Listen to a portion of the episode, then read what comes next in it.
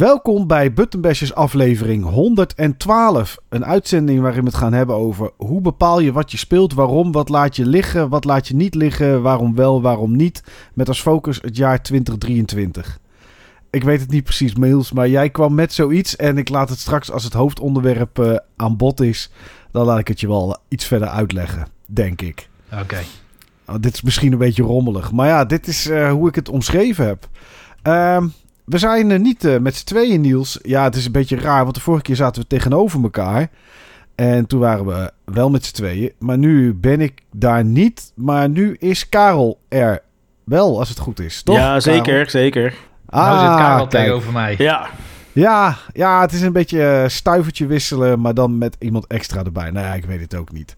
Uh, heren, hoe is het? Nou, best prima. En dan gaan ze nu naar elkaar ja. kijken. Nee, nee, ik, nee, nee, ik, heb, ik, heb, ik, heb, ik, heb meteen, uh, ik hem meteen gepakt.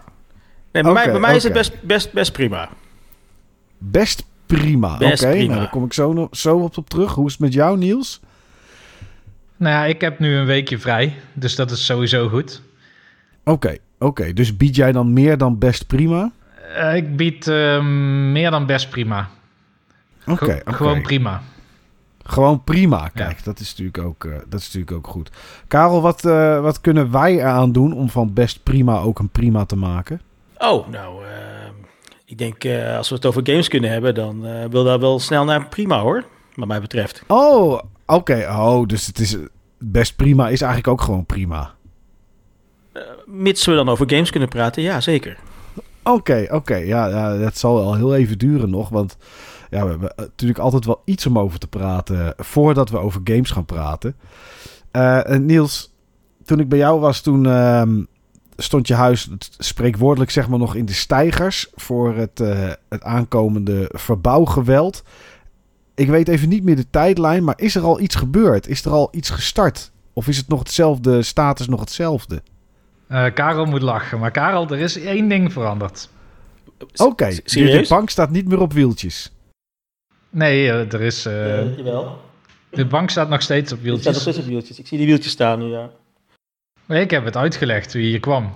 Wat is er nieuw? Kunnen we gebruiken voor bordspellen? Met het lampje? Ja.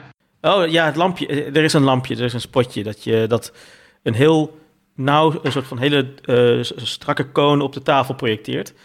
Um, het is nog niet per se sfeervol te noemen, maar het is in ieder geval, dingen zijn zichtbaar op de tafel. Zie je? Oké, oké. Okay. Je hebt in ieder geval een lampje erbij, Niels. Ja.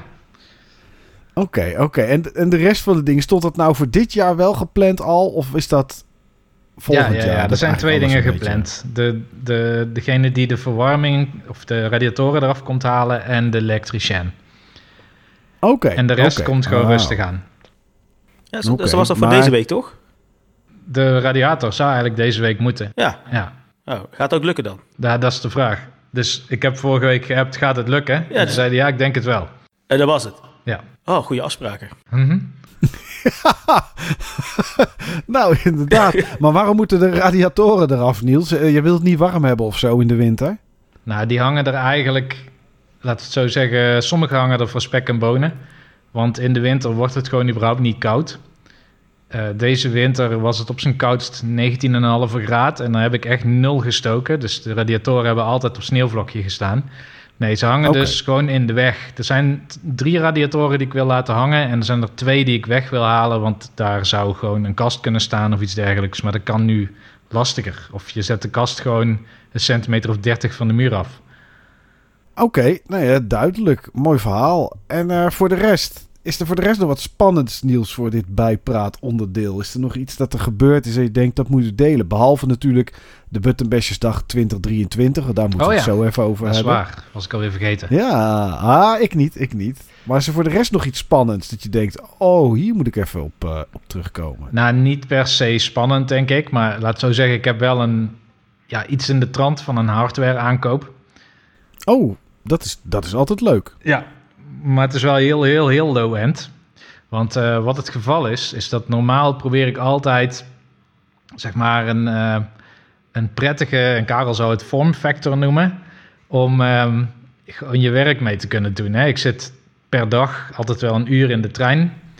Mhm. Ehm, en in de trein probeer ik dan of te gamen of te werken of iets dergelijks op mijn eh, laptop of op mijn telefoon. Alleen ik kwam er laatst achter toen ik in een lokaal iets op een bord moest schrijven dat ik gewoon niet meer kan schrijven. Tenminste, het las voor geen meter. Ik kon niet lezen wat ik net had opgeschreven. En, oh, ehm, schots en scheef en dat soort dingen allemaal. Juist, juist. En eh, een collega van mij doet juist heel veel analoog. Die komt altijd aan met, laten we zeggen, een soort van binder. En daar zitten boekjes in. En daar schrijft hij alle afspraken in op. En ik sprak eens met die collega en die zei: Ja, weet je, je kan het altijd proberen. Want hij wilde zelf van een van die binders af. Oh, die heb ik bij jou zien liggen. Dat zou kunnen, ja. Dat, Ja, ja, ja, ja. Je had zo'n, eh, zo'n ja, zo'n, ja, een beetje een, een kaftje waar je dan zelf dingen in kan proppen. Klopt. Voor heel veel geld, vond ik. ja, nou ja, goed, dat heeft die collega van mij betaald, hè, ik niet. En dat is niet eens, Nee, waarschijnlijk nee, niet eens de duurste die je kunt kopen. Hè? Nee, dat is waar. Er is, laat het zo stellen, en daar heb ik het met Karel wel eens over gehad. Eh, eigenlijk is dit een rabbit hole op zichzelf. Alleen al waar je op wil schrijven, maar ook waarmee je wil schrijven. Dus je hebt dat ding met die kaft gezien. Dat heet Rotervaden. Dat is een, eh, een Duits merk. Die maken van die, van die leren... ze noemen het zelf taschenbegleiters. Dat zijn zeg maar een soort organizers. Dus in de binnenkant zitten wat pockets en er zitten drie clips. En in die clips kun je dan A5 boekjes klippen. En na die boekjes, daar heb je echt heel veel soorten van. Van allerlei verschillende aanbieders. Om bijvoorbeeld kalenders of verjaardagen of eh, business cards of zo bij te houden. Maar ehm, ja, ik heb gewoon eh, lijntjes en eh, wat is het? Dots, zoals ze dat noemen. Dus dan heb je geen lijntjes, geen ruitjes, maar heb je puntjes waar normaal de kruispuntjes van de, de, de, de ruitjes zouden zijn. En dat zorgt ervoor dat je eigenlijk recht kan schrijven zonder dat je de lijntjes hoeft te zien. Oh, ik dacht dat het speciaal voor kamertjeverhuur. Kan ook. Kan ook, kan ook, inderdaad. Ja. Maar goed, dan heb je dingen om te schrijven, maar dan is het nog het ding waar ga je meeschrijven. En eh, die website zelf, die had twee type pennen. Ehm, eh, en eh, de ene die zag een beetje uit als een soort van potlood. En de andere die zag eruit als een normale pen. En toen dacht ik, weet je wat, je koopt er één pen bij en dan zit je goed. Want dan, dan heb je gewoon iets waarmee je kan schrijven. En er stond op dat je daar 8000 meter lange tekst kon schrijven. Dus dat is nogal. Oké. ik ben benieuwd wie dat getest heeft. ja, dat weet ik ook niet. Duidelijk wel iemand met RSI, denk ik. ja, uiteindelijk wel, ja. Ja. Nee, maar dat was een, eh, een, een, een Lamy-pen. En dat liet ik aan Karel zien. En die zei, oh ja, dat ken ik wel, dat merk. Want in de pennenwereld is dat een ja, wat gerenommeerder pennenmerk, zal ik maar zeggen. Hij zei, maar gelukkig is het een eh, balpen. Want als je aan vulpennen begint, dan is het einde zoek. Ja, als hij dat nou niet had gezegd, dan had ik natuurlijk nooit naar vulpennen gezocht. Nee. Maar eh, ja, inmiddels eh, had ik natuurlijk ook weer filmpjes gekeken van vulpennen. En eh, nou, ik wist niet dat het een scene was. Maar je hebt gewoon beurzen. Vulpenbeurzen. Het is een, het is een lifestyle eigenlijk. eh. Oké. Ga, ga je er ook naartoe, Niels, Nee, naar een nee, nee, nee, nee, nee. vulpenbeurs? Oké, oké, dat niet. Dat gaat te ver. Althans, voorlopig niet. Ge- Geef het nog even een podcast of twee. Ja, Ja, ja, dit blijft natuurlijk hangen. Je komt natuurlijk een keer op terug. Maar eh, is, ja, ik, heb, ik heb al gelijk allerlei vragen bij zo'n vulpenbeurs, zeg maar. Gaan mensen daar dan inktpatronen met elkaar uitwisselen of pennen? Is er ook eh, cosplay op dat soort, eh, op dat soort beurzen?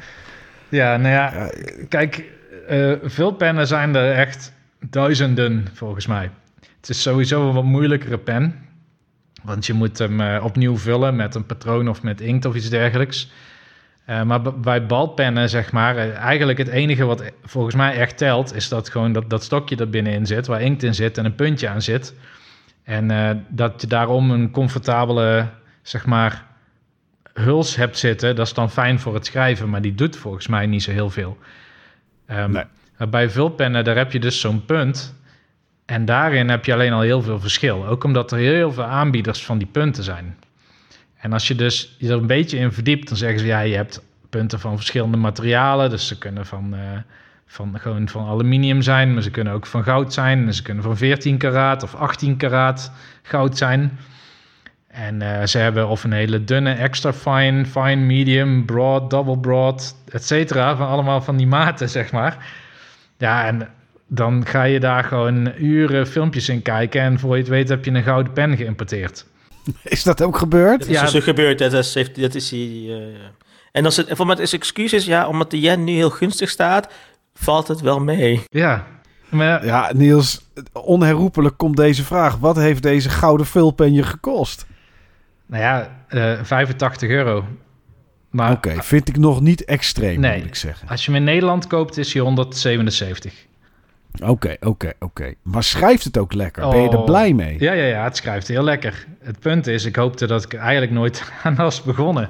Wacht eens even, he- he- heb jij hem nu dan? Ik heb hem. Oh, Eh, oh oké. Je hebt nog niet, gede- nog niet gedemonstreerd dan. Oh ja, ik moet hem even pakken, want anders kan Karel niet voelen.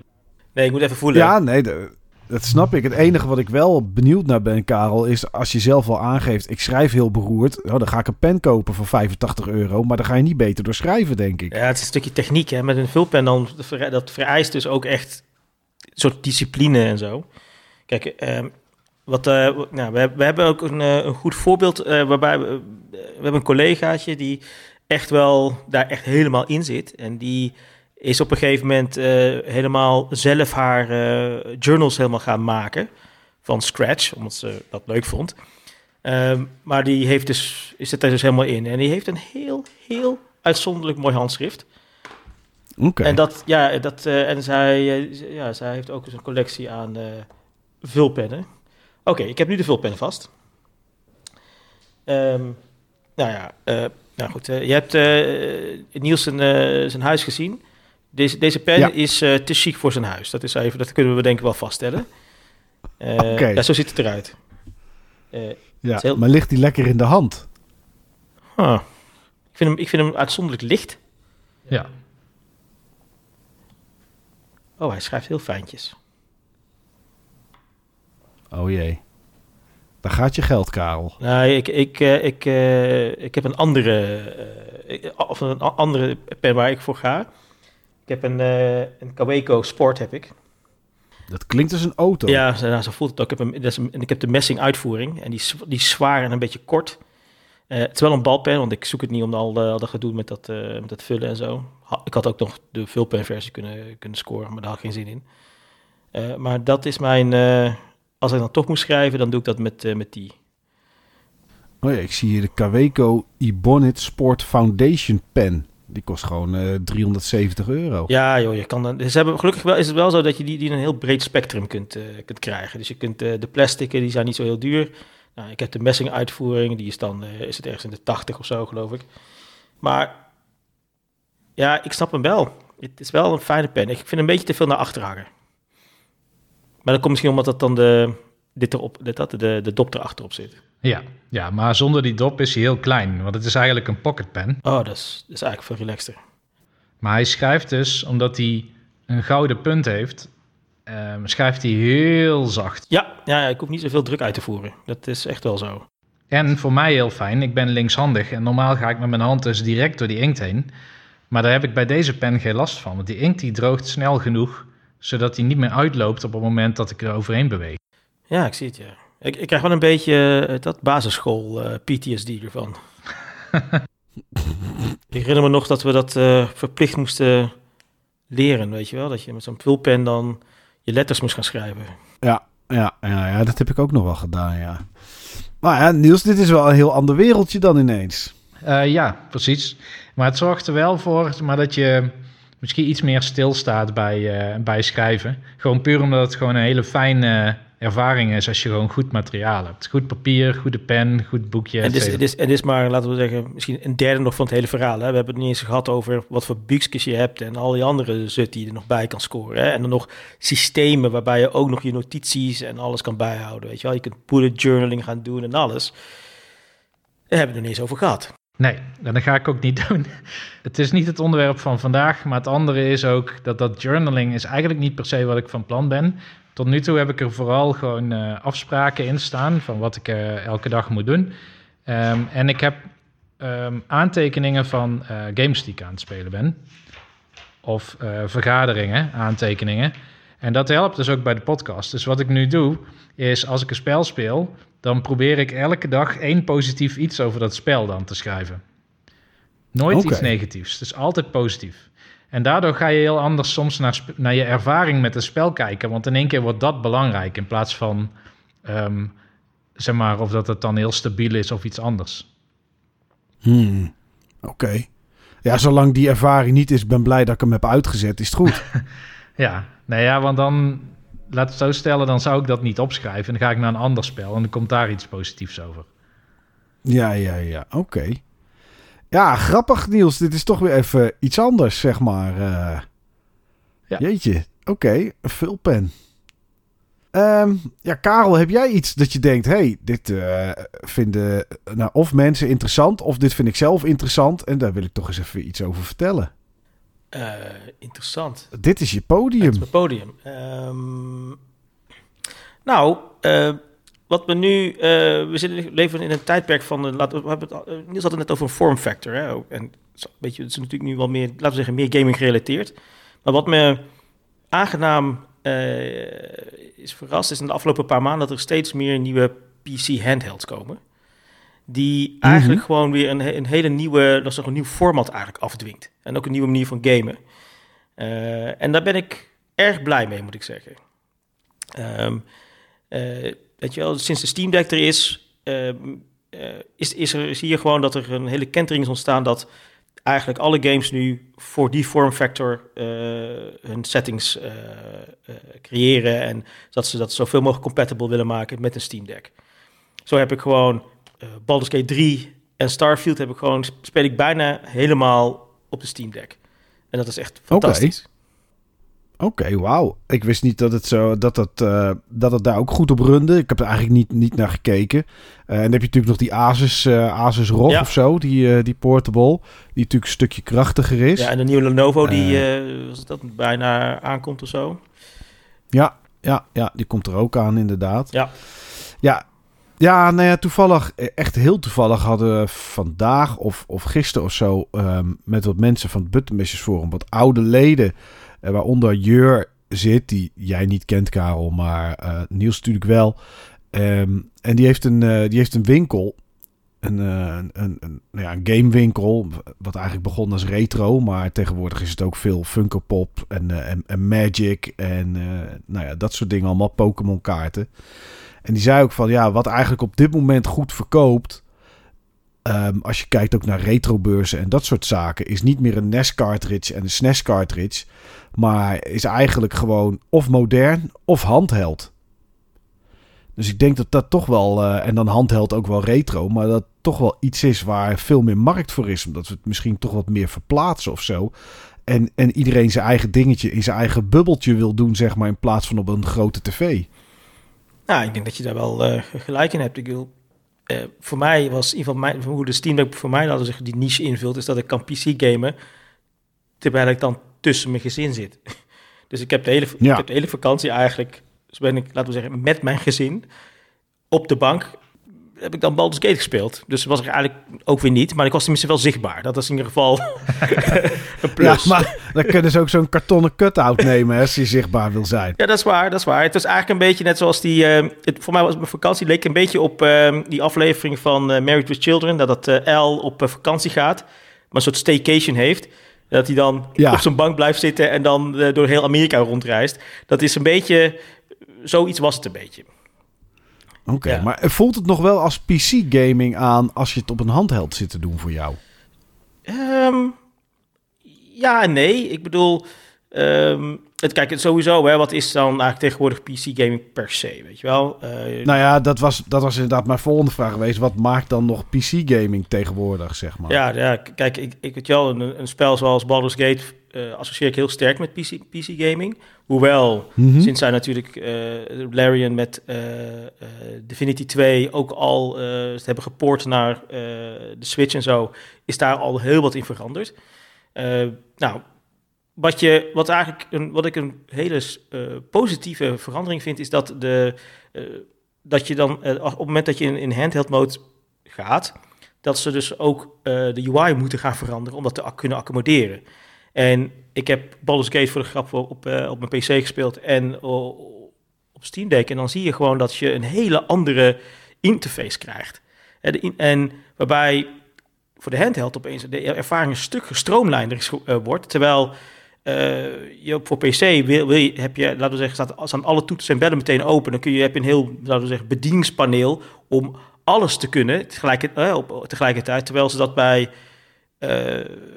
de, ja, dat de Steam Deck hebben ze dat, ze zitten bepaalde functionaliteiten achter een ander knopje of zo. ja. maar dat het wel meer overzicht biedt. En eigenlijk uh, dan, laten we zeggen, het allerbelangrijkste voor dat moment uh, dat dat zichtbaar is. En dat is eigenlijk een veel rustigere, fijnere beleving, moet ik zeggen. Ja, ja, dat snap ik wel. Als je achter de PC zit en je hebt een toetsenbord voor je, heb je tussen de 110, 112 of soms iets meer knoppen. Die ze allemaal natuurlijk kunnen gebruiken. En ja, zit je op Steam Deck, hetzelfde als met controller. Dus het zal wel dezelfde ervaring zijn als op de PS5, gok ik. Dan ja, dan, dan moet het allemaal iets efficiënter met de knoppen die je hebt. Ja, ja precies. En het is, dus daarin zit misschien nog wel een soort, uh, weet je wel, verschillend paradigma. Maar als PC-gamer wil je, gaat het eigenlijk vooral dat je uh, een soort van maximale controle hebt op je, op je beleving. En dan stel je ook de eis dat je eigenlijk in principe toegang hebt tot alles op een soort van, nou, laten we zeggen, zo snel mogelijke manier. Uh, en dan wil je dus ook je hele interface volgescheten hebben met al de opties. Wil je ook hotkeys hebben op alles, dus je redundancy. Wil je ook aan alle schijven zitten in je settings. En ja, de vraag is natuurlijk, ja, is, ja, dat, ja, is dat altijd nodig? Ja, en het grappige dus is, op het moment dat je dan dus, dat ook nu zo speelt, denk ik, nou ja, eigenlijk niet. Ik hoef niet per se alles te willen uh, je wel, uh, tweaken en zo. Ik merk dat het voor mij in ieder geval als gamer, uh, of, of in een bepaalde levensfase denk ik ook misschien, dat ik daar eigenlijk niet meer mhm. zoek om dat allemaal te willen tweaken. Omdat ik dan uh, net, een, uh, net één FPS eruit weet te persen en net één dingetje makkelijker kan bedienen of zo. Ik, nee, ja. dat, dat, hoeft voor mij allemaal niet meer. Nee, nou ja, dat is wel het PC-game natuurlijk is. Hè. Dikke, dikste videokaart erin, de meeste frames eruit persen. Uh, maar ja, dat is, dat is op zoiets als Steam Deck natuurlijk niet. Dat is gewoon één bepaalde setting en dat is het. Ja, ja absoluut. Ja om hier een wagonnetje aan te haken. Pas geleden was ook Dutch Game Day. En een van uh, de sprekers die er zat, die werkt bij Nixus aan een port van PlayStation games naar PC. En ik heb nog een tijdje met een aantal mensen van Nixus zitten praten, omdat ik dat echt een best wel ja, bijzondere lezing vond. Want ik had nooit zo goed nagedacht over wat het dan inhoudt om van PC naar van console naar PC te porten. Ik ken het vooral andersom. Want ik heb aan een game gewerkt die van PC juist naar meerdere consoles ging. Maar eigenlijk was dat makkelijker dan van consoles naar PC. Omdat um, bij uh, eigenlijk richting PC-poorten, daar wordt met name zeg maar hoe je omgaat met de UI en de verwachtingen van de doelgroep rondom hoe je met die UI interacteert, die worden heel anders. Dus om een voorbeeld hmm. te noemen, um, Ratchet Clank, die um, die nieuwste, hoe heet die? Ripped Apart, geloof ik. Ja, Rift Apart. Ripped Apart. Die heeft... Ja, um, die. daar, uh, de, die hebben ze naar PC gepoord. Maar op de PlayStation kun jij um, de stick een klein beetje induwen, halverwege induwen, ver induwen. Dus je kan gewoon uh, Ratchet op verschillende loopsnelheden laten lopen. Maar met een toetsenbord is het of je loopt of niet. Ja. En dan heb je van die opties, weet je, als je shift ingedrukt houdt, dat hij dan zachter loopt, bijvoorbeeld. Maar echt die hele fijne controle erover, dat lukt gewoon niet met muis toetsenbord. Terwijl andersom, wanneer je in een interface zit of je hebt veel dingen op het scherm te bedienen, dan is het met een controller juist heel erg behelpen. Want stel je hebt, ze lieten dan bijvoorbeeld ook zien dat ze nu dan uh, Spider-Man, Miles, Miles Morales aan het porten waren. Een van de uitdagingen is überhaupt alle PlayStation games zijn dezelfde eh, aspect ratio. Maar ga je naar een PC toe, dan kan iemand een ultra-wide monitor hebben, weet je wel, zo gecurved om je gezicht heen. En die content is daar niet op gebouwd. Dus in, in het menu um, zag je dus alleen maar uh, de achtergrond, zeg maar. Is dat Manhattan of zo? Ik weet eigenlijk niet wat dat is, maar daar... Ja, uh, New York ergens. Ja, ja precies. Maar dat is, er is niet meer New York dan dat op die 16 staat tot 9 ratio uh, gedisplayed werd. Dus in de eerste instantie bij de poort was er gewoon een hap links en een hap rechts uit New York weg. En daar was alleen maar water. Ja. Dus dan moesten ze dan nog oh. bouwen. Maar helemaal als je dan een menu ingaat, Um, normaal heb je inmiddels best wel aardige menus in consoles. En dan heb je bijvoorbeeld, ik noem maar wat, tabbladen of zo. Met L en R kun je dan wisselen van tabblad. En zodoende kun je dan bijvoorbeeld of character portraits bekijken... of je kan skills gaan kiezen Of je gaat naar de map of wat dan ook. Maar bij een PC, een muisgebruiker gaat ervan uit dat alles wat je ziet te gebruiken is. Daar heb je niet met L en R switchen tussen verschillende contexten. Daar moet gewoon alles in één keer aan te raken zijn. Ja. Dus ik vond het heel cool om te zien hoe ze dat dus aanpakken. En dat ze dus eigenlijk heel veel moeite steken in hoe je juist voor een PC-gebruiker een optimale ervaring aanbiedt. En dat het veel meer is dan alleen maar de frame rates en de customizability. Ja, ik herken het heel erg. Het vooral erg ook um, met de ontwikkeling van Export 2. Was het ook, we hebben eigenlijk geprobeerd om eigenlijk een soort one-size-fits-all one oplossing te, cre te, creëren. En dat werkt gewoon niet. Uh, het is precies wat je zegt. Het is, er is gewoon een hele andere soort type verwachting tussen wat PC-gamers willen versus wat, wat je dan wil met als console-gamer. laten we zeggen, eigenlijk komt het erop neer dat je dan te maken hebt met de bediening. Hè? Dus dan heb je mouse-keyboard versus controller. Nou, en daar moet je dus, daar moet je gewoon, dat, dat is gewoon een hele andere manier van, uh, vooral vrij een hele andere bedieningsparadigma eigenlijk. Uh, de manier hoe je dat dan, uh, de UI moet eigenlijk stroken met je, met je controller. En um, ja, en zeker, en dat is dus, en je, en, je, moet dan eigenlijk dat van scratch moet je dat opbouwen, om dat echt goed, goed te kunnen maken. Hm. Ja. ja. Nou ja, en dan, en dan heb je nog niet eens over de grafische aspecten, zeg maar. Met, uh, met, met alle toeters en bellen die je natuurlijk tegenwoordig hebt op PC. Met alle settings die ja. er zijn. Ja, console heb je waarschijnlijk twee settings tegenwoordig: een performance en een quality mode. Uh, maar daar is natuurlijk nog zoveel tussenin als je, als je hem naar PC poort. Zeker, je hebt dan dus eindeloze configuraties heb je natuurlijk hè, in allemaal verschillende, ja. verschillende dimensies. Uh, Niels had het al over, over schermen ratio's. Maar je hebt dan misschien ook multiscreen, moet je ook al rekenen. Misschien hebben mensen twee, misschien hebben ze er vier, misschien hebben ze er duizend, weet je wel, uh, bij wijze van. En dan nog eens een keer ja. met allemaal peripherals nog eromheen. Uh, ja, dat, dat, en dan iedereen verwacht dat eigenlijk altijd alles werkt. Weet je wel? Dat is gewoon met zijn PC's zo ja. van ja, hey, je moet gewoon allemaal moet out, out, of the box moet alles werken. En dan vind en dan terwijl dat echt super complex is, want want het maakt ook zelfs uit wat in je computer zit. Weet je wel, dan heb je dan een bepaald type hardware erin zitten met bepaalde drivers wel of niet en nou, al die al die ellende die erin zit, die kunnen allemaal op een hele onvoorspelbare wijze kunnen ze invloed uitoefenen op hoe je game performt. Nou, ja, om dat dan echt helemaal goed uh, door te akkeren, nou, gaat er maar aan staan. Ja. ja, nee, dat is ook zo. Dat is ook zo. En ja, inderdaad, iedereen verwacht dat het out of the box allemaal werkt. En net zoals bij Starfield, als er dan geen uh, DLSS 3.0 in zit op het moment dat het uitkomt, ja, dan is het ellende. Ja, dus Zo, iedereen uh, zit te huilen dan meteen, want het is niet optimaal. Ja, ja. Ja, is ook iets voor te zeggen, maar dat komt straks wel in het, in het hoofdonderwerp, uh, vind ik. Tenminste, daar kom ik, wil ik daar nog even op terugkomen. Want uh, ja, nee, ja, ga ik voor de rest niks op zeggen. Ja, komt nog wel, komt nog wel. Uh, ja, nou ja, mooi Karel. Dus, maar ja, dan heb je dus je vakantie doorgebracht terwijl iedereen naar jou zat te kijken terwijl je op de bank zat. Nou, ik heb een... Um ik, ik heb een soort 50-50 gedaan. Ik heb eigenlijk, was eigenlijk de meeste gaming heb ik, nadat iedereen naar bed is gegaan, heb ik, grap, gek genoeg, ben ik gewoon op de bank, blijf, bleef ik op de bank zitten en ging ik gewoon spelen tot ik het niet meer kon. Maar dan uh, probeer ik, propte ik het ook nog een keer in de, nou, weet je wel, in de ochtend nog een stukje erin en daarna gingen we dan nog iets doen of zo. Maar als het uiteindelijk een hangdag bleek te zijn, ja, dan bleef ik gewoon lekker op die bank zitten en uh, ja, Baldur's Gate spelen. Ik had, want ik, het was eigenlijk mijn, Baldur's Gate was eigenlijk mijn tussendoor game maar onverwachte tussendoor game. Oh. Want ik wilde eigenlijk, ik, ging, ik keek uit naar Starfield namelijk. En ik, en ik wilde, ja, ja, dus toen ik hem eenmaal, toen ik op een gegeven moment zag, oh, hij, hij wordt een ma maand voor, voor, naar voren geschoven. Dacht ik, oh, nou, dan moet ik hem, ja, en ik heb hem toch al, want ik had hem, uh, wat is het dan, voor uh, Early Access. Dacht, ja, weet je wat, ja, fuck, dan moet ik hem toch maar gaan spelen. Nou, niet wetende dat dit gewoon echt fucking lang is. Echt, dus de game is uh, bizar groot, er zit zoveel content in. En dan had ik me toch wel aardig in verslikt, moet ik zeggen. Dus ik moest hem wel doorheen persen. Dus ik moest hem voor september moest ik hem, uit, uh, moest ik hem, moest ik gewoon uitgespeeld hebben.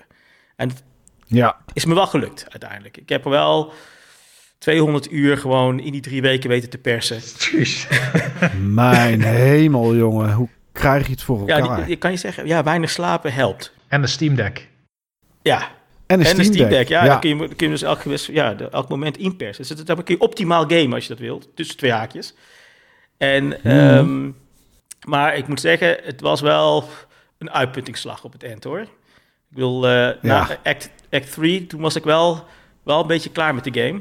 Maar de game was er duidelijk nog niet klaar met mij. Dus... Uh... ja, ja, ja, ja, dat krijg je dan inderdaad, ja. ja. Maar, ik moet, maar ik moet zeggen, het, uh, het, was, het was eigenlijk wel de eerste game in jaren dat ik echt weer op die manier ging, ging en kon gamen. PC, PC gaming voor mij staat wel echt wel voor dat je nou, echt kan bingen, weet je Dan kun je echt honderden uren helemaal onderdompelen in een game en je helemaal gewoon, ja, weet je wel, eh, eh, helemaal uh, alles om je heen vergeten. Ik herinner me nog wel dat ik vakanties had en zo, dat ik dan gewoon echt, ja, Baldur's Gate 2, Baldur's Gate 1, uh, dat soort type games kon je gewoon, ja, zoveel, gewoon hele vakanties mee wegspelen. ja. Daar, daar, ja, daar ging ik voor. En nu kon ik dat weer een beetje terugpakken, weet je wel. Oké. Ah, dat, is, dat is wel uniek, want dat heb je niet zo vaak meer inderdaad. Nee, in ieder geval, in ieder geval, in ieder geval niet zo, zeker niet in het moment dat je het ook nog kan veroorloven. En dat het dan ook, kijk hier ook weer in, hè, de, vorm, de vormfactor is wel voor mij heel bepalend geweest. Dat ik erin kon blijven zitten. Want als ik, als ik dan elke keer naar de zolder moest om, eh, om, mijn, eh, om mijn gaming PC te gaan doen, ja, dan was ik op een gegeven moment dus, was ik snel klaar. Want op een gegeven moment dan, dan uh, hoor je je gezien van beneden zeggen, ja oké, nu is het wel genoeg geweest. Je mag niet meer achter die PC. Ja, ja oké, dan, ja, weet je wel, dan, dan, dan, dan ben, je, ben je onderbroken. En nu kon precies op dat randje kon ik dan nog half, half in blijven, weet je wel. ja, en waarbij je dan... Ja. En ja, weet je, dat je dan op een gegeven moment eigenlijk bijna helemaal die game, laten we zeggen, droomt en denkt. Dan, ga je, dan, dan zit je gewoon in een soort van... Uh, heb je jezelf zo dat moe gespeeld, dat je dan, oké, ik krijg mezelf, ik krijg me naar de bed zo, en dan ga je slapen met die game nog in je hoofd. Dus dan zie je nog de game mhm. half nog voor je spelen. En dan uh, heb je er half over gedroomd, word je wakker en dan denk je, oh, ik, ik moet weer verder. Waar is mijn game? Ja. Echt. Oh, dat is zo heerlijk.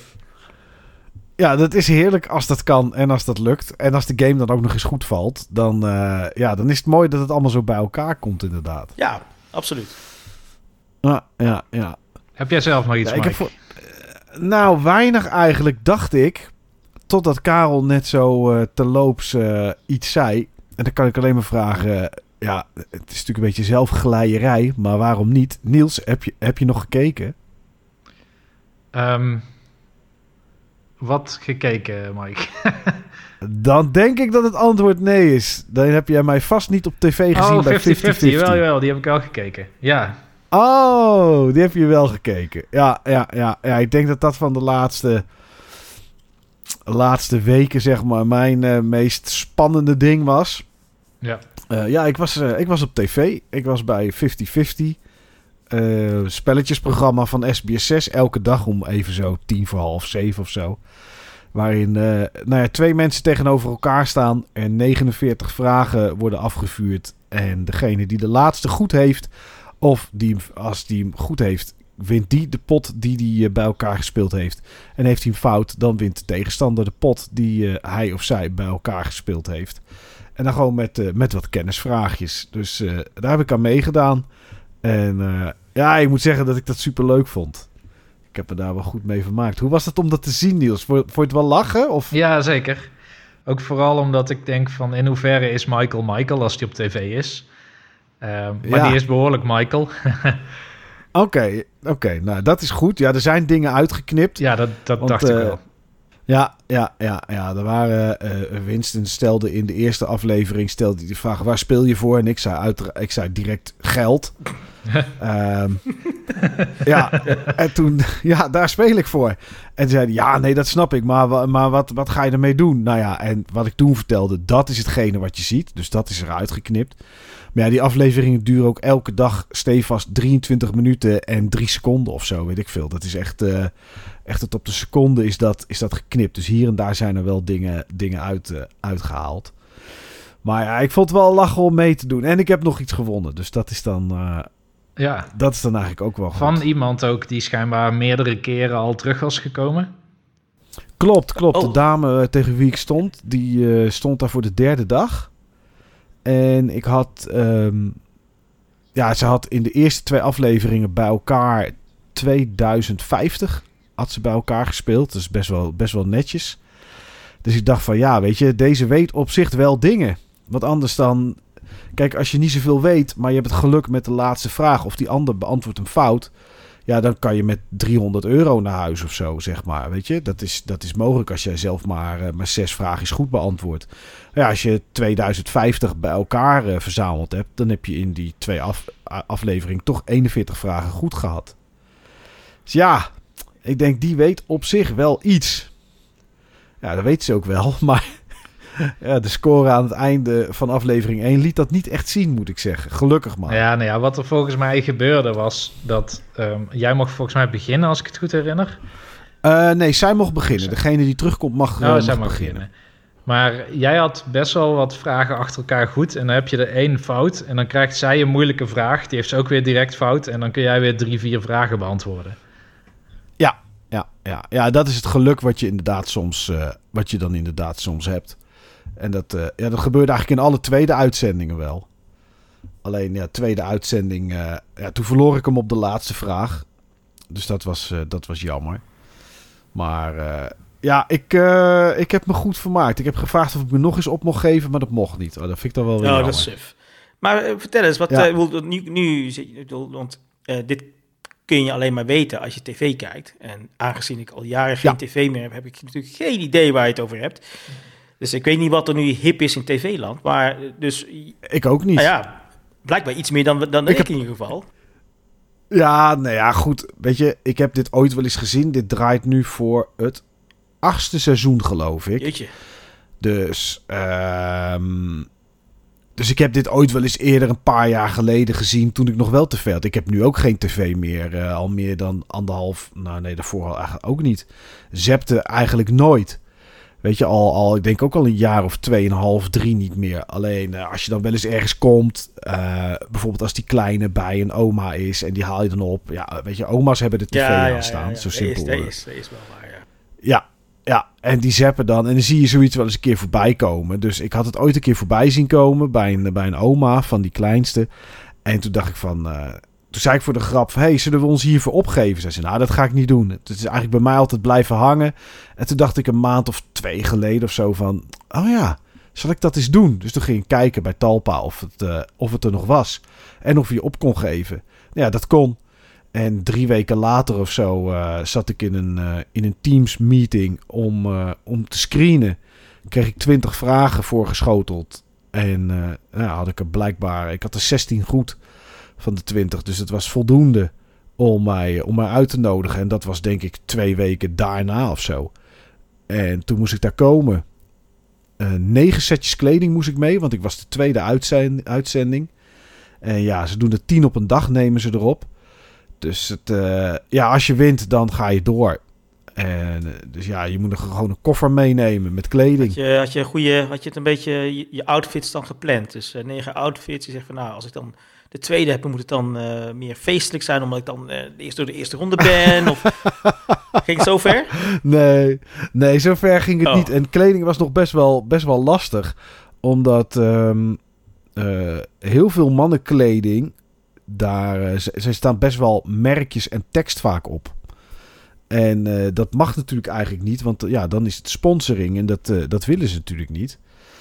Dus ja, weet je, ik heb kleding heb ik gefotografeerd thuis en geappt van kan dit en kan dit. Nee, dit kan niet. Nou, dit kan dan net wel. En ja, op die manier moest ik een beetje kleding meenemen. Dus ik had geloof ik voor vijf keer kleding mee. Maar ja, ze hebben daar ook altijd wel wat hangen en, en wat liggen. Dus, dus al je uh, Dolce en Gabbana outfits, die konden niet aan? Die konden niet aan. Nee, zeker niet. Nee, nee, nee. Oh, nee, dat, is, dat is dan jammer, hè? Dat is dan jammer. Kon je niet flexen? Ja, ja. ja. Nee, ja. Ik zag er een beetje skeer uit. Nee, maar dat is, uh, ja, dat, dus, ja, dat, is, dat is dan wel een dingetje. Maar het is gewoon leuk. Ik vind zo'n tv-wereldje vind ik wel leuk. Zo'n studio en, en die mensen en een beetje ouwe En dan, uh, ja, dan, dan kom je de dag wel door daar zo. Dus uh, ja, ja, dat was wel, dat was wel, ja, was echt wel leuk moet ik zeggen. Daar heb ik me wel vermaakt. En, en, iets, en een leuk bedrag mee. Dus nou ja, dat is dan dat is helemaal goed eigenlijk. Ja. Ja. Ja, en het andere is, ik, uh, ik heb het volgens mij er regelmatig wel over gehad, Niels, dat ik met mijn werk nooit zo blij was mm -hmm. uh, de laatste jaren.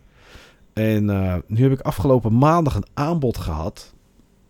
En dat is voor, voor, voor een andere baan. En dat was gelijk een aanbod. eh, nou ja, het is al heel lang in de making. Maar er was in ieder geval het aanbod voor het salaris.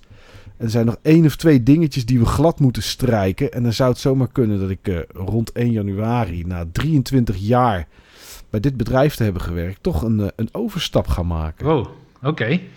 Klinkt goed, Ja. klinkt goed. Ja, dat is het zeker. Ik heb er ook eigenlijk wel heel erg veel zin in. Over wat voor carrière switch eh, hebben we het dan over? Eh, nou, de switch is puur het bedrijf. De, de, de, de werkzaamheden, IT-werkzaamheden, die blijven. Ehm, maar eh, ja, dat is dan. ik ga dan nu zeg maar, zoals ze dat te noemen, de andere kant op.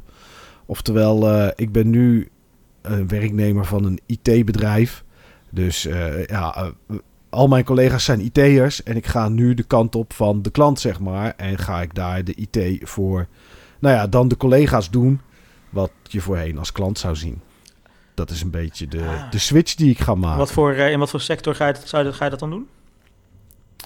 Ik doe dat nu, eh, ehm, nou ja, nu dus bij een IT-bedrijf, maar ik zit nu vijf dagen in de week bij Ajax. Daar doe ik eh, de IT. En de, de switch die ik ga maken is naar, eh naar ID&T. Hm. Oh, cool. Ja, Oh ja, Karel, ik denk Karel zegt van, ik heb geen idee wie dat zijn. Oh nee, ik weet zeker wel wie dat zijn. Oh, oké, oké, oké. Ja, ja, ja. Dus eh, voor de mensen die luisteren en niet weten wie het zijn, het, zijn, eh, het is het bedrijf achter Thunderdome, Mysteryland, eh Defcon, nou ja, noem het allemaal maar op. En dan ook, ehm, ja, het gaat dan meer om het moederbedrijf wat erboven zit, dus om de investeerder. Dus daar komt dan langzaam, komt daar ook bijvoorbeeld de Zwarte Cross bij, nou ja, dat soort dingen. En ja, het zou een lead-functie zijn. Dus ik, ik ben de eerste en ik word het dan voor Nederland. En de bedoeling is dat alle andere landen waar deze investeerder zit, dat, die, eh, dat daar ook mensen komen. En ja, dat die dan gaan werken zoals ik en, eh, en degene van het moederbedrijf, zeg maar, van de investeerder. Dat een beetje bedacht hebben en uitgedokterd hebben. Dus eh, ja, dat is best, best wel een leuke, leuke functie. Oh, klinkt wel gaaf. ja. En heel dynamisch ook. Eh, ja, dat is het ook wel. Ja, ja het, is, eh, het is geen 9-5 natuurlijk. Want ja, als er in de weekenden festivals zijn of feesten of wat dan ook. En eh, ja, er zou iets met de IT... eh, De, in eerste instantie is het kantoor IT. Misschien komt er later ooit nog wel eens een keer festival automatisering bij. Eh, maar goed, dat is, eh, hangt er een beetje vanaf hoe druk en hoeveel dit allemaal is. Maar ja, het is wel interessant, moet ik zeggen. En ik vind het, ja, weet je, ik- heb niks met voetbal. En wel iets met wat dit bedrijf doet. Best wel heel veel. Dus ik vind het ook een leukere business om in rond te lopen, zeg maar. Ja, dat snap ik wel. Dus ja, dus dat. Dat is eigenlijk een beetje wat er hier, eh, wat er hier gaande is, denk ik. Ja, ja. Ehm, goed. We weten van elkaar eh, weer eens eh, hoe het staat en hoe het is. Ehm, laten we even een hele kleine break doen. Ja, voor jou een iets langere break dan Karel. Want Niels en ik gaan even praten over de Buttonbashersdag 2023.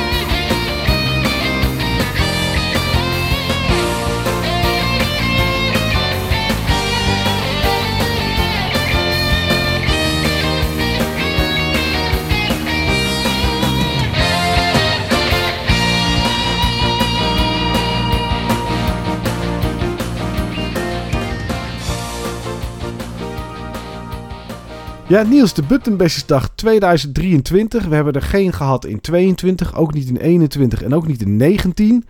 Dat was natuurlijk allemaal corona gerelateerd. In 2022 was dat niet meer zo. Alleen toen hadden we niet echt een locatie. Uh, ja, oké, Impala, Tristan van het Forum, die vond eigenlijk uh, dat het wel moest in 2023. Terwijl wij zelf het ook nog niet zo heel erg eens waren over een locatie. En die zei, ik organiseer gewoon iets hier in Den Bosch. Nou, dat was voor jou natuurlijk thuiswedstrijd. Mm en ja, als er mensen willen komen, dan komen ze maar. Dit is de Buttonbashesdag 2023. Ja, hoe is die bevallen, Niels? Ja, voor mij heel goed. Ik vind hem beter dan uh, naar Utrecht moeten. Daar zullen misschien de meningen over mhm. verdeeld zijn, maar uh, nee, ik vond... Dat klopt. dat klopt. ik, nee, ik, vond hem, ik vond hem echt heel erg fijn. Um, eigenlijk bij Awesome Space is ook wel tof. Alleen wat ik bij Awesome Space vaak jammer vind is uh, er zijn een aantal dingen die kun je samen doen, maar die zijn heel beperkt samen. Bijvoorbeeld uh, Unreal Tournament of zo op uh, vier PC's die dan toevallig in land staan en de rest die doet het dan niet. En dan moest je zelf gewoon een toernooi maken. En wat hier dus was, dit was veel meer bring your own games qua concept. Dus ik denk dat er waren sowieso al een aantal van die mini-consoles, een NES Mini, een Mega Drive Mini en dat soort dingen. En verder hadden we nog een paar uh, switches bij. En je had je Xbox Series X meegenomen. Gewoon met games die... Old school. Uh, ja. Ja, een old school Dennis die had... Um, uh, die had hele oude consoles meegenomen. Van die Pong, Pong devices. En dat is natuurlijk wel... Dat was wel leuk aan deze button Nou, niet dat was wel leuk. Alles was leuk, maar... Uh, ja, dat klinkt het zo. Maar dat was natuurlijk wel leuk aan deze Buttonbashesdag. Dat als je denkt van dit device, dat moet iedereen eens zien. Of dit is een game waarvan ik denk, die moeten we met z'n allen eens spelen. Ja, dan kun je hem gewoon meenemen. En dat kon ook wel bij Awesome Space, maar deed je dat toch iets minder snel. En hier was het eigenlijk een soort van verplicht. Want het enige wat er stond in die ruimte waren tv's. Ja, er waren ook wel genoeg tv's. Ik denk dat er echt wel een tv of 15 daarvoor aardig was. En daarvan hadden we er een paar in gebruik. Um, aan de CRT-ing dan een Dreamcast of iets dergelijks. En aan de, de grotere schermen en de beamerringen dan switches. Of jouw Xbox.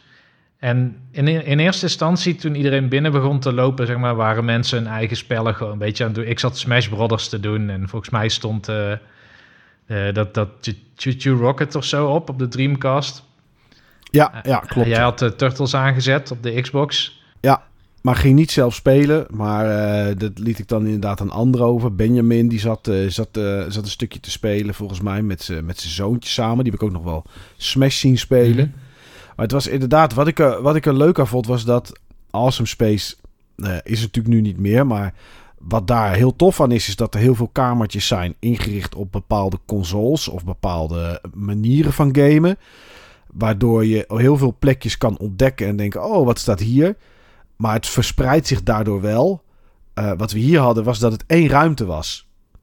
En daar was iedereen. We waren natuurlijk ook niet met, met, met 30 man. Volgens mij waren we met een man of 12, 13, zeg ik even uit mijn hoofd. Ja, zoiets. Denk ik dat we. Ja, zoiets hè, dat we waren. En, uh, maar omdat het in een, in een redelijk kleinere ruimte was, was het leuk gevuld. En ja, kon je ook zo op iedereen afstappen. En wist je ook nog van hé, hey, die is er nog of die is al weg. En dat maakt het wel echt heel leuk. En ja, uh, oké, okay, had een, uh, had een quiz voorbereid met, uh, met Kahoot. Nou, natuurlijk super leuk. En, en prijsjes erbij. En we hebben daarna nog een Super Mario Kart toernooi gedaan. ja, ook super leuk. Alle met vier mensen tegelijkertijd op de beamer en dan, en dan Mario Kart spelen. Ja, en toen ging het eigenlijk uh, de dag een stuk sneller dan ik had verwacht, uh, Niels. Want het was zo voorbij, joh. Ja, sowieso was het zo voorbij. Ik weet niet meer, volgens mij was ik er rond 11 uur of zo. En um, ik was even een beetje Smash Brothers gaan spelen met, met Joey, die toen ook binnenkwam. Maar binnen de kortste keren was het, allemaal hier komen, we gaan een quiz doen. en na die quiz kwam al vrij snel um, die, die Mario Kart competitie. En na de Mario Kart competitie was het al vrij snel, komen we ruimen alles weer op. Ja, inderdaad. Toen hadden we daarna geloof ik nog twee uurtjes of zo. Want om rond vieren moesten we eruit. En toen zijn we naar beneden gegaan naar de barcade. Waar wij dan een keertje eh, bij de vorige podcast eh, waren, eh, hadden we al proef gegeten. Nou ja, daar de meeste mensen even wat tokens gekocht, wat muntjes gekocht om wat te spelen. Ja, daarna hebben we gegeten en nou, toen was het eigenlijk zo, zo ergens half zeven of zo. En, en gingen we allemaal weer richting huiswaarts. Ja. Ja, dus het was echt een super geslaagde dag. Uh, Oké, okay, Pala, toen al gezegd, maar nogmaals, bedankt voor het organiseren ervan. Mhm. Ja, dan moeten we eens kijken wat we in, uh, in 2024 gaan doen, Niels. Ja, ik hoop dat die mannen van Awesome Space onderhand weer een nieuw pand hebben. Want ze bleven zeggen dat ze nog aan het zoeken waren. Um, ja. Want kijk, het nadeel van Den Bosch is gewoon voor veel mensen de locatie. Sommigen komen uit Groningen of Leeuwarden en die zitten dan uren in de auto. Ja, Arjen. Uh, 1981, die heeft er geloof ik twee uur en drie kwartier over gedaan of Ja, zo om er te komen. Precies. En dan moet hij dus ook weer terug. Ja. Ehm, en ik denk dat Utrecht wat dat betreft gewoon een mooie hub was voor iedereen uit alle windstreken. Om eh, in ieder geval bij elkaar te komen. En ja, daar konden we ook altijd wel een, een competitie hosten. En ja, we hebben het nooit gedaan. Maar in theorie kun je gewoon zo'n ruimte ook naar je hand zetten. Dat je gewoon zegt, nou ja, we willen eigenlijk, noem maar wat, ook monkeyball of zo eh, als een setup hebben staan. Ja. Dus eh, ja, ik hoop dat er iets in die richting in ieder geval weer komt. Maar dit heeft wel een soort van de ogen geopend voor mogelijkheden. Want dit was eigenlijk geen Awesome Space-achtige locatie. Dit was meer een, ehm, een e-sports locatie. En daar hebben we volgens mij nooit naar gekeken. Maar die zullen er vast wel meer zijn.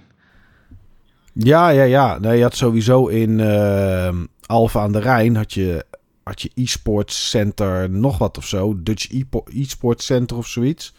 Um, en ik zeg was, want die is nu twee of drie weken geleden is die gesloten. Per direct. Maar dat was ook eigenlijk gewoon een ruimte die gewoon, ja, wat gewoon een ruimte is. En waar tv's zijn. En ja, mensen zijn blijkbaar, uh, ja, vinden het prima om hun eigen spullen mee te nemen om daar dan een leuke dag mee te hebben. Dus het hoeft inderdaad niet per se. Je zou kunnen kijken naar bijvoorbeeld uh, uh, het Spelcomputermuseum in Zoetermeer. Kijk, als iedereen daar rond gaat lopen tussen al die arcadekasten, raak je elkaar redelijk kwijt. Maar die hebben ook vaak ruimtes waar je eerst met z'n allen kan zitten. En uh, dan zou je dus dat eerst kunnen doen. En dan kunnen zeggen, weet je, we, we doen daar competitie, we doen daar wat spelen. En op een gegeven moment na een uur of twee, drie of zo. Ja, weet je, als je rond wil lopen, ga het doen. Ga kijken, ga spelen. Als je hier wil blijven zitten, ook prima. En dan kan je daarna nog bij elkaar komen om wat te eten. Dus uh, ja, er zijn best wel meer plekken waar we, dit, uh, waar we dit zouden kunnen doen. Dan iets wat kant en klaar is. Om het maar zo te noemen. Ja.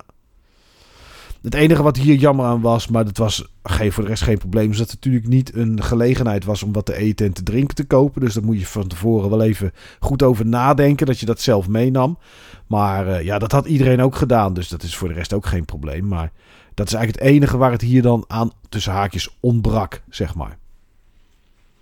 Um, andere dingen. Ja, ik heb twee dingetjes voordat we naar de Game Talk gaan. Want het is eindelijk zover, Niels. We hebben er volgens mij uh, bijna twee jaar over gesproken.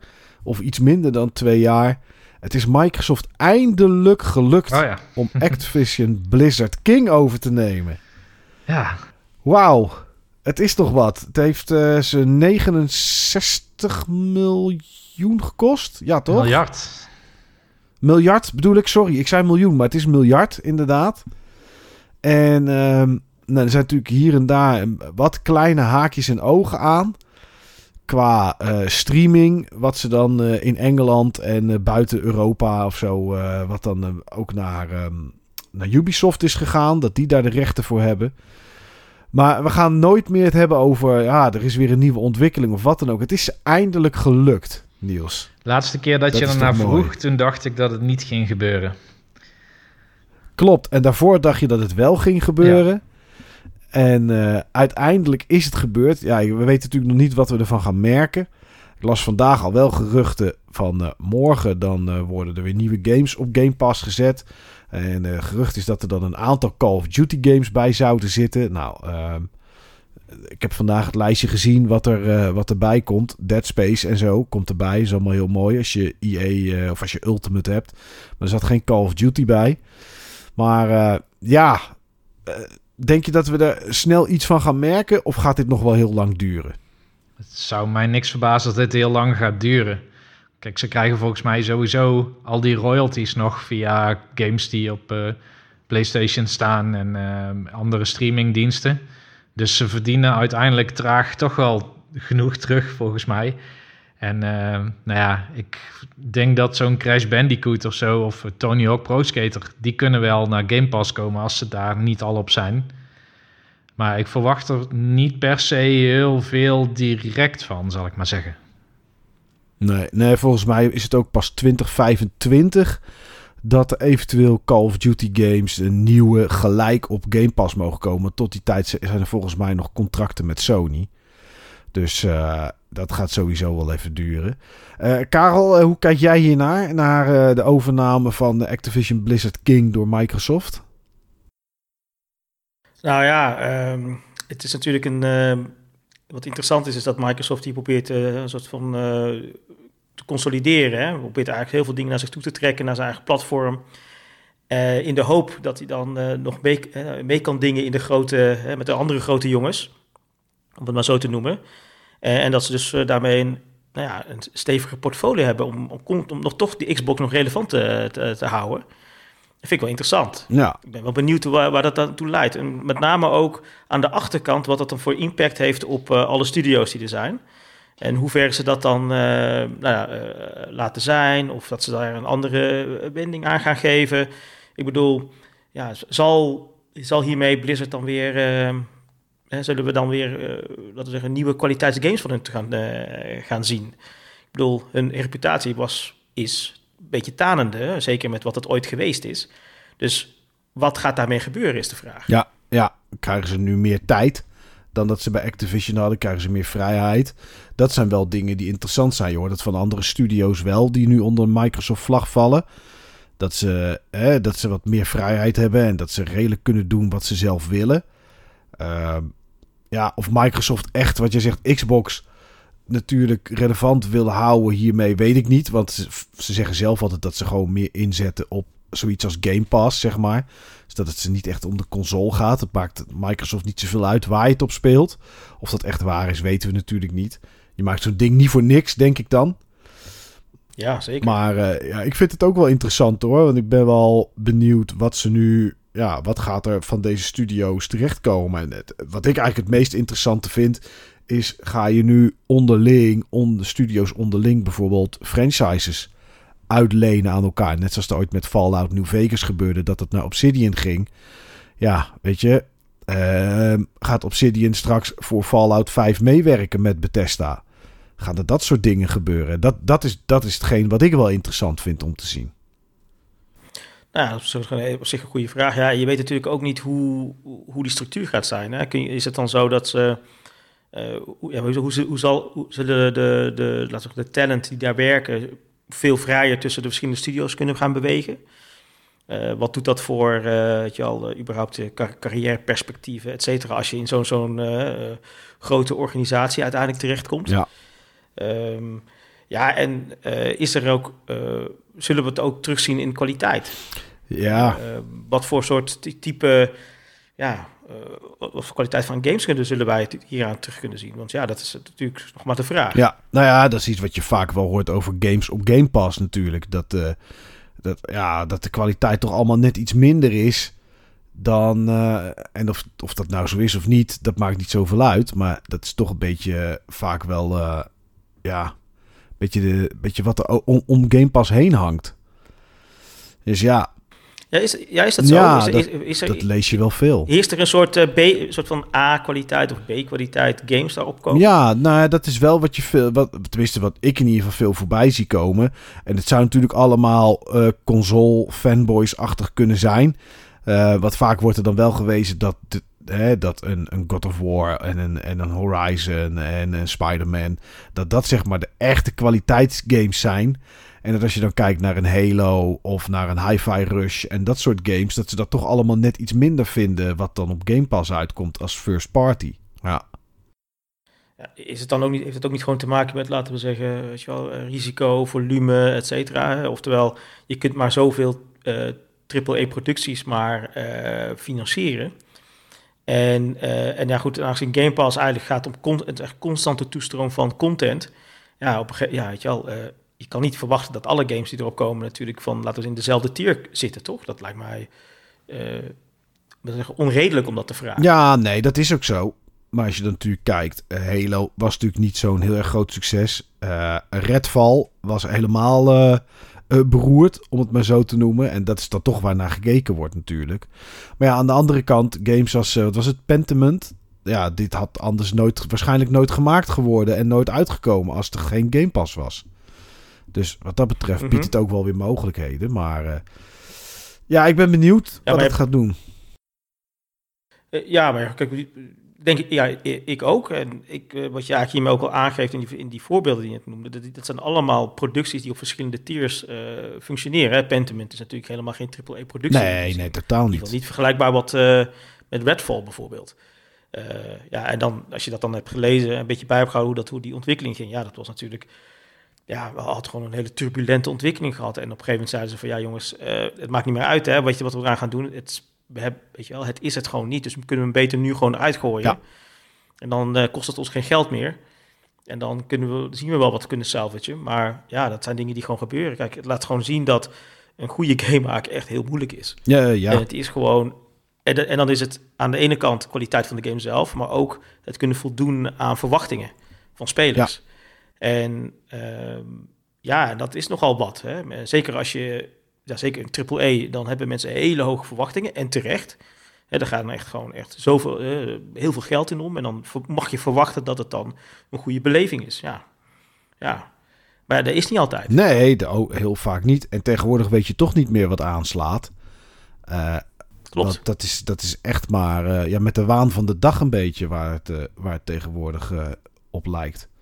Dus, uh... Ja, en je moet je natuurlijk voorstellen ook dat, natuurlijk dat dan op met zo'n project begint, dan ben je dus, uh, dan ja, moet je vier, weet je al, een paar jaar in de toekomst kunnen kijken of zo. Hè? Dan is het zo van, ja, mm -hmm. ja. ja het, het, het, op basis van wat we nu weten, dan denk ik dat het een goed idee is. Maar ja, wat we nu weten, ja, dat die realiteit kan over het, is eigenlijk al over een jaar, eigenlijk een maand later alweer helemaal anders. Ja, ja, ja, ja, ja uh, dat is ook zo. Ik zat dus, net op uh, eventjes te checken op Google, maar hoeveel werknemers er nu bij zijn gekomen door die overname is echt bizar.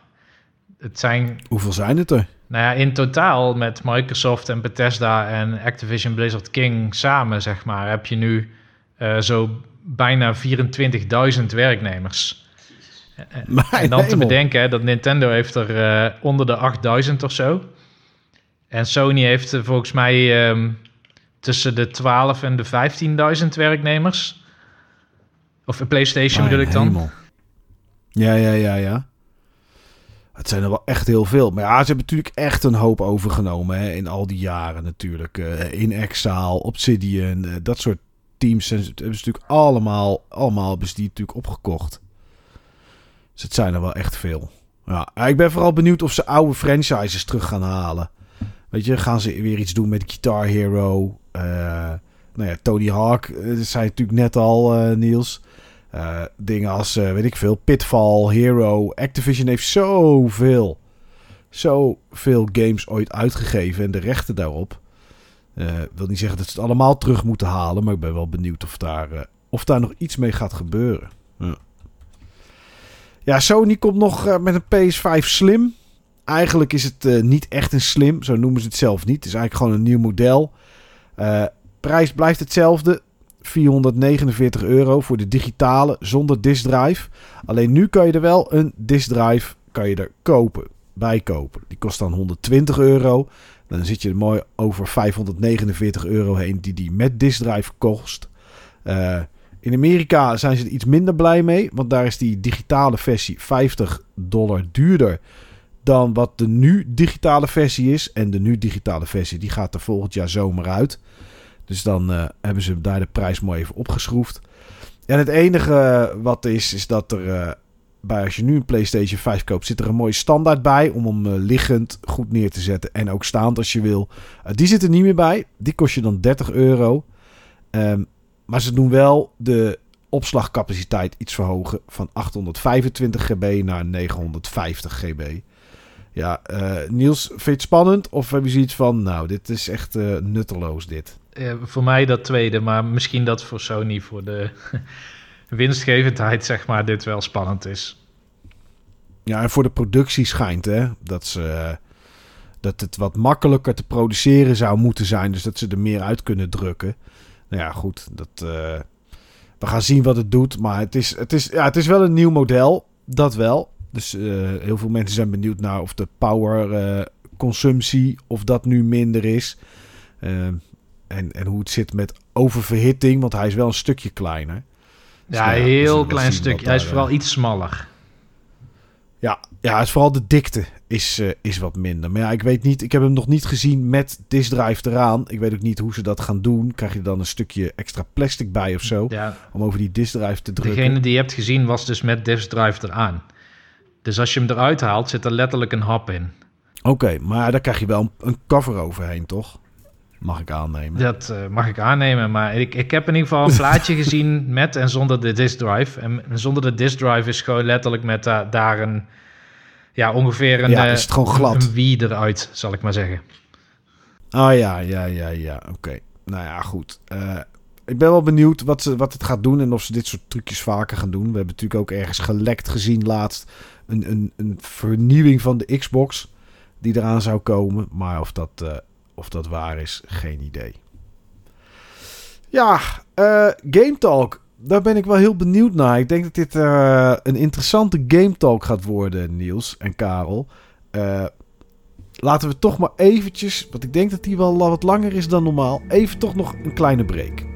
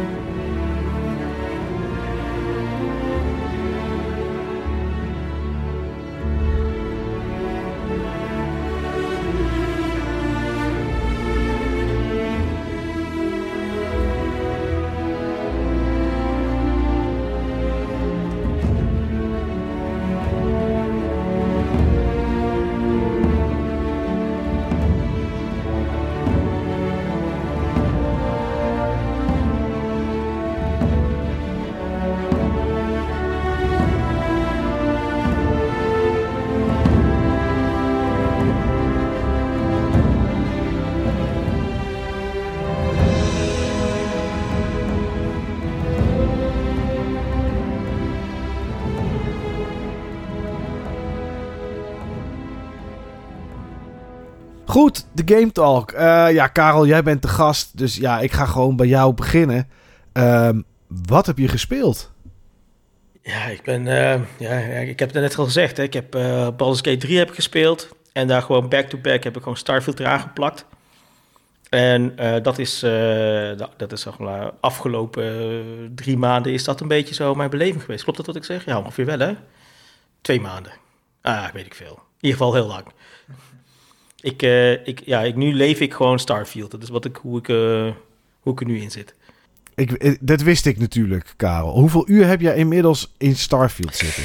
Volgens mij zit ik uh, tegen de 150 aan, denk ik, of zo. Oké, okay. nou, de eerste vraag die ik daar eigenlijk bij heb is... hoe krijg je dat na die Baldur's Gate 200 uur en vakantie hebben nu voor elkaar? Maar goed, uh, laat ik die even skippen. Um, Steam Deck, Steam Deck is het antwoord. Wa Oké, waarom heb je zoveel uur in Starfield zitten? Ja, um, het is eigenlijk... Um, nou, ten eerste, ik ben, ik ben een groot fan van Bethesda Games. Uh, en voor mij is dat een beetje eigenlijk een soort vakantie. En, uh, Welke Bethesda games dan? Oh ja, ik uh, ben toch even benieuwd. Uh, even kijken, ja, het, Elder Scrolls per definitie. Vanaf mm -hmm. Arena tot aan Skyrim en beyond. Hè, hopelijk dat we dat ooit gaan meemaken. Ik hoop, ik hoop nog in dat mijn generatie nog eens een keertje Elder Scrolls 6, 6? Ja, 6 toch? Ehm, ja, 6 mogen gaan meemaken. Ja. Ik, ik heb er heel veel over gehoord. Ik, ik weet niet. Ik weet niet of het gaat lukken. Um, en um, ja, en het grappige is, als je dan eigenlijk uh, Baldur's Gate uh, daar dan tegenaan zet, zijn het eigenlijk bijna een soort van, uh, je wel, zijn, het, zitten ze op het, zitten op het soort van op hetzelfde spectrum, maar eigenlijk zijn ze tegenover van elkaar. Ze kunnen er eigenlijk bijna niet ver af genoeg van elkaar staan. Je kunt zeggen, ja, het zijn allemaal RPG's, ze zijn, hebben enige, enigszins open world aspecten, maar als je kijkt naar het narrative design is het totaal iets anders. Um, mm -hmm. En wat ik heel fijn vind aan, uh, aan het spelen van Starfield, maar ook een Elder Scrolls game of een Fallout, uh, is dat ze juist uh, heel veel leegte hebben eigenlijk. Heel veel open ruimtes hebben. Heel veel ruimte voor jou als speler om daar dan eigenlijk een soort eigen invulling te geven. en, en dat zorgt ervoor dat, in ieder geval voor mij, dat ik daar... Um, daar haal ik heel veel lol uit. Weet je wel? Dan, ik, heb, ik heb geprobeerd mezelf te maken in Starfield. Dus uh, dan ga ik uh, in die wereld ga ik dan uh, ga ik mijn, mijn leven leiden of, het, of zo. Weet je wel? Die illusie, die, die beleving maakt het heel fijn. En wat heel cool is eraan, is dat het spel biedt je, nou ja, laten we zeggen, verschillende manieren om dat in te vullen. Zonder dat het heel veel, heel veel dingen aan je opdringt. Eh, nou goed, de basis is uh, uh, naar allemaal locaties gaan, dingen kapot schieten, levelen, te veel spullen mee willen nemen.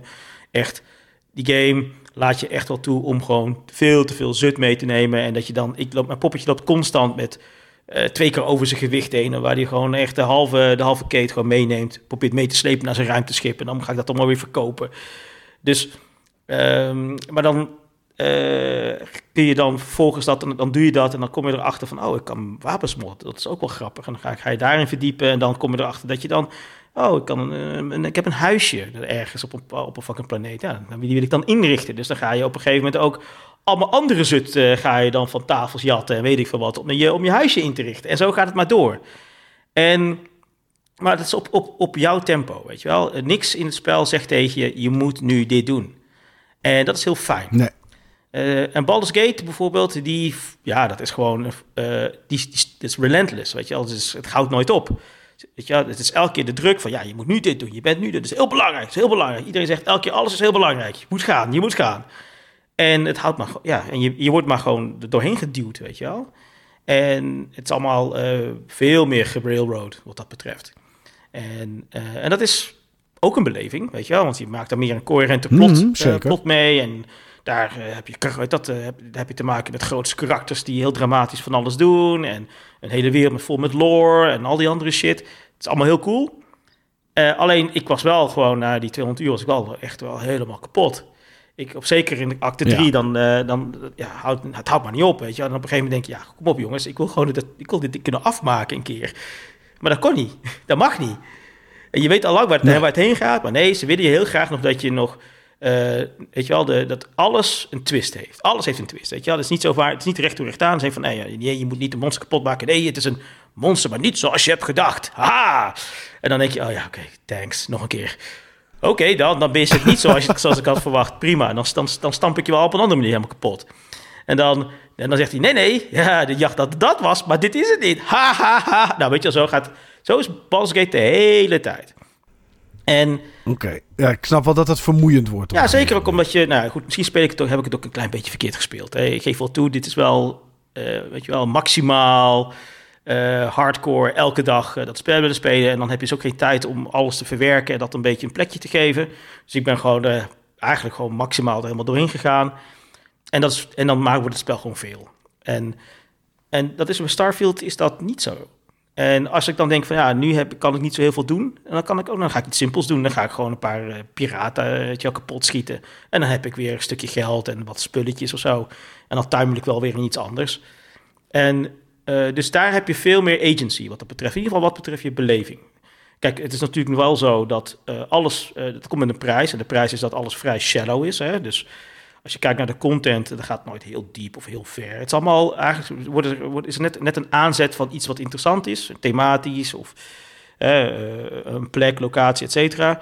En dan moet je, als je daar binnenin zit, dan moet je je dat allemaal een beetje zelf gaan invullen en zeggen: Oh ja, ik snap wel wat ze probeert te doen. En dan is het best leuk, weet je wel. En dan, maar het stopt gelukkig heel snel. Weet je, dan is het weer van: Nou ja, twee uurtjes later ben je klaar met die quest of dat thema of whatever. En, uh, maar dan houdt het ook op, abrupt op, weet je wel. Want dan is het natuurlijk, kom je terug bij de norm. En de norm is, ja, er is eigenlijk niks wat je moet. Alles is, als jij, als jij niks wil, dan wil het spel ook niks van jou, weet je wel. Uh, en dat is, dat is best wel fijn. Ik vind dat, ik vind dat een, uh, fijne manier van... Uh, ja, vind, ja, ik vind, ik vind het een fijne game wat dat betreft. En, en het en ik zou eigenlijk natuurlijk wel meer weet je wel, ik wil eigenlijk meer, weet je wel, meer van de game. Ik zeg, ja, ik wil eigenlijk meer van die thema's zien, meer van die vignettes die je kunt meemaken en ervaren. Ehm, maar ja, goed, dat is eigenlijk alleen maar goed, denk ik, in dit geval. Is dit dan eigenlijk voor jou gewoon een soort Animal Crossing? Ja, misschien een beetje wel, maar dan met meer schieten dan, denk ik.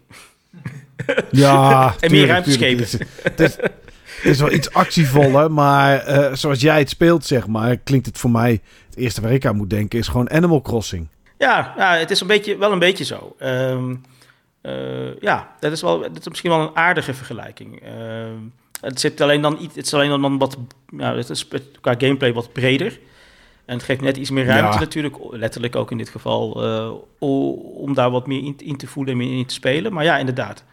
En um, ja, het, en het is gewoon uh, wat ik zelf heel cool vind aan Starfield is dat ze ook echt rondom dat thema van dat, hè, dat retrofuturistische gebeuren, uh, dat hebben ze best wel consequent doorgevoerd. En dat is eigenlijk wel, uh, dat vind ik eigenlijk, vond ik eigenlijk wel slim. Ik dacht, oh ja, dat zorgt er wel voor dat het een beetje een soort, nou ja, een beetje een, soort timeless look en feel heeft. Weet je wel? Het, is eigenlijk, elke mm -hmm. keer denk ik, oh ja, ja, weet je wel, denk je, is zo van, oh ja, dit was eigenlijk hoe uh, ik vroeger, toen ik jong was, dacht dat de toekomst eruit zou zien of zo, weet je wel. En daar haakt het Ja. heel, dat, ja, op, op die vibe haakt het constant, continu in. Zo van, oh ja, ik ben, ja, weet je wel. Ik, dus dat is, ja, misschien is het ook echt wel de, de, de game voor, laten we zeggen, mijn generatie eh, ja, gamers ook wel een beetje bedoeld. Weet je wel, om op, echt op die vibe te gaan zitten. Ja, ja. Niels, jij speelt het ook nog. Ja, klopt. Eh, aan het begin hebben we gehoord dat jij tegenwoordig een stukje papier hebt waar je elke dag iets positiefs over deze game of over een game opschrijft. Ik ben echt super benieuwd wat jij opgeschreven hebt de laatste tijd. ik was toevallig net aan het bladeren, inderdaad, wat ik allemaal heb opgeschreven. Um, maar het zijn echt allemaal hele kleine dingetjes. Hè? Dus uh, het, ik heb geen hele passages, maar het is vaak twee zinnen of zo over één klein ding, wat ik dan heel mooi vond. Maar één voorbeeld is, en ik weet niet of dat ik die al een keer heb genoemd. Um, maar ik vind, um, als ik eenmaal in die vibe zit, want wat Karel zegt geldt voor mij ook. Het is een wereld waar je in wil zijn. Um, en uh, wat je dan vervolgens daar gaat doen, zeg maar, daar heb ik niet echt een plan bij. En de game wil ook zeker niet mij heel erg ergens bij betrekken. Als, tenzij ik daar mezelf dan in stort op een of andere manier. Maar ik vind bijvoorbeeld alleen al fijn dat ik uh, s ochtends voordat ik naar mijn werk ga, dan kan ik gewoon game even aanzetten en dan ga ik een planeetje scouten. Dat is eigenlijk het plan. Um, dan kan ik later die dag wel verder met die planeet, maar ik ga niet aan de quest verder of zo. Maar ik ga gewoon opstijgen. Ik ga naar een sector waar ik misschien nog naartoe moet. En dan ga ik kijken of dat er een planeet is waar niet direct een hele stad is met een hub. En wat ik dan heel erg leuk vind, is eigenlijk alleen al wanneer je in de cockpit zit, dat je de motor start. Want om de motor te starten moet je de i-knop een halve seconde of zo ingedrukt houden. En wat, dan, wat ik daar zo cool aan vind, is het geeft of zo toch een beetje die, die um, elektromechanische vibe mee. Omdat de, eigenlijk je, je vliegtuig moet letterlijk opstarten. Je ziet de, de schermpjes aangaan en de UI zie je uitklappen en dan stijgt die op of zo. En dat het niet gewoon is van, nou ja, en uh, je drukt op I en je zit in de lucht of zo. Maar dat, het, dat ze echt de tijd hebben genomen om jou twee seconden te laten wachten tot dat ding onderhand is gestart, vind ik eigenlijk juist heel goed laden op die vibe die ik van het spel wil. En dan zit ik in de lucht en dan ga ik, uh, dan jump ik naar een andere planeet. Um, om vervolgens daar weer te gaan landen en te kijken dat er een nieuwe resource is die ik nog niet had. Dus dat is één ding wat ik dan bijvoorbeeld heb opgeschreven. Ik heb ook laatst, dus denk ik een week geleden of zo, toen kwam ik in, op Neon aan. En Neon is um, een van de, ik weet niet hoeveel hub-steden er zijn, maar het zijn er best wel wat volgens mij. Uh, maar Neon is een hele aparte. Dat is eigenlijk een soort van booreiland met een um, cyberpunk Aziatische vibe, zou ik het willen, willen noemen. En Karel klikt, dus dat is ook zijn beleving kennelijk bij, bij deze planeet. En wat, wat hier is, is je hebt een soort capsule hotels, als het ware. Het zijn dan niet echt capsule hotels, maar het zijn eigenlijk zeecontainers en die hebben ze omgebouwd tot makeshift woningen.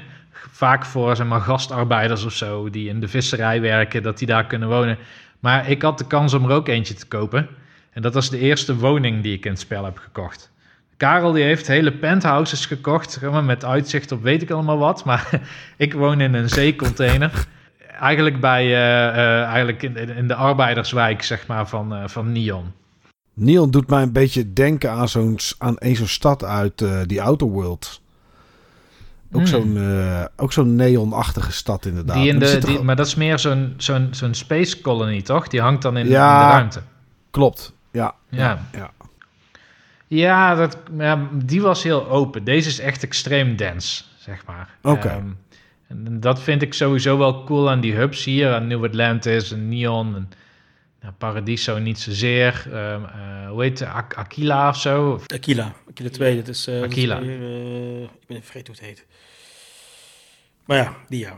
Ja, dat, dat, is, nou, dat is een stad die slaat nergens op. Dat is een western. Dat is eigenlijk gewoon een Fallout-stad. Fallout-stad, ja, ja, ja, dat had ik gehoord. Ja, maar dat is natuurlijk omdat uh, iedereen graag uh, op de, weet dat, uh, Serenity vibe wil gaan zitten. Hè? De, weet dat, ehm, maar waar de film Serenity op gebaseerd, of daar een, een uitvloeisel van is, um, Firefly natuurlijk, de... Uh, oh, Firefly, jeetje, oké. ja, ja, sorry, dat is een, uh, vergaat weer een beetje weet je wel, mijn leeftijd, maar uh, dat is... Oh, nee, ja. maar, maar dat is duidelijk waar, waar ze daar op, dat is de vibe waar ze op gaan. Frontier en dan Cowboys, Space Cowboys, nou, dat is fire, automatisch Firefly. En om die, die vibe te pakken. Dus ze hebben eigenlijk, wat ze gedaan hebben, een soort pastiche gecreëerd van, al, van best wel wat sci-fi staples uh, en ze daar een, een plek hebben gegeven. En toen jij, Niels, toen jij vertelde over uh, Neon, dacht ik, uh, wat ik zelf ook sterk vind, is dat je de, de plekken waar je komt, die, die, die, die, wat, zo, wat, ik, wat ik cool vind, is dat alle zeg, questlines je laten terugloopen naar bepaalde plekken toe en dat je elke keer een ander aspect, een ander detail van die plek leert kennen. Dus je kan, uh, je, bijvoorbeeld zo'n plek als Neon, dan kom je op een gegeven moment, uh, nou kun je heel vaak komen en dan kun je daar, uh, hoor je allemaal dingen over van ja, dit is door die, dat, het is heel corrupt en het is allemaal door corporations geleid, bla bla bla bla. En dan is dat, is dat alleen maar sfeer of thema, thematisch. Nou, Niels vertelde van, nou ja, je kan dan zo'n container kopen en dan heb je iets met de arbeiders en dan kom je erop, kun je op een gegeven moment kun je, kom je erachter van, oh, er is nog een benedenverdieping waar dan de, de, de vissers zitten en daar de visafslag zit, maar ook de power uh, en dan, dan daaraan vast uh, de, de, de, de, het grote energiebedrijf. Nou, en dat, daar kun je in, in feite nog in eerste instantie nog niks mee, totdat je op een gegeven moment uh, in een bepaalde quest zit. En dan ga je opeens door een soort rabbit hole heen, die je dan weer een heel ander aspect laat zien van die plek. En, en wat dat zo cool aan is, is dat je daar dus, als je daar niks mee doet, hè, of je de game heel oppervlakkig zou spelen, dan kom je daar nooit achter.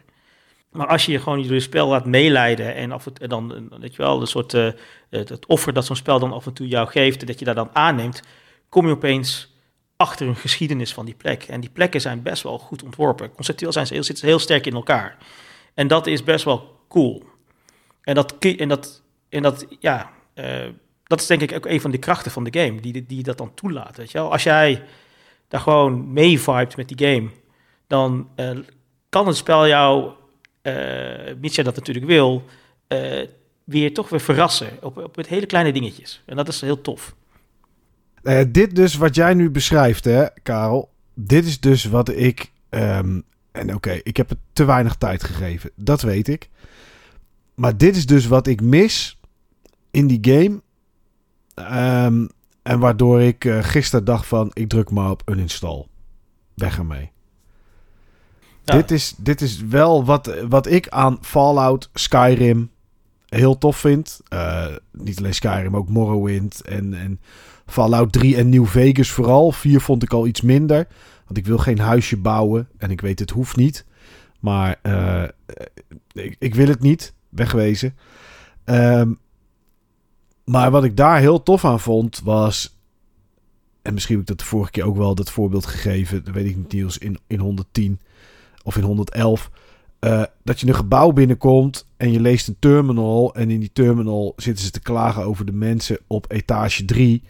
Maar zitten ook berichtjes te sturen naar de mensen op etage 3. Je komt op etage 2. Daar vind je ook één of twee terminals. Daar zie je bericht tussen 2, etage 2 en 3. Waarom ze problemen hebben met de mensen van etage 1. En dan kom je op etage 3 en dan zie je dat etage 3 met etage 2, maar ook naar zichzelf memo's heeft gestuurd. Waarom ze eigenlijk de mensen van 1, maar ook van 2 verschrikkelijk vinden. En dan heb je dus een gebouw waar bijna niks in leeft. Waar niks meer in gebeurt. Waar je wel ziet wat daar ooit in is gebeurd. Dit was een, een, een soort filmstudio. Dus je zag boven zag je dan de set staan waar gefilmd werd. Op twee zag je alle props liggen en kleding. En op één was de soort inloop en, en met, een, met, een, met een balie. En nou ja, het was echt een bedrijfje, zeg maar, in één gebouw. Niemand of niks leefde er meer. Maar als je daar doorheen loopt, en je leest al die terminals, dan proef je wel de geschiedenis. En dan is in één keer een, een nikszeggend gebouwtje heeft in één keer een paar uur historie opgeleverd. En dat vind ik heel tof. En dat is iets wat ik gewoon nergens tegenkwam in, in Starfield. Behalve op het moment dat ik, volgens mij waren het de Rangers of zo, waar je op een gegeven moment uh, bij kan. En dan loop je, en daar zijn ze natuurlijk heel erg sterk in bij Bethesda. Dat zie je in Fallout 3 en in 4 zie je dat een soort tour door een museum maakt. Waarin natuurlijk heel veel historie wordt verteld. Daar kreeg ik dat gevoel wel weer een beetje. Maar voor de rest had ik dat gevoel eigenlijk helemaal nergens. Dat raakte ik, ja. Ik, snap wat je, ik, snap, ik snap precies wat je bedoelt. En dat is eigenlijk de reden waarom ik het vetter vind dan Fallout. Omdat Fallout, het is precies zoals je zegt, hè, de, en, en Skyrim had hetzelfde dingen. Alles, alle uh, points of interest was dan eigenlijk een unit, een afgesloten, uh, uh, op zichzelf staande ruimte, waar ze dan zo'n verhaal vertelden. Hè? En, en wat ze hier hebben gedaan, is dat ze dat helemaal dat verspreid hebben, over, gedistribueerd hebben over de verschillende locaties heen. En, en dat, beetje, dat veel, laten we zeggen, veel meer, laten we zeggen, natuurlijker door elkaar heen hebben laten lopen op een, op veel meer, een, binnen een veel meer open structuur. En, en je hebt het soms nog wel een beetje in, als je de, de, points of interest op, op planeten gaat, dan vind je een abandoned, weet ik veel, lab of, of minding. En daar zitten soms wat van dat soort dingen in. Maar het, zit eigenlijk, het zijn allemaal veel kleinere, lossere units die pas als je dus een paar van hebt meegemaakt en dingen hebt gelezen, dat ze dan samen eigenlijk dat, zo een groter verhaal vormen. Hmm. En, ja, en dat is, ja, het is iets wat je, waar je aan moet wennen, denk ik. Want dat zijn, zijn we eigenlijk helemaal niet gewend. Kijk, ik bedoel, wat ik al zei, hè, met bijvoorbeeld met Baldur's Gate, is het hele omgekeerde. Dan word je gewoon, weet je wel, je gaat gewoon die lore vreten, je gaat het plot vreten, je gaat alles, wordt gewoon door je strot heen geduwd. En dan krijg je het gewoon in een hele, een, in één groot van constante soort van stroom moet je dat allemaal gaan eten. En, uh, en uh, dus dan is het ook qua content ook veel intensiever om dat allemaal te processen. En, ja. en hier is het allemaal veel losser. En je moet er ook echt een beetje. Ja, het kost ook veel meer tijd. Weet je wel. Het, het spel laat meer spel, spel zijn in die zin. Dus ga maar rondvliegen, ga maar exploren, ga maar dingen verzamelen, ga maar dingen schieten. Weet je wel, doe maar een quest, weet ik veel wat. En zo krijg je kleine stukjes van die wereld krijg je tot je. En dat is een veel lossere structuur dan wat ze dat voorheen hebben gedaan. Ja, dus ja, ik vind het zelf fijn. Um, maar, ik snap, ik, maar ik snap wel wat je zegt, weet je wel. Uh, dat is natuurlijk wel een soort stapel geweest van hoe ze dat tot, tot nu toe hadden gedaan. Ja. En ze hebben geprobeerd om dat, daar, dat een beetje te veranderen. Maar ja, Weet je wel, je, hebt, je merkt wel, er zitten wel equivalenten in van wat er dan in dan wel Skyrim, dan wel Fallout gebeurt. Ik bedoel, als je gewoon een, quest, een questline volgt, dan heeft hij wel veel meer die, uh, laten we zeggen, narratieve, uh, laten zeggen, indikking, om het maar zo te noemen. waar je dan wel voelt dat er ergens gaande is. En dan, als je dan ook de kritieken leest, dan zijn mensen vinden dat dat eigenlijk dan nog niet ver genoeg gaat. Maar goed, tegelijkertijd denk je, ja, Bethesda heeft heb je, heb je nooit echt kunnen betrappen natuurlijk. Dat ze super uh, diep gingen, ingingen in een bepaalde soort storyline of wat dan ook. Hè. Ik bedoel, dat is altijd relatief, laten we zeggen, oppervlakkig of bare bones. Ja. Ja, maar ja, het is ook wel logisch als je kijkt naar een wereld zoals een Fallout of een Skyrim. Als je daar bij elk onderdeeltje super diep moet gaan, of, of bij een groot deel, ja, dan is het bijna niet te doen, denk ik. Nee, je hebt helemaal gelijk. En, en, Dat is- en de kracht zit in dus het feit dat het kaleidoscopisch is. Hè? Dus het probeert eigenlijk eh, je zo van zo 360 graden beleving te geven van die wereld. Waar, waar je eigenlijk een beetje door al die kleine stukjes. Dat zijn eigenlijk allemaal een soort, soort ja, die vignetjes eigenlijk allemaal bij elkaar te rapen. Dat je een soort gevoel krijgt voor het grotere geheel. Eh, en dat maakt het interessant. En, en ik ben helemaal met je eens die, dat die, dat die eh, het, laten we zeggen, de, de, de, hoe zeg, patroon dat er geweven wordt eigenlijk, dat dat veel losser is eh, dan wat dat voorheen is ge- gebeurd. Waarbij je dus ook heel makkelijk eruit kunt vallen. Als je daar dan op zoek bent, Ja. ja. dan is het, dat is lastiger als het ware. Ja, nou ja, dat is voor, voor mij was het ook lastig. En zeker als je. eh, want ik heb wel wat hier en daar gezien van wat jij zei. Dat er hier een korreltje zand ligt en daar een korreltje. En dat je die hè, een beetje moet connecten zelf. En op een gegeven moment dan daar een verhaal of een patroon of, of een stukje geschiedenis in ziet. Alleen als je natuurlijk minder speelt omdat je minder tijd hebt. Ik bedoel, eh, ik had eh, vanaf het moment dat die uitkwam tot aan nu had ik geen 150 uur in kunnen steken. Ehm, ja, dan, weet je, dan raak je dat soort dingetjes raak je gewoon kwijt op een gegeven moment aan, aan story. Ook al is er ergens een keer naar gehint of iets over verteld. Ik hoorde tijdens een interview met Todd Howard en hoe heet die, Ted Price, die van eh, Insomniac Games. Die, volgens mij heet die Ted Price. Volgens mij ook. Die hebben een podcast en eh, Ted was eh, Todd aan het, aan het interviewen. Ehm, en wat wel interessant was, is dat Todd Howard die had ook aangegeven dat ze Starfield hadden ontworpen als een watercooler game. En wat hij daarmee bedoelde is dat het niet een game is waarbij je aan de ander vraagt hoe ver ben je nou, maar en wat ben je nu aan het doen, zeg maar, in die wereld. Hmm, En ja. dat je de hele tijd dus kleine dingetjes met elkaar deelt. Dus ik vind het heel fijn bijvoorbeeld dat, dat Karel het ook zo eh, intens is gaan spelen. Of, eh, veel intenser dan ik. Hij heeft trouwens ook een horloge aan, een Starfield horloge. Zeker. Oh ja, jij hebt, eh, jij hebt die gekocht inderdaad, hè? Ja, ja, Ja. ik ben er heel blij mee eerlijk gezegd. Echt waar, ja? Ja, het is de beste smartwatch die ik heb. Oké. Oké, dat is netjes. Ja, ik had hem ook, eh, maar ik heb die pre-order toen maar laten vallen. Ik heb wel de controller gekocht, omdat ik die er mooi uit vond zien. Ja, het ziet er mooi uit. Ja. Ik, had, ik had bijna gekocht, maar toen kon ik, ja, ik, om nog nou een Xbox controller te willen hebben, waarvoor heb ik dat dan, weet je wel? Ja, nee, ik, heb, ik heb er inmiddels ook zes liggen. Want vandaag eh, is die eh, goud met zwarte limited edition uitgekomen. Die van goud naar zwart eh, overgaat. Hmm. Ja, die vond ik toch wel mooi. Dus die heb ik toch ook maar besteld. Tenminste, Kim heeft die voor mij besteld. Dus ja, en die ligt dan naast Starfield en de 20 year limited... De, 20 year? Ja, 20 years edition. En eh, de normale. En nou ja, goed, maakt ook niet uit. Maar ja, sorry Niels. Eh, ga verder. Nee, nee, ja, het zijn dingen waarmee je elkaar kan helpen of zo om beter connected te raken naar- tot de ervaring die je ook zoekt in het spel. Bijvoorbeeld Karel had het al heel snel over dat hij scheep aan het bouwen was. En ik heb na 35 uur nog geen schip gebouwd. Ik heb er eentje gekocht omdat ik meer opslagruimte nodig had. Want dat was waar ik tegenaan liep. Ehm, maar voordat ik überhaupt geld had om een nieuw schip te kopen... ehm, vroeg ik ook aan Karel van ja, wat heb jij dan gedaan? En toen zei hij ja, let op. Er zijn ook skills die je kan unlocken... waarmee je als personage zeg maar veel meer kan, met je mee kan dragen. Dat scheelt wel echt 50% of zo ten opzichte van je start eh, eh, situatie. Eh, en je kan ook gewoon eh, alles over achterlaten. Want het is gewoon nog steeds die engine waarop eh, Skyrim en Morrowind volgens mij zelfs nog ook gebouwd zijn. Ehm, die engine die wordt hergebruikt om een bepaalde redenen. Dat vertelde eh, dus ook in die podcast. Ze kunnen niet zomaar Unreal Engine gebruiken. Want Unreal Engine die zou vergeten waar alle microscopen die je ergens in een hoek had gegooid zouden blijven liggen in het spel.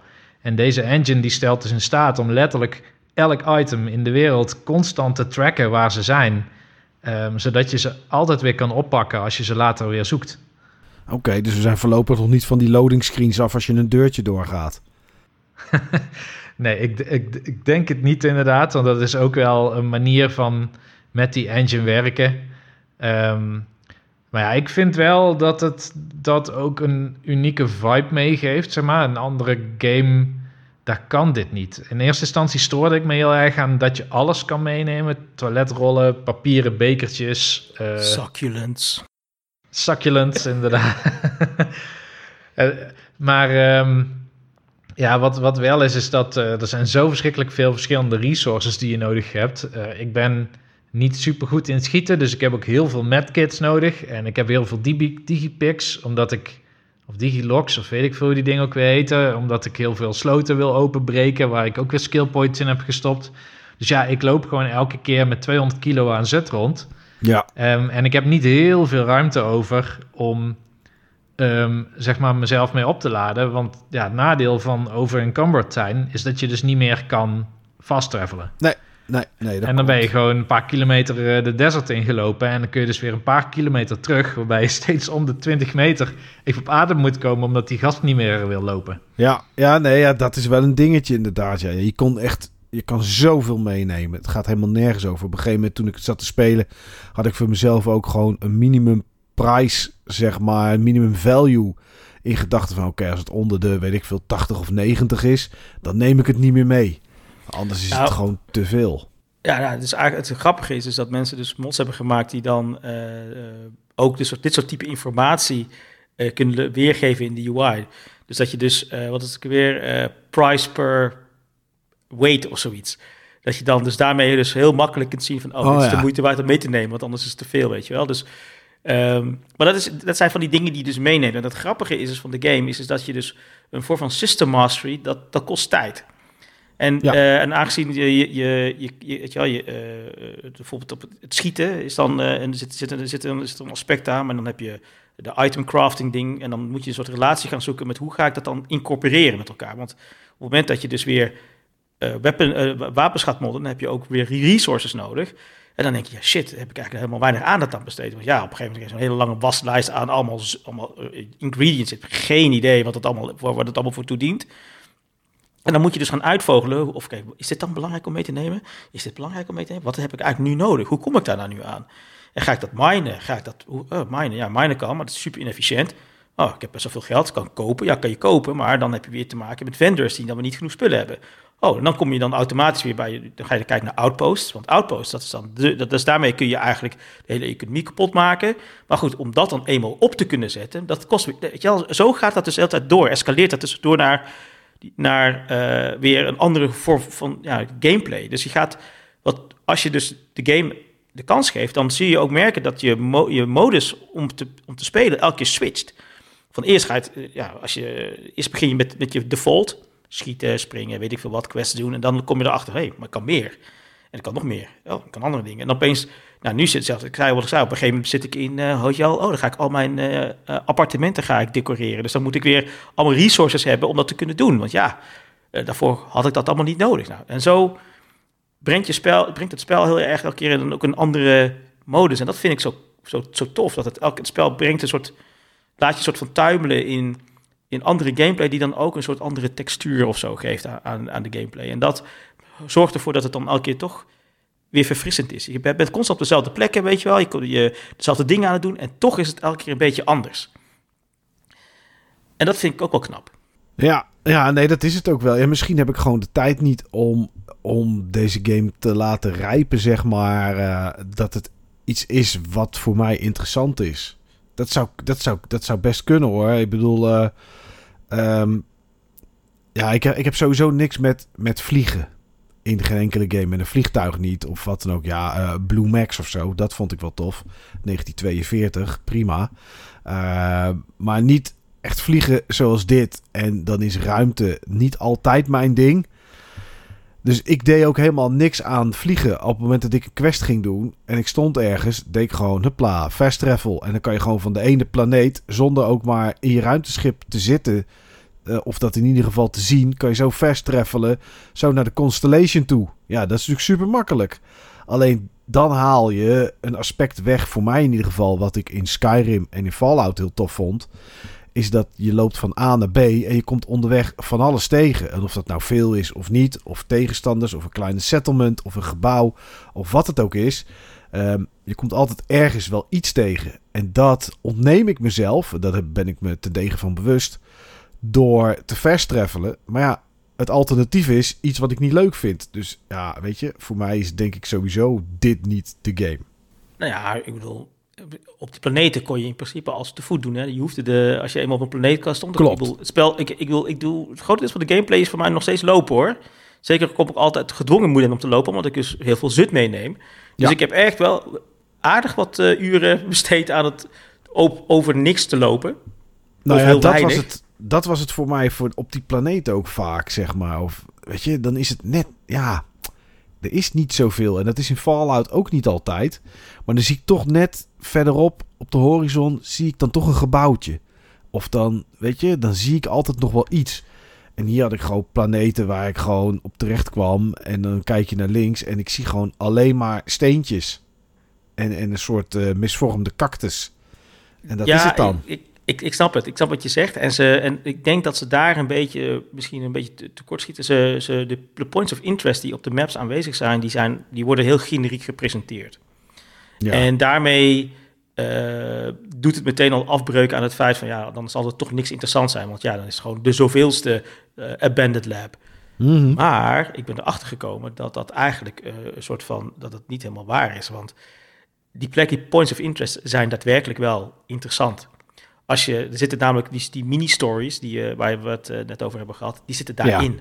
Daar zit, eh, dus, dus het is dus wel de moeite waard om dan toch eventjes eh, de, de horizon te scannen naar die points of interest en te zien van, oh, dit is, dit is een structure. Eh, een van de tofste dingen die ik, die ik pas later ontdekte dat dus op planeten aanwezig zijn, is dat elk, dus planeten hebben, hebben mogelijk unieke traits. En dat kan zijn dat ze bijvoorbeeld een soort unieke, ja, wat is het dan, landmark hebben. En die landmarks ontdekken, dat is heel cool, want je weet gewoon niet wat je krijgt. En dan is het soms is het een, eh, een, een raar meer waar dan fossielen in drijven of weet ik veel wat. Of eh, dan een rare fungal growth. Eh, en dat maakt het exploren dan weer zo satisfying. Ook, het is, je kan er niet echt iets mee, maar het is wel cool om daar naartoe te lopen, dat te ontdekken en dat dan te zien. En dat is, dat is wel tof. Dus het is alleen, het, het, het adverteert zich die dingen heel slecht. Want ja, weet Ja. jij veel? Ik bedoel, wat je zegt, hè, voor jou, het, al die plekken lijken op elkaar. Hè. Ze worden een beetje hetzelfde en generiek genoemd, gelabeld. En de echte coole dingen, of echt het leren waarderen van wat dat die plekken echt zijn, dat kun je alleen maar doen op het moment dat je daar echt in gaat verdiepen. En ja, als het dan niet enticing is om dat dan te, te, te willen ervaren, ja, dan, dan, dan houdt het op. Weet je wel? Ja. Want dan kun je, dan, dan, dan is dan, ja, dan heb je bij voorbaat al gekozen om het allemaal niet te willen. En dat is in dit spel zonde. Ja. Maar ja, wel wat er bij mij in ieder geval eh, gebeurd is. Ja, Ja, nou ja, en misschien, en misschien is het ook gewoon dus niet jouw stijl, hè? dat is helemaal oké.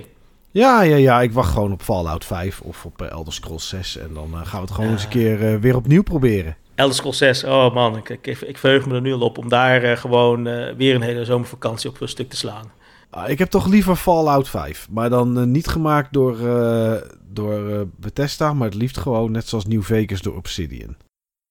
Ja, ik vind het ook wel interessant dat New, ja, ik vind, het, ik vind het grappig. Ik snap wel waarom dat mensen New Vegas dat graag willen, maar ja, of hè, om dat te doen. Maar wat ik zo jammer vond aan New Vegas is dat ze eh, dat weer heel erg eh, eh, hebben gerailroad. Hè? Dus je, dat uurtje dat je moet maken door New Vegas.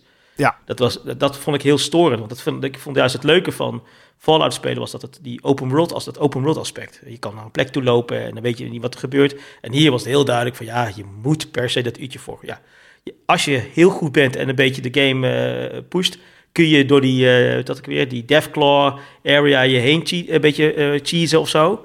Maar dan merkt hij wel dat je kom je daar aan en denk je, oh, dit hoor ik helemaal niet allemaal te zien, want er moest hier iets voorafgaand aan zijn. En dat, ja.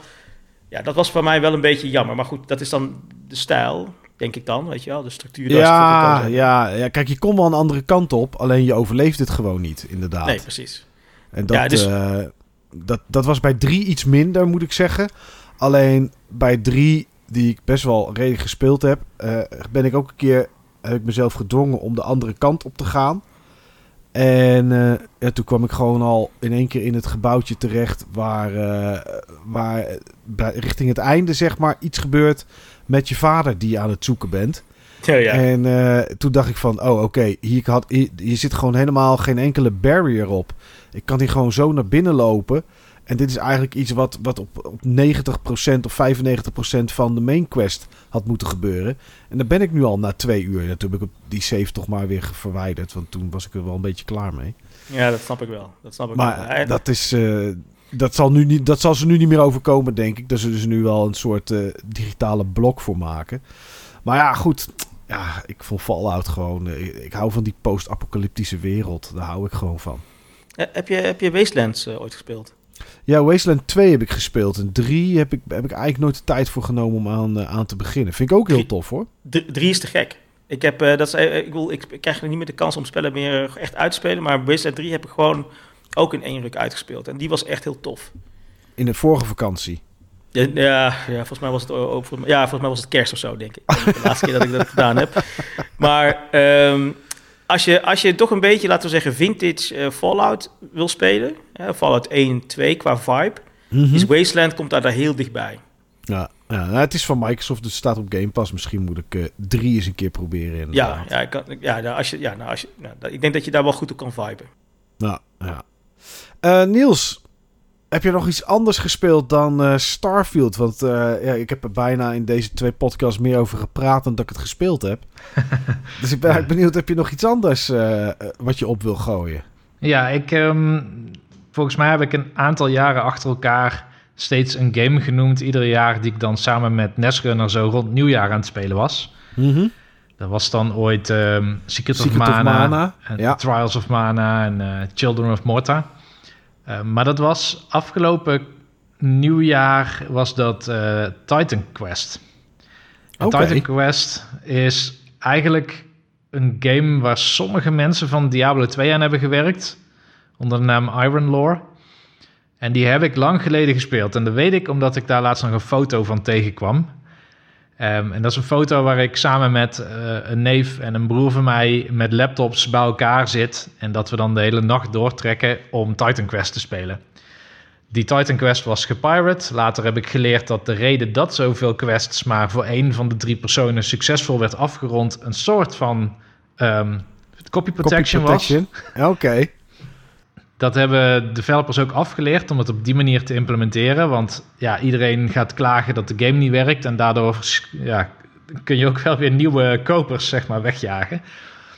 Maar ehm, Titan Quest was eh, eigenlijk voor die tijd best wel cool. Want Diablo 2 ziet er in mijn gedachten heel cool uit. Maar laatst heb ik die remastered gespeeld. En dan kun je switchen tussen de oude en de nieuwe graphics. En dan zie je, wow, hoe die er vroeger uitzag. Was eigenlijk Ja. best wel karig, zal ik maar zeggen. Het waren coole sprites, zeg maar, die gerenderd waren en tilesets.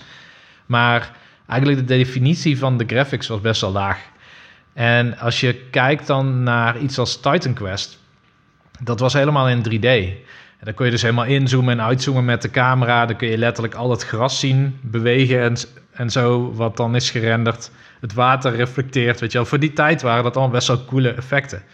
En nu ziet het er best wel shit uit, zal ik maar zeggen. Ehm, maar dat komt ook omdat, ja, dat was een van de eerste generaties 3D volgens mij. Dat, dat soort spellen in 2000. ieder geval. 2007 zie ik hier inderdaad staan, de initial release date. Ja, 2007, ja. Ja, goed, ik heb die dus opnieuw gespeeld. Ehm, in co-op op de Switch, dan heb je een verticale splitscreen. Dat is anders dan dat je bijvoorbeeld Diablo of zo op de console doet, want daar moet je allemaal in dezelfde schermen blijven. En dan moet je om de beurt met een vendor gaan praten, omdat eh, het hele scherm wordt dan door de UI bezet voor die speler. Maar hier kun jij gewoon als eh, speler A ehm, in een dorp ehm, je zit aan het verkopen zijn, terwijl speler 3 alweer in een grot zit of zo, om daar beesten aan te vallen. En dat is eigenlijk heel cool. Zeker. Ehm, alleen de implementatie was best wel te wensen overlatend, zal ik maar zeggen. Want die game is daar totaal niet op gebouwd. Dus sowieso gaat die ongeveer een kwart framerate draaien... als het ene, de ene speler aan het warpen is tussen, speler, eh, tussen steden. Ehm, terwijl de andere in een quest zit. Dan gaat de game ontzettend stotteren. Ik denk dat de game ook in zo'n 35 uur tijd dat we erover hebben gedaan... zeker 20 keer is gecrashed. Oh, wauw. Dus dat gebeurt echt heel erg vaak. Ehm, er zit trouwens ook...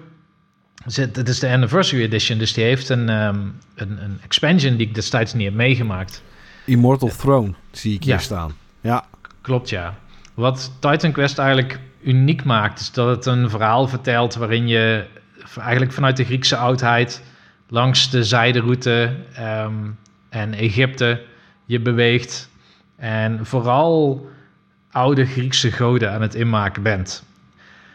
Alleen met die Immortal Throne expansion kom je dus ook in de onderwereld. En tijdens dat we aan het spelen waren, heb ik toen ook de Ragnarok expansion gekocht. Dat is een redelijk recent uit 2017. Dus daar hebben ze gewoon tien jaar later nog eens een, uh, een expansion uitgebracht voor die game. Wel dapper. En daarmee, ja, daarmee ga je dan ook nog naar Scandinavië. Ehm, maar wat, wat deze game heel anders maakt dan iets als Diablo is... bij Diablo had je... Ja, Diablo 1 was sowieso eigenlijk één hub... met uh, uh, een dungeon en volgens mij twee andere plekken waar je komt in het spel. Maar je kwam elke keer in Tristram terug. En Diablo 2 en 3 zijn meer van die rondreis games... En je hebt misschien wel wat quests of zo waar je dan begint, maar meestal leidt een quest gewoon jou verder die wereld in en hoef je nooit terug.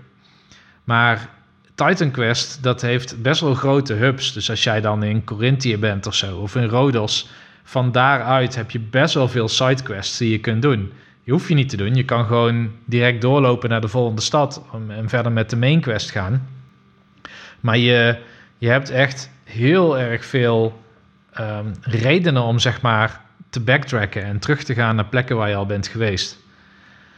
Um, de game is ook nog eens bijzonder omdat het net als Diablo 2 best wel een coole classbuilding systeem heeft.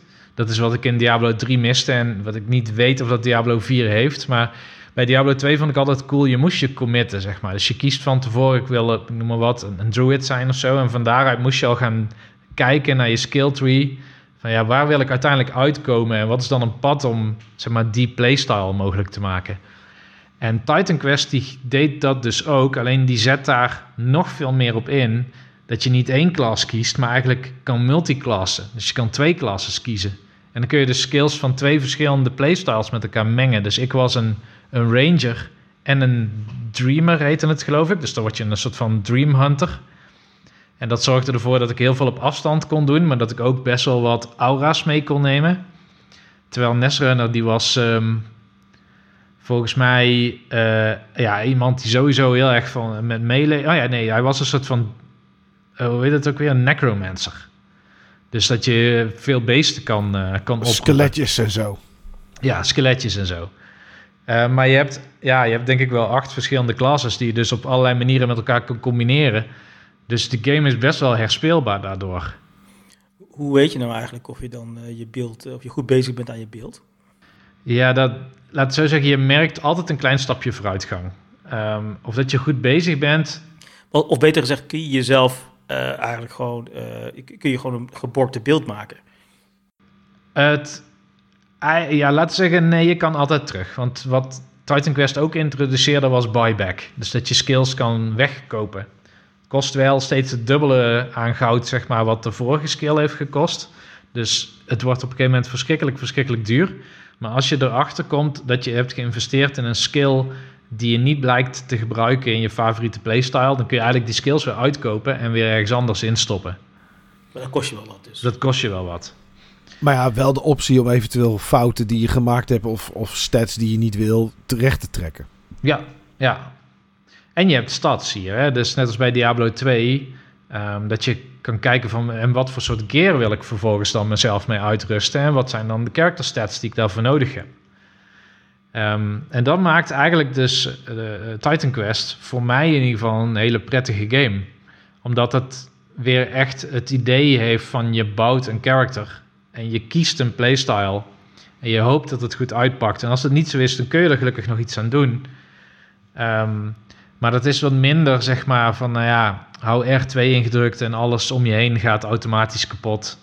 Uh, wat Diablo 3 uh, eh, met zich meebracht. Ja, ja, ja.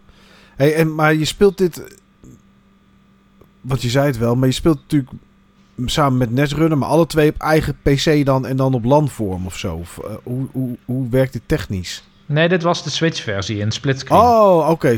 Switch op splitscreen. Oké, okay, oké, okay, oké. En maar is het nu uit? Is het klaar? Of, uh, of, of moet je hier ooit nog eens mee verder? nou ja, uh, wat wel oh. jammer is, is dat... Ik hoor een lachje. Op het moment, zeg maar, dat je, de, dat je na de expansion dan ook... De laatste act met die expansion is ook het grootste gedeelte eigenlijk... of eigenlijk de grootste act die in het spel zit. ehm, daarna was ik eigenlijk pas op de helft van waar ik met mijn character had willen komen. Dus de bedoeling is denk ik dat je dan met een soort van New Game Plus weer verder gaat met je character. En dat dan alles weer wat moeilijker is. En dat, uh, dat beestjes allerlei modifiers hebben, waardoor ze lastiger te verslaan zijn. Dus nee, ik heb eigenlijk niet die payoff gehad. Het verhaal uitspelen is geen, voor mij niet waarom ik zo'n spel speel. Het is meer de realisatie van die beeld die je in gedachten had. Om te zien dat het klopte. Dat wat jij wilde gaan doen en hoe krachtig je wilde voelen, dat het ook uitkomt. En dat lukte dus helaas niet. Maar dat lukte overigens ook niet, kwam ik laatst achter met Diablo 2. Want daar heb ik ook een, met een Barbarian de hele game weer uh, doorgelopen afgelopen zomer. En um, um, ik wilde, Barbarian is, is heel erg in your face. Dat is normaal niet mijn speelstijl. Maar het was het enige karakter wat ik nog nooit had uitgespeeld met Diablo 2. Mhm. En ja, ik wilde eigenlijk um, inzetten op Whirlwind. Dan, dan draai je zo heel hard door vijanden ja, heen. Ja, ja, Whirlwind Barb, altijd goed. Zeker in Diablo 3 was het ook uh, een goede beeld. Ja, en dat dan combineren met shouten. Nou, dan krijg je zo'n, eigenlijk zo'n, zo'n shouting barbarian. Dat is hilarisch, want dan hoor je zo... zo want je bent al ja, de ja, elke keer aan het indrukken. Maar um, uiteindelijk, ja, ik kon wel punten investeren in Whirlwind... maar ik kon hem niet helemaal upgraden.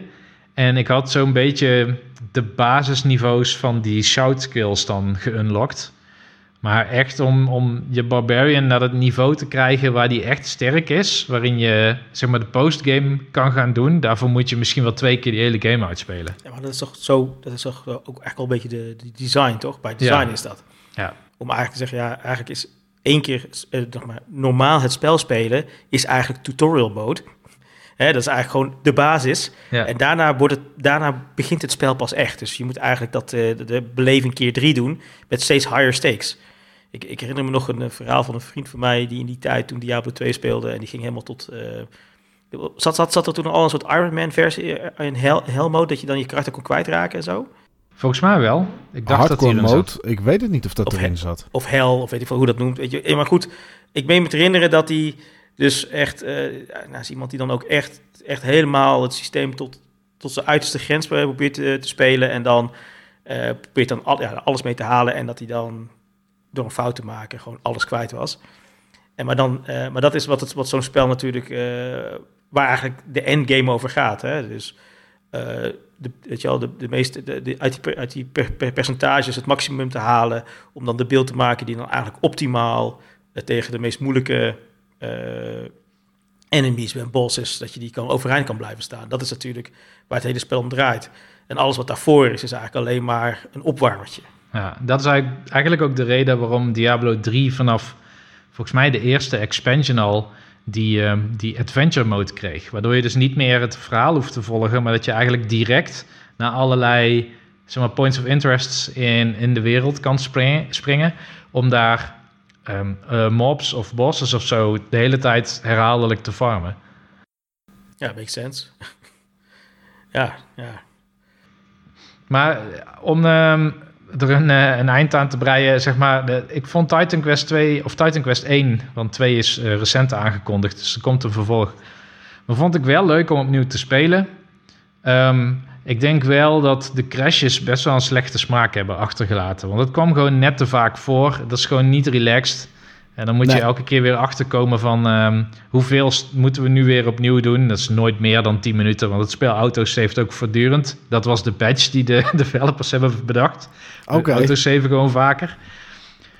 maar uh, ja, het, het is leuk om een keer die game opnieuw te spelen, want het is, zoals ik wel eens vaker in de podcast heb gezegd, alsof je terugkomt op een plek waar je toen je klein was dan op vakantie ging.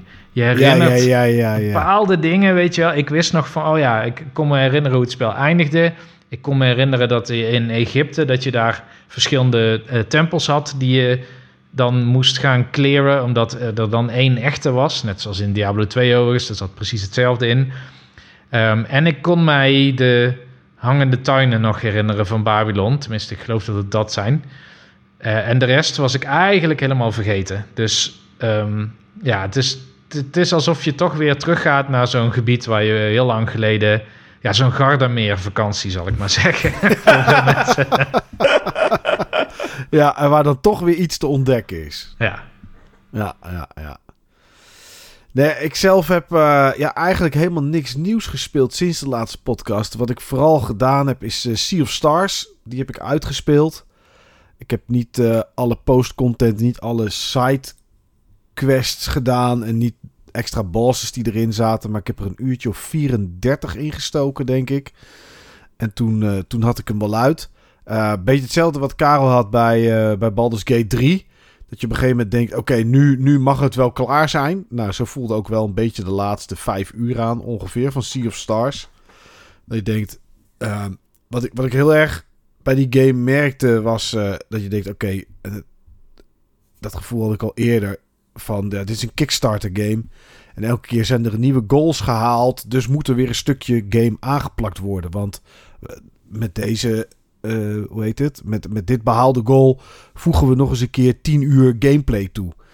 Dat was wel een beetje het gevoel wat ik op een gegeven moment, op een gegeven moment kreeg. Maar ja, toch wel echt wel een hele goede game. Wel echt heel erg vermakelijk. En ja, wel vrij lineair. Dat, dat wel. Maar ja, als je niet honderden uren rond wil dwalen of kan dwalen, dan is dit ook eigenlijk voor de rest wel, wel lekker. Ja, en ik ben afgelopen dagen begonnen aan Lords of the Fallen. Wat voor mijn idee altijd The Lords of the Fallen zou heten. Omdat het Lords of the Fallen er al was. Maar toch is het nu gewoon weer Lords of the Fallen. Dus ik vind het allemaal qua naamgeving een beetje ingewikkeld. Uh, ja, een Soulsborne game die niet van From Software is. En... Um, ja, ik, het, is, het, het klikt nog niet echt. Hm. Zeg maar. Ik, uh, ze doen best wel interessante dingen. Dat moet, ik, dat moet ik ze wel nageven. Er zitten wel wat, uh, wat, uh, wat aardige systemen in. Bijvoorbeeld, wat wel heel tof is, is je hebt twee werelden. Je loopt gewoon in de normale wereld en je hebt een soort geestenwereld. Een, een, waar je naartoe kan als je wil. En je hebt een lamp bij je en met die lamp kan je voor je houden en dan zie je die alternatieve wereld. En daar kan je dan ook wel uh, interactie mee hebben. Maar je kan er ook zeg maar een soort van induiken. Zodat je in die andere wereld terechtkomt. En wat daar interessant aan is, is dat bijvoorbeeld de Viger heet het. Dat is hier je upgrade material. Wat in uh, Dark Souls je souls zijn. En uh, nou ja, goed, in Eldering je currency en je upgrade materiaal zeg maar is. Dat, dat is hier dan Viger. En op het moment dat je naar die naar die geestenwereld gaat, dan krijg je dat keer 1.1. Dus je krijgt daar meer experience voor. Alleen des te langer je in die wereld rond blijft lopen, des te meer tegenstanders je krijgt. Dus des te langer je daar bent, des te meer tegenstanders er gespand worden. En dat is natuurlijk best grappig gegeven. Want je zou zeggen, ja, anders ga je gewoon helemaal in die geestenwereld lopen. Maar ja, uiteindelijk krijg je te veel tegenstanders en dan wordt het wel heel erg pittig. Um, en de manier waarop je hitpoints werken, die uh, zijn anders in die wereld. In de normale wereld, als je, een, uh, als je healt, krijg je gewoon een, een x aantal hitpoints terug. Doe je dat in die geesteswereld, dan krijg je de helft ongeveer terug. En die andere helft is grijs. En die kan je terugkrijgen door klappen te geven aan tegenstanders. Maar op het moment dat je één keer geraakt wordt, ben je ze helemaal kwijt. Totdat ze zeg maar gevuld zijn. En op die manier doen ze best wel interessante dingetjes. Uh, als je in de normale wereld zit en je gaat dood, dan span je nog een keer een soort uh, Shadows, Shadows Die Twice-achtig principe. Alleen dan kom je terug in die geesteswereld.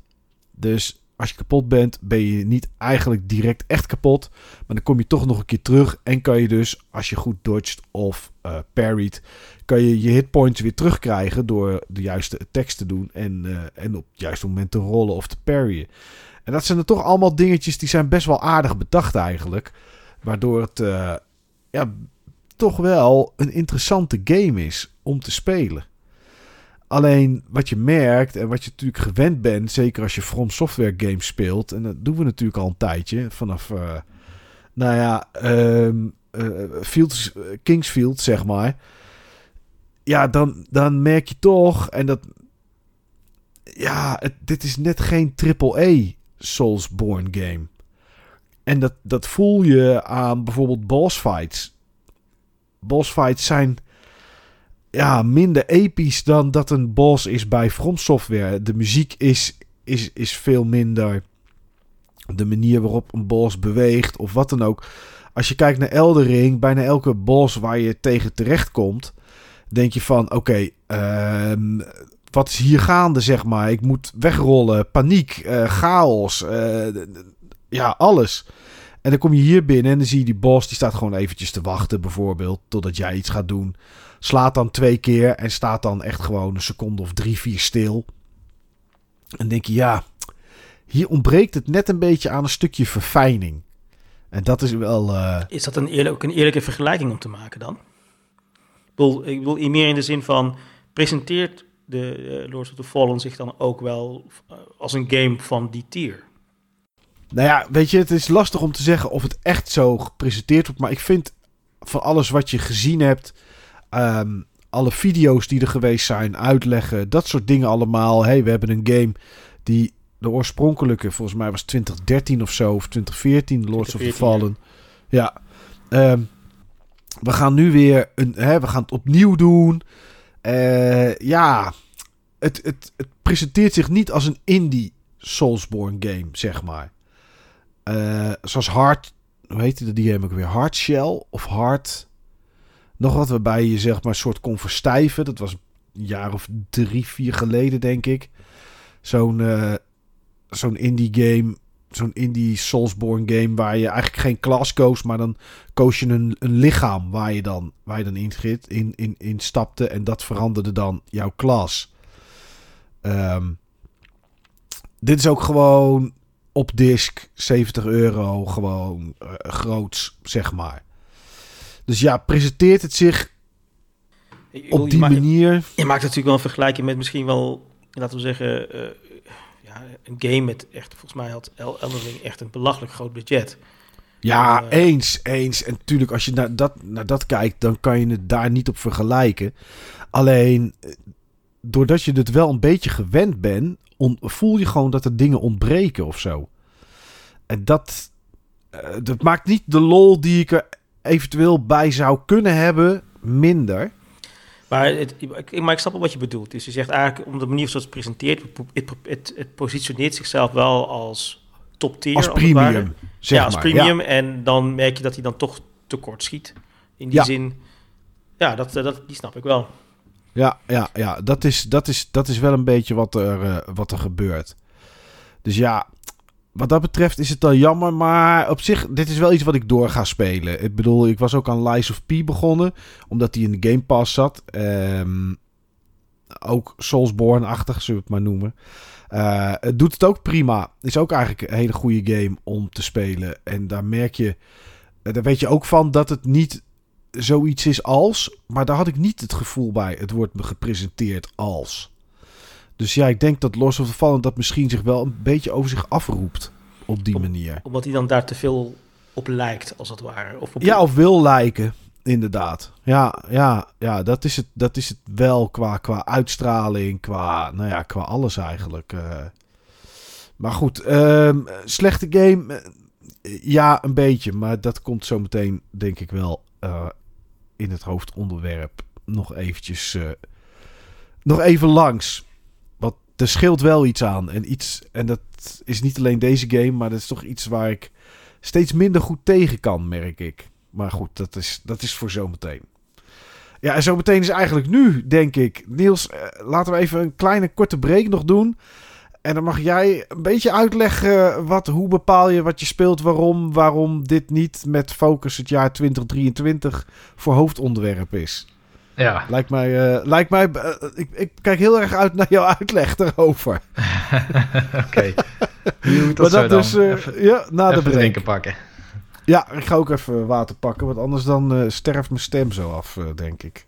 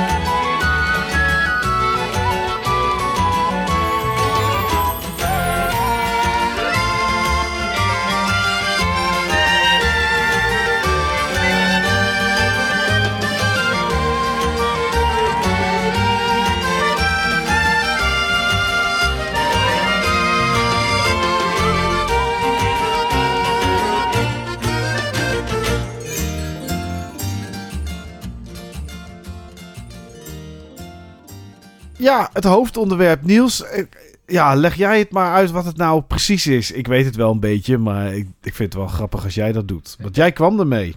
Ja, ik kwam daarmee en dat kwam omdat ik vorige week Karel sprak. We zaten allebei in de trein en uh, hij had uh, zijn aansluiting net gemist volgens mij. Of in ieder geval moesten daar nog even wachten. En toen, um, toen had ik het over de volgende podcast die we zouden gaan opnemen. Eigenlijk het oorspronkelijke onderwerp dat we vandaag hadden gedaan. Um, alleen waar ons gesprek toen heen ging, was dat Karel zei van ja, ik weet eigenlijk gewoon tussen de games die allemaal uitkomen, gewoon uh, ja, wel wat hij moet kiezen, zeg maar. Maar voorheen zou hij veel meer uitproberen. Dat was, dat was de strekking, zeg maar. En um, uh, ja, ik koop nog steeds echt heel erg veel spellen, maar ik merk ook gewoon dat zo'n jaar als dit, met de games die uitkomen, dat het gewoon eigenlijk niet lukt om een overzicht te krijgen van wat dit jaar nou precies betekent. Nee. Uh, er gaan uh, over pakweg een maand gaan een aantal van die review sites zich weer druk maken over wat dan de beste game was. Maar ik bedenk me nu mm. met jou, uh, waarop ga je dat dan baseren? Zeg maar. Hoe kun je nou daar tot eigenlijk een, een, soort overeenkomst in komen als um, dit een jaar is waarin je nou, allemaal van die super lange games zat. Als uh, uh, Octopath Traveler, ergens begin dit jaar al. Toen kwam, kwam Zelda. Zelda is een spel, dat hebben we op het forum gezien. Sommige mensen spelen het in uh, tussen de 60 en de 70 uur uit. Um, ik heb er 125 tot 130 uur over gedaan. Ik heb nog niet alles gezien. Nee. Um, Karel heeft Baldur's Gate 3 er doorheen gejaagd. Is daarna ook nog eens met Stars, Starfield begonnen en zit daarin. Um, uiteindelijk hebben we ook games gewoon niet gedaan. Zeg maar. Ik heb de demo twee keer van Final Fantasy 16 gespeeld, maar ik heb de hele game niet gespeeld. Ik uh, ook niet. Nee, ik twijfel overigens of ik dat nog wel ga doen. Want toen ik de game nog een keer speelde, of de demo, te, toen zat Karel naast mij en ik was aan het uitleggen van, nou ja, dit is het spel dus. En ik zat gewoon Karel aan te kijken en ik was al die vijanden aan het verslaan zonder dat ik werd geraakt, zeg maar. Want het ging eigenlijk automatisch de game wekt de suggestie dat jij iets doet, maar eigenlijk, um, ja, je moet wel nog steeds op knoppen drukken, maar het is een beetje net als die Batman Arkham games, dat zolang ja. je maar iets doet, zeg maar, dan ziet het er al snel spectaculair uit. Ja, ik hoorde sowieso van heel veel mensen dat wat in de demo zit, dat dat het meest stoffen is en dat het voor de rest is het eigenlijk gewoon net een soort visual novel waar je een beetje op knoppen moet drukken. Oh ja, dat, dat, zo heb ik het niet gelezen, maar wat ik wat ik wel denk is dat de game eigenlijk toch niet voor mij is als het um, meer van wat ik nu heb gespeeld is. Eigenlijk gewoon de hele tijd naar een cutscene lopen, zeg maar. Ja, ja ik ja. kreeg een beetje de indruk als uh, dat, uh, in ieder geval vanaf de demo, wat ik heb gezien, dat het een beetje een soort van uh, de, de, de, ervaring gelijkend is aan Raid Shadow Legends. Dat je het gevoel hebt dat je een hele spectaculaire videogame aan het spelen bent, maar feitelijk jouw input laten we zeggen, uh, niet zoveel impact heeft. Je hoeft niet zoveel skill ge te gebruiken om het echt goed te willen doen, of in ieder geval door de game heen te gaan.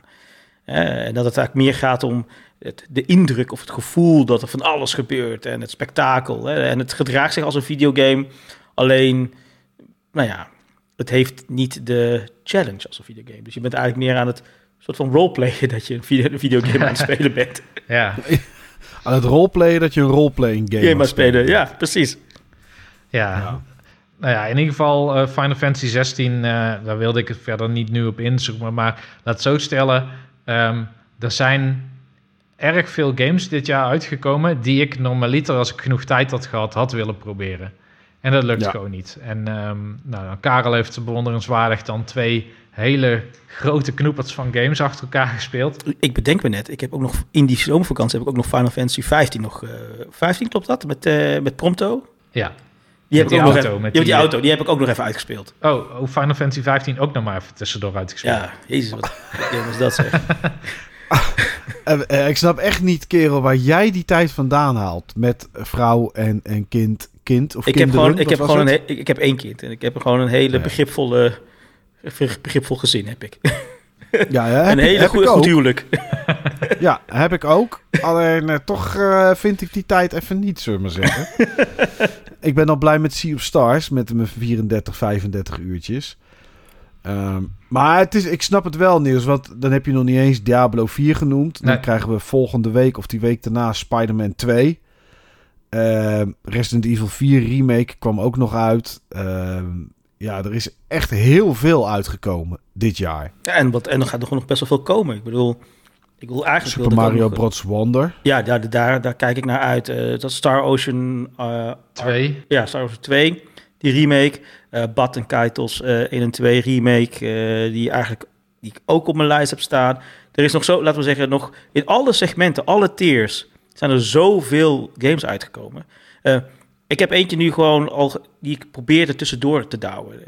Eh, dat is de, de nieuwe, ehm, even kijken, hoe zit hoe heet het ook alweer?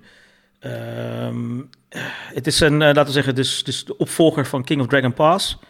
Eh, dat, is, eh, dat was dan Ride Like the Wind. En dan heb je daar nu, die is net in z- een paar ma maand geleden of zo uitgebracht. Ik ben even vergeten wat de naam was. En dat is eigenlijk een soort, wat is het dan? Ja, een, een, ja ik weet niet hoe ik het moet beschrijven. Een soort strategie-game, story-based. Ehm, en het is fantastisch. Echt qua narrative-wise is het echt een hele, iets heel cools. Maar ja, wanneer ga je het doen? Het vereist een bepaalde soort aandachtsmoment. Eh, ja, het is, het, en dat is best wel, zoals Niels al zei, best wel moeilijk om te, om te pakken. Heel veel games vragen om je aandacht en dan moet je dus kiezen. En, en dan hebben we het niet eens over de backlog. De backlog gewoon Maar-. Als je dan kijkt naar dit jaar, zeg maar. Waar, waar, Niels, waar heb jij je keuze op gebaseerd? Van dit ga ik wel spelen en dat ga ik niet spelen. Nou, soms gewoon letterlijk omdat dat ehm, op dat moment uitkwam. Dus ik denk dat het jaar begon bij mij in feite met Octopath Traveler 2. Alleen ehm, die pakte ik op volgens mij een maand voordat Zelda uitkwam. En Zelda ja, was... later inderdaad. Klopt. Ja, en precies. En Zelda was eigenlijk hetgeen waarvan ik zeker wist dat ik het dit jaar wilde spelen. Zelda en Starfield waren volgens mij de twee games die ik op mijn netvlies had... van als ik die maar gespeeld heb, zeg maar. Ehm, dat is ook een soort van gelukt. En Zelda heb ik overigens gisteren uitgespeeld. Dus dat eh, is ook nog veel, vrij recent. Ehm, maar dat heeft wel als consequentie gehad dat ik dus Baldur's Gate niet heb gespeeld, zeg maar. Die kwam op een super ongelukkig moment, want ik was zelden aan het afronden. Ik kan twee lange games parallel spelen, zeg maar. En dan misschien één korte game erbij. Zeg maar. Dat is een beetje mijn, hoeveel ehm, bandbreedte mijn, eh, mijn aandachtspannen heeft voor games. Twee lange games, één korte game.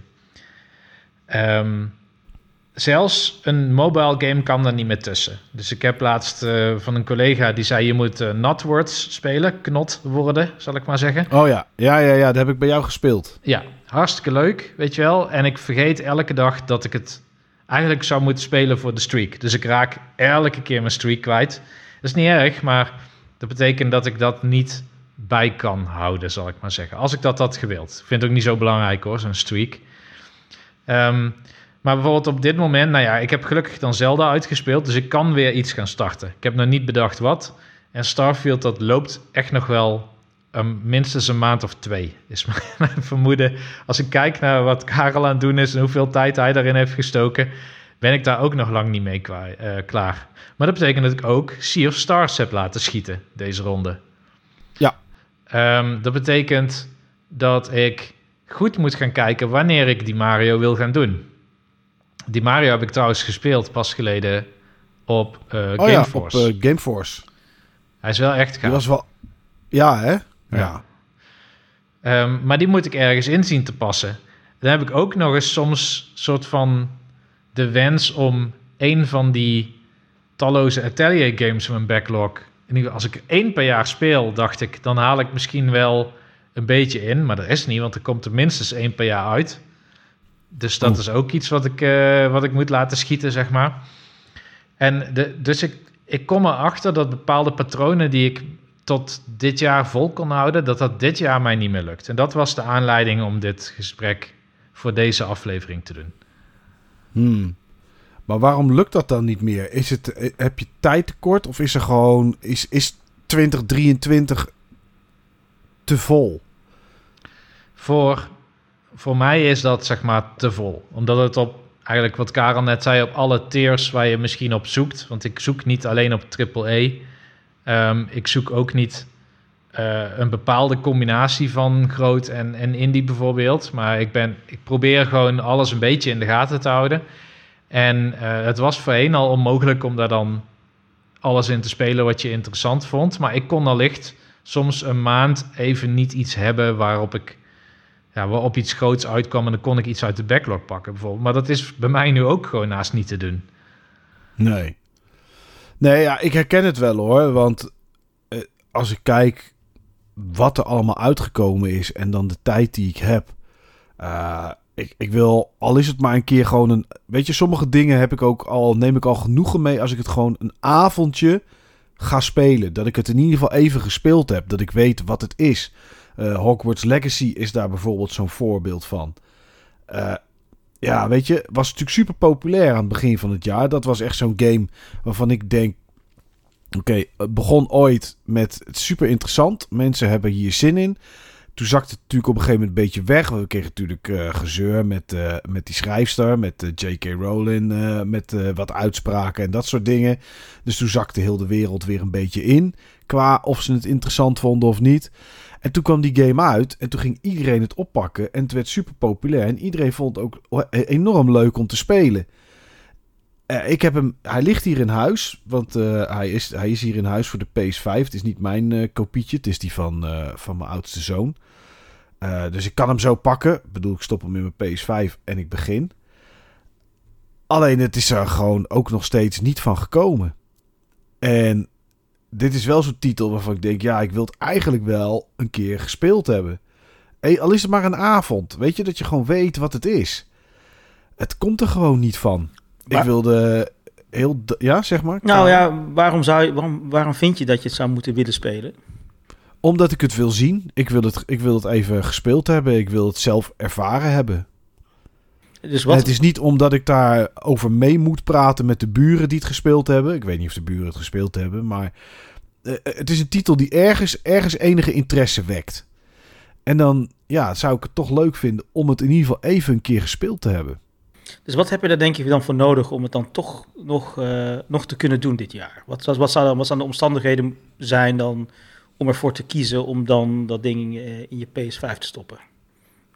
Uh, niks eigenlijk, want ik kan het gewoon doen. Er is niet iets dat ik denk, dit moet er gebeuren, of dit moet ik laten, of dit moet ik dan een keer niet doen of zo. Uh, dus eigenlijk is er helemaal niets dat het tegenhoudt. Want als ik denk, ik ga het morgen aan doen, pak die disc, stop erin, ga ik het spelen. Hm. Alleen het gebeurt dan heel vaak toch niet. En dat is omdat ik dan of iets anders speel, of misschien helemaal niet iets speel. Dat ik, uh, weet ik veel, dat ik kozijn aan het schuren ben en ga schilderen of zo. Nou is dat nu niet zo'n succes met dat het s'avonds donker is, maar van de zomer was dat het wel. Uh, ja, er zijn ook andere dingen die het leven, zeg maar, uh, hè, die moeten in het leven buiten gamen. Nou ja, maar dan, misschien is het dan wel interessant om dan te praten over wat het betekent die hobby dan eigenlijk voor. Ja, wat is dit dus dan het liefhebberij? Wat is nou eigenlijk de reden om dan überhaupt te willen gamen? Waar doe je, hè, waar doe je het voor, als het ware? Ik bedoel, ja, wat betekent gamen voor jou? Voor? Wat betekent gamen voor jou dan? Uh, weet ik niet. Serieus niet. Dat is, het is, uh, uh, ik, ik, doe het niet omdat ik tijd moet verdrijven. Ik vind het echt super leuk. En ik, in de hele week speel ik ook best wel regelmatig. Eigenlijk elke dag wel. En het is maar net dan. Het is meer dat ik een. Nou, laat ik het zo zeggen. Het is meer dat ik een. Dat ik de, een game pak die op dat moment bij de situatie en mijn mogelijkheden qua tijd speel dan andersom. En er is wel eens een, een tijd geweest dat het andersom was. Dan koos ik een game en dan paste ik mijn situatie erop aan. Maar uh, ja, de levensomstandigheden zijn nu zo dat dat bij mij is omgedraaid. En dat is bijvoorbeeld de reden dat ik uh, Call of Duty Modern Warfare 3 gepreorderd heb omdat dat een, een game is die als ik even een uurtje over heb, ik dat kan spelen. En ik kan niet een uurtje Starfield, nou ja goed, dat is misschien een slecht voorbeeld, Fallout of zo spelen of wat dan ook. Tegen tijd dat ik denk, oké, ik weet weer waar ik ben, uh, wat ga ik doen? Uh, wat heb ik voor items en uh, welke quests heb ik nog staan of waar wil ik nog naartoe? En dan ben ik zo'n kwartier, twintig minuten verder en dan zit ik al bij wijze van spreken over de helft van de gametijd die ik die dag heb heen.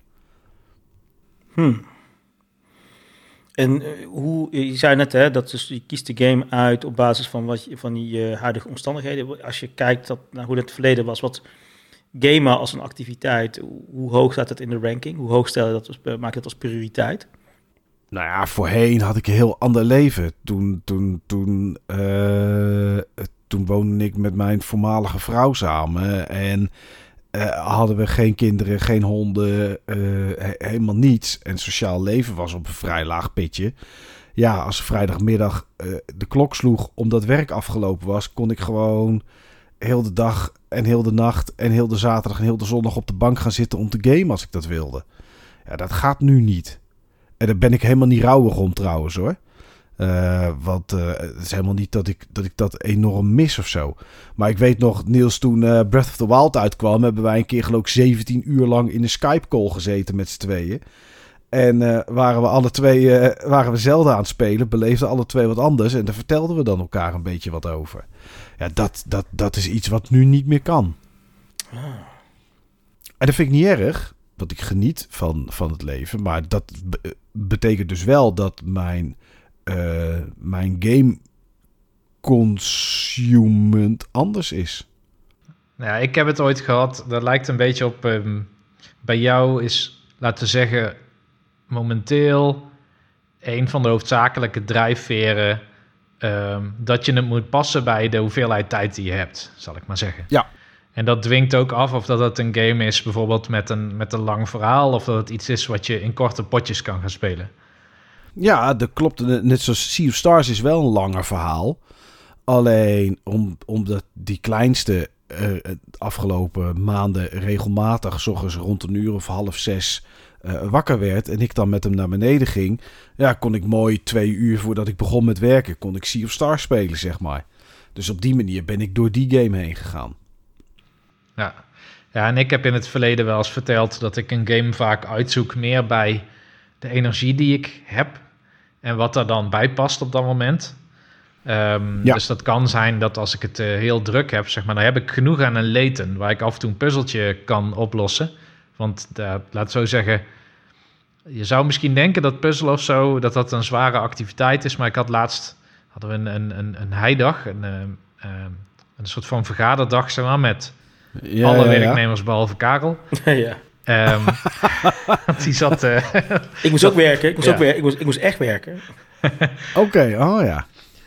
Um, maar toen was bij mij op een gegeven moment toch een beetje de, de kaars op, zal ik maar zeggen. Ik had een paar late avonden achter elkaar. Het was die Dutch Game Day en dan ben je... Ik reed met Karel mee. Volgens mij was ik echt rond middernacht thuis of zo. Ik weet het al niet meer. We waren laat. We waren laat. Heel laat. Volgende ochtend moest ik alweer... Um, uh, volgens mij om half zeven op of zo. Want ik moest ook weer de vroege um, managementteamvergadering meemaken. En die avond eindigde weer laat. Want dat was weer de propenduizen uitreikingdag. Dus toen was ik ook weer na middernacht thuis. En toen moest ik weer heel vroeg op. Want de volgende dag moest ik om negen uur zijn in Leusden. Wat echt niet echt super dichtbij is. En er is geen goede OV-verbinding. Dus ik had best wel wat slaapgebrek opgebouwd, zeg maar, in die dagen. je moet natuurlijk ook mhm. douchen, weet je wel. Dus je slaapt vijf uur of zo per nacht. Ja. En dat dan drie dagen achter elkaar. Ja, toen was in de middag, ik laat zeggen, mee gaan denken over op welke manier je een curriculum kan ontwerpen, zeg maar. Dat zat er voor mij even niet in. Dus ik ben gewoon een rondje gaan wandelen buiten. Maar ik kon wel bijvoorbeeld in mijn hoofd uh, een algoritme bedenken. Um, wat ik nodig had voor iets wat ik in mijn vrije tijd aan het programmeren was. Dus een puzzel oplossen of een algoritme bedenken, zeg maar, die, die energie die je daarvoor nodig hebt, die is kennelijk minder dan dat je met heel veel prikkels en geluiden om je heen, met heel veel mensen aan het brainstormen bent over hoe iets zou kunnen worden, waarvan de precieze randvoorwaarden nog niet duidelijk zijn. Dus um, ja, dan kan ik een heel ander type spel. Dan ga ik s'avonds geen Starfield doen, zeg maar. Want Starfield, um, die geeft mij ook prikkels. Prikkels vanuit, uh, wil ik... Uh, iets gaan doen aan de opslagcapaciteit van mijn schip. Ga ik dan upgraden? Ga ik een ander schip kopen? Ga ik misschien wagen aan de shipbuilder? Um, of ga ik um, uh, verder met de main quest? Maar oh shit, ik heb inmiddels per ongeluk al uh, 12 uh, subquests geactiveerd op een nieuwe plek waar ik net ben nagekomen, zeg maar. Dus dat is voor mij dan eventjes te complex. Ja, dat snap ik wel. Je hebt iets nodig om eigenlijk een beetje je mind van alles af te halen, dan dat het je mind gaat stimuleren. Ja, ja. Ja. Maar heb jij dat dan niet, Karel? Heb jij altijd zin in Starfield? Uh, altijd wel zin, maar niet altijd uh, de brainpower uh, om dat te doen. Dus ik, ik, voel al, laten we zeggen, de, ook die beperking wel.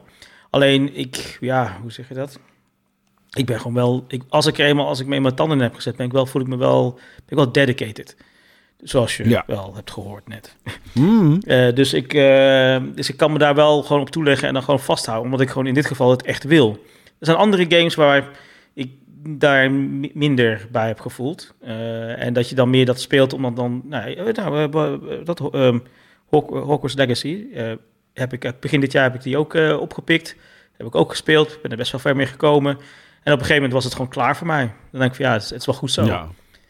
Want ja. het was een beetje herhaling van zetten, heel veel. Het was wel heel mooi. En weet je wel, ze hebben, ja, het, het voelt een beetje als een soort van super, is dat een soort uh, uh, hoe dat? Harry Potter pretpark, uh, weet je wel. Weet je, kunt daar hè, ja, ja, van alles ja, doen en zo. En, maar ja, uh, op een gegeven moment was het gewoon klaar. Weet je wel, dan ik van oké, okay, ik, ik haal hier niet meer niet, ik kan hier niet, niet, niet iets nieuws ontdekken of zo. Dus um, dat is misschien ook wel de reden dat ik denk een avondje is genoeg hoor. Dat denk ik ook wel hoor. Um, dat denk ik ook wel. Tenzij je hardcore Harry Potter fan bent en dat echt daarin Totaal zit, dan, dan, dan wil je daar meer uithalen. Maar ik denk als je een paar uurtjes speelt, dan krijg je, heb je het wel ongeveer door wat het spel is. Uh, maar ja, dat heeft dus ook denk ik te maken met hoe graag wil je het spelen? Uh, hoe, wat, wat, wil je, wat haal je eruit? Ligt het dicht bij uh, nou ja, het moment en de omstandigheden? En kijk, bij mij is natuurlijk gamen veel meer vervlochten met mijn... Het is gewoon een soort levensstijl, zoals je ook wel hebt gemerkt. Mm-hmm. En ja. het heeft ook te maken met het feit dat, ja, weet je wel, ik, ik doe er, laten we zeggen, alles, alles mee, als, als het ware, weet je wel. Het is, het zeg maar in veel, in veel vormen mijn vak geworden. En um, dus het, ja, maar ik wil, ik, ik sta ermee op, weet je wel, en dan ga ermee naar bed, als het ware. Games is, elke dag gaat het over games. Het houdt gewoon, het houdt fucking nooit op. en uh, dus ik ben er ook, elke, dus elke keer ga ik er vanuit een andere, andere aanvliegroute ook in. Soms is het gewoon omdat het dan echt mijn genre is en het is echt mijn ding. Starfield, Baldur's Gate. Soms ga, ik een spel spelen vanuit een soort professionele interesse. Omdat ik dan denk, oh, dit is wel interessant omdat er iets doet wat ik niet had verwacht. Uh, of uh, iemand, ja, weet je wel, zoiets. Uh, omdat het een tof ontwerp heeft. Anderzijds, ja, weet je wel, met retro games is het zo, wat ik zo cool vind, is vooral het proberen te verkennen, eigenlijk de ontwikkeling van bepaalde genres en zo. En wat, en wat het toch heeft geleid dat wij nu bepaalde type games aan gaan spelen. En dan vooral ook dan de road naar teken, weet je wel. Er zitten dingen in die, uh, ja, weet je wel, dat je dan eigenlijk daar weer iets wil ontdekken. Maar dan gaat het niet zozeer om de game per se om uitgebreid te willen spelen. Maar je wil de game spelen omdat je dan eigenlijk wil kijken waarom het dan, waarom dat waarom we daar niet verder zijn gegaan, bijvoorbeeld. Waarom daar niet een, uh, een heel genre uit is, gegroeid. Dus voor mij is het heel, heeft het te maken, is het heel pluriform, weet je wel. Dus elke keer net van waar ik dan zin in heb. En soms, soms is eigenlijk de voorpret, het uitzoeken welke game je zou willen spelen, interessanter dan eigenlijk daadwerkelijk de game spelen. Uh, bijvoorbeeld nu ben ik, heb ik, uh, ik was, ik denk de afgelopen paar dagen, zat ik in, helemaal in Fantasy Star. En denk ik, oh, ik ben mezelf aan het, okay. soort, aan het hypen om dan Fantasy Star te willen spelen. En dan welke versie dan? Is het dan, wil ik dan de, de, de originele versie spelen? Wil ik de Switch versie spelen? Wil ik de remake versie voor de PS2 wil ik, wil ik spelen? Weet je, welke variant gaat mij dan helemaal erin brengen of zo? En, nou ja, en dat in die afweging alleen maar is soms is eigenlijk misschien soms wel genoeg. En dan heb ik het besloten en dan heb ik hem, heb ik hem misschien, misschien een uurtje ingestopt en dan ben ik klaar. Dan is het eigenlijk al, is het eigenlijk al, al oké, okay, weet je wel. Maar dan, dan blijft het ook bij dat uurtje, vaak. Ja, ja. Ja, soms, soms is het ook gewoon daadwerkelijk dan ja, niet echt de moeite waard om, om, om te spelen. Weet je wel, zeker als je met als je de, laten we zeggen, een retro game aan het spelen bent, en dan ja, je weet gewoon niet wat je, wat je krijgt. Weet je wel? Nee. En um, ja, en dan soms is het dan te insubstantieel. Ja, dan denk je, oh, ik, soms, soms tegen beter weten in speel je het langer dan je eigenlijk zou moeten. In de hoop dat het dan beter wordt. Eh, en ja, en, dat is meestal niet zo. Nee. Ja. Dat is interessant trouwens dat je zei van uh, Road Not Taken. Wat ik een, een geinige franchise vind.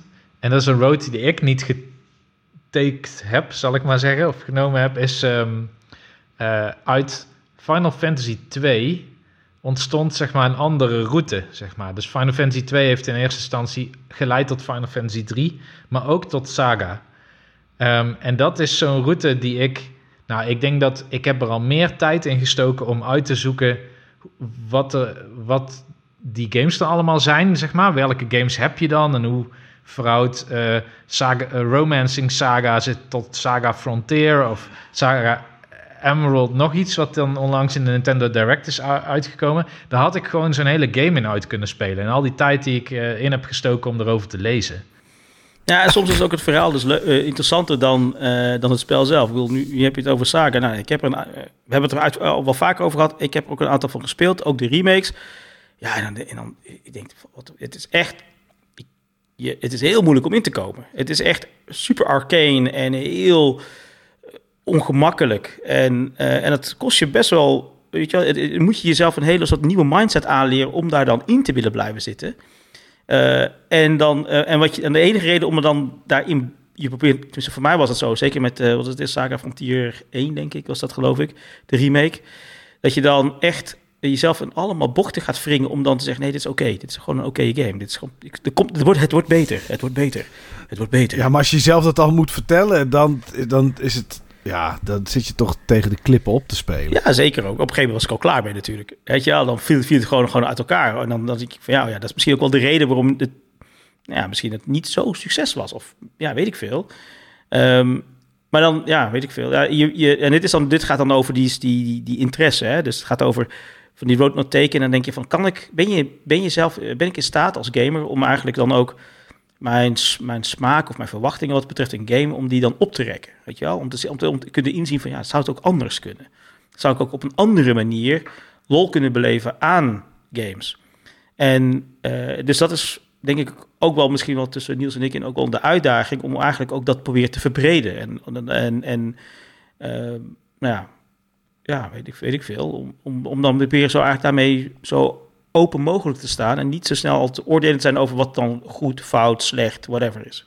Ja, dit is wel inderdaad een ding. Bijvoorbeeld, eh, om toch terug te pakken op Saga, dat is precies zo'n serie die ik eigenlijk wil gaan spelen, ondanks dat ik het vermoeden heb dat ik het niet leuk ga vinden. Door, laten we zeggen, hoe arcane het is. Dat het, het wordt uh, geadverteerd als, nou, het is zeer onduidelijk wat je moet doen. En er zijn allerlei verborgen mechanismen die een uh, experts, mensen die die game honderden keer hebben gespeeld, die snappen hoe, uh, wat de relatie is tussen wat je uh, helemaal linksonder in de map hebt gedaan en helemaal rechtsboven. Maar je kan je uit quests lokken, je kan letterlijk dead ends meemaken waar je totaal niet meer verder kan in het spel. Dan kun je gewoon helemaal weer vanaf het begin beginnen in een roleplaying game hè, van, van tientallen uren.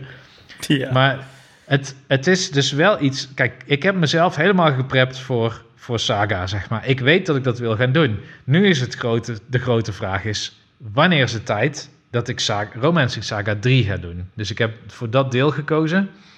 En ik weet dat ik hem ga doen. En ik vraag mij bijna elke keer nadat ik een grote game heb af, uitgespeeld af: is dit het moment voor Romancing Saga 3?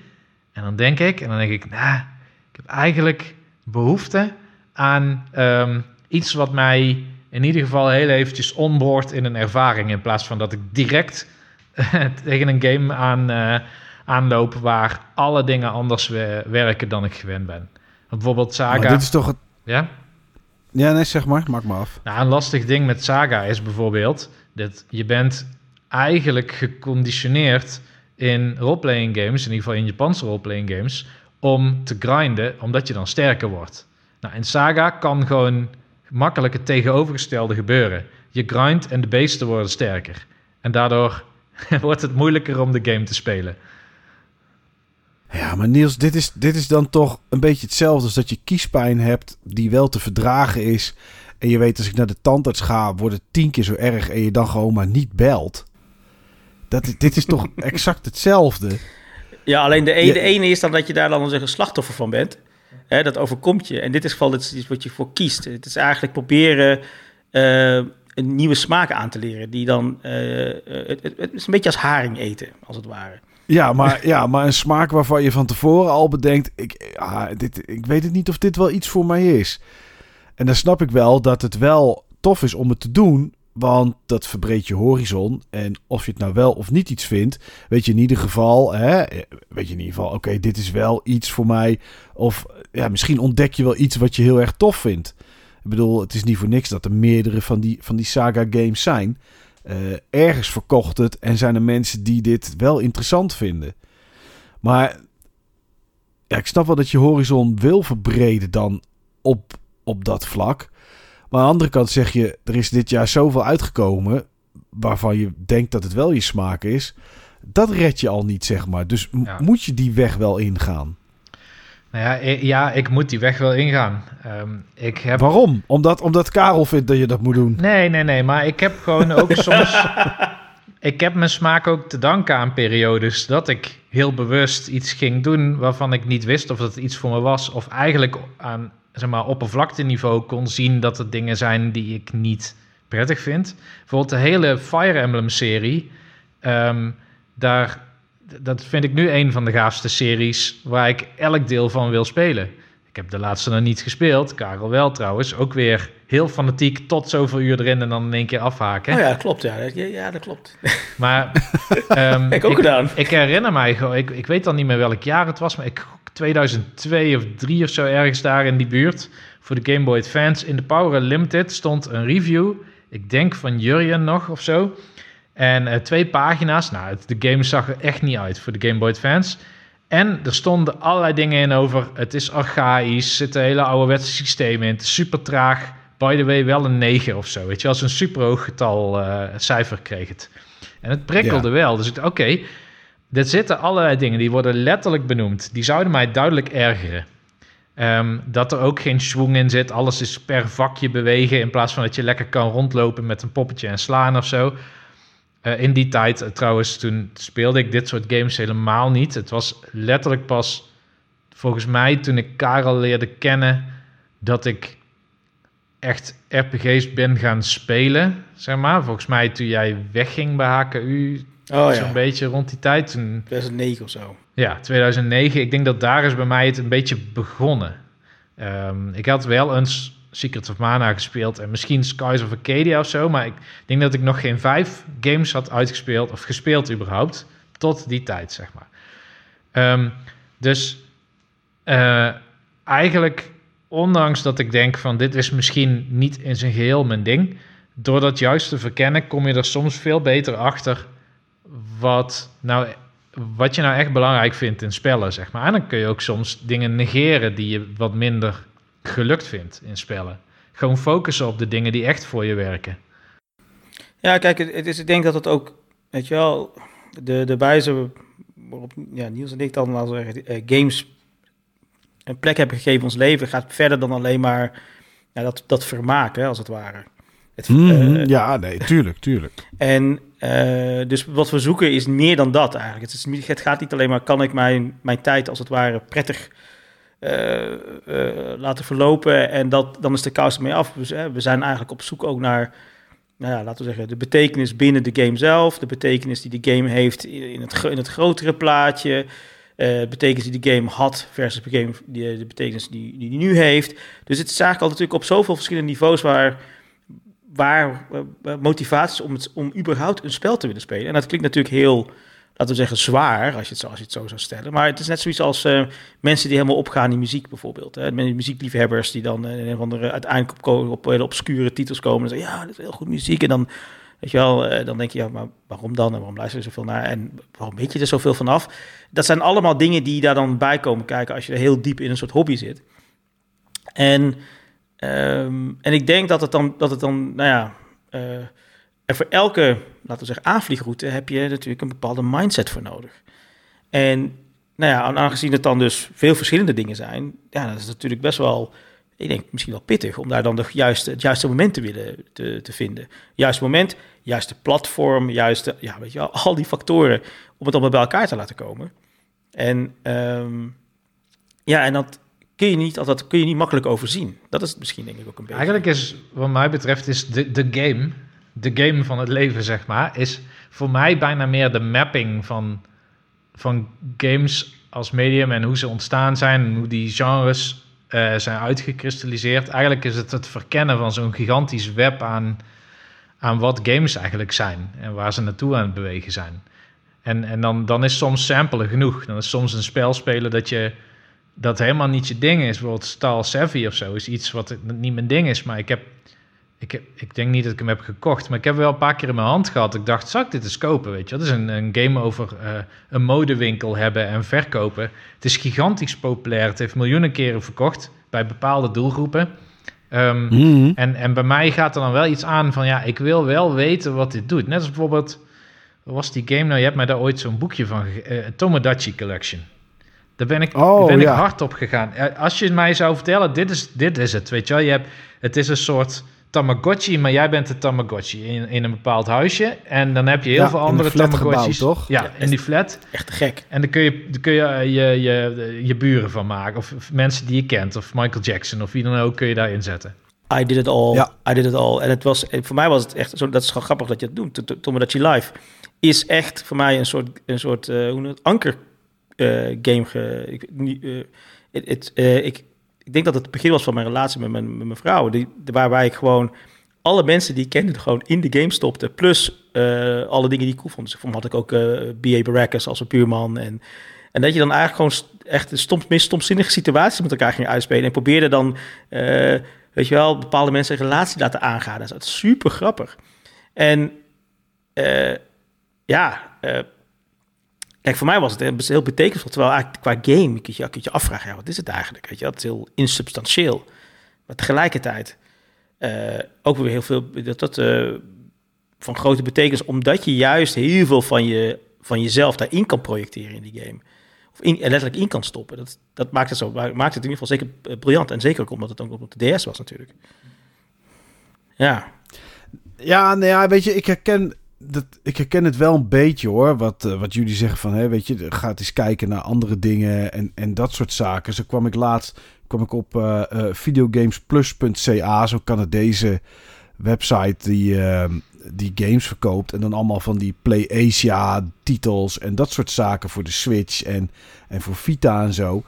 Dat ik dacht van, weet je, sommige titels ken ik, zoals Mugen Souls. Nou, dat ken ik dan. Daar heb ik ooit wel eens iets van gespeeld. Maar ik denk, ik zie hier zoveel titels waarvan ik gewoon het bestaan. Weet je, ik weet niet eens dat het bestaat. The Bridge Curse Road to Salvation. ik heb geen idee. Ik weet niet eens wat het is. Uh, en, en ik heb wat van die titels opgezocht, zeg maar. Omdat ik gewoon benieuwd was van... Weet je, er wordt zoveel gemaakt dat je ook niet kent. Kijk, het is natuurlijk heel makkelijk als je natuurlijk niet zoekt... om gewoon uh, inderdaad Hogwarts Legacy, Diablo 4 uh, FIFA, Zelda en Starfield te spelen.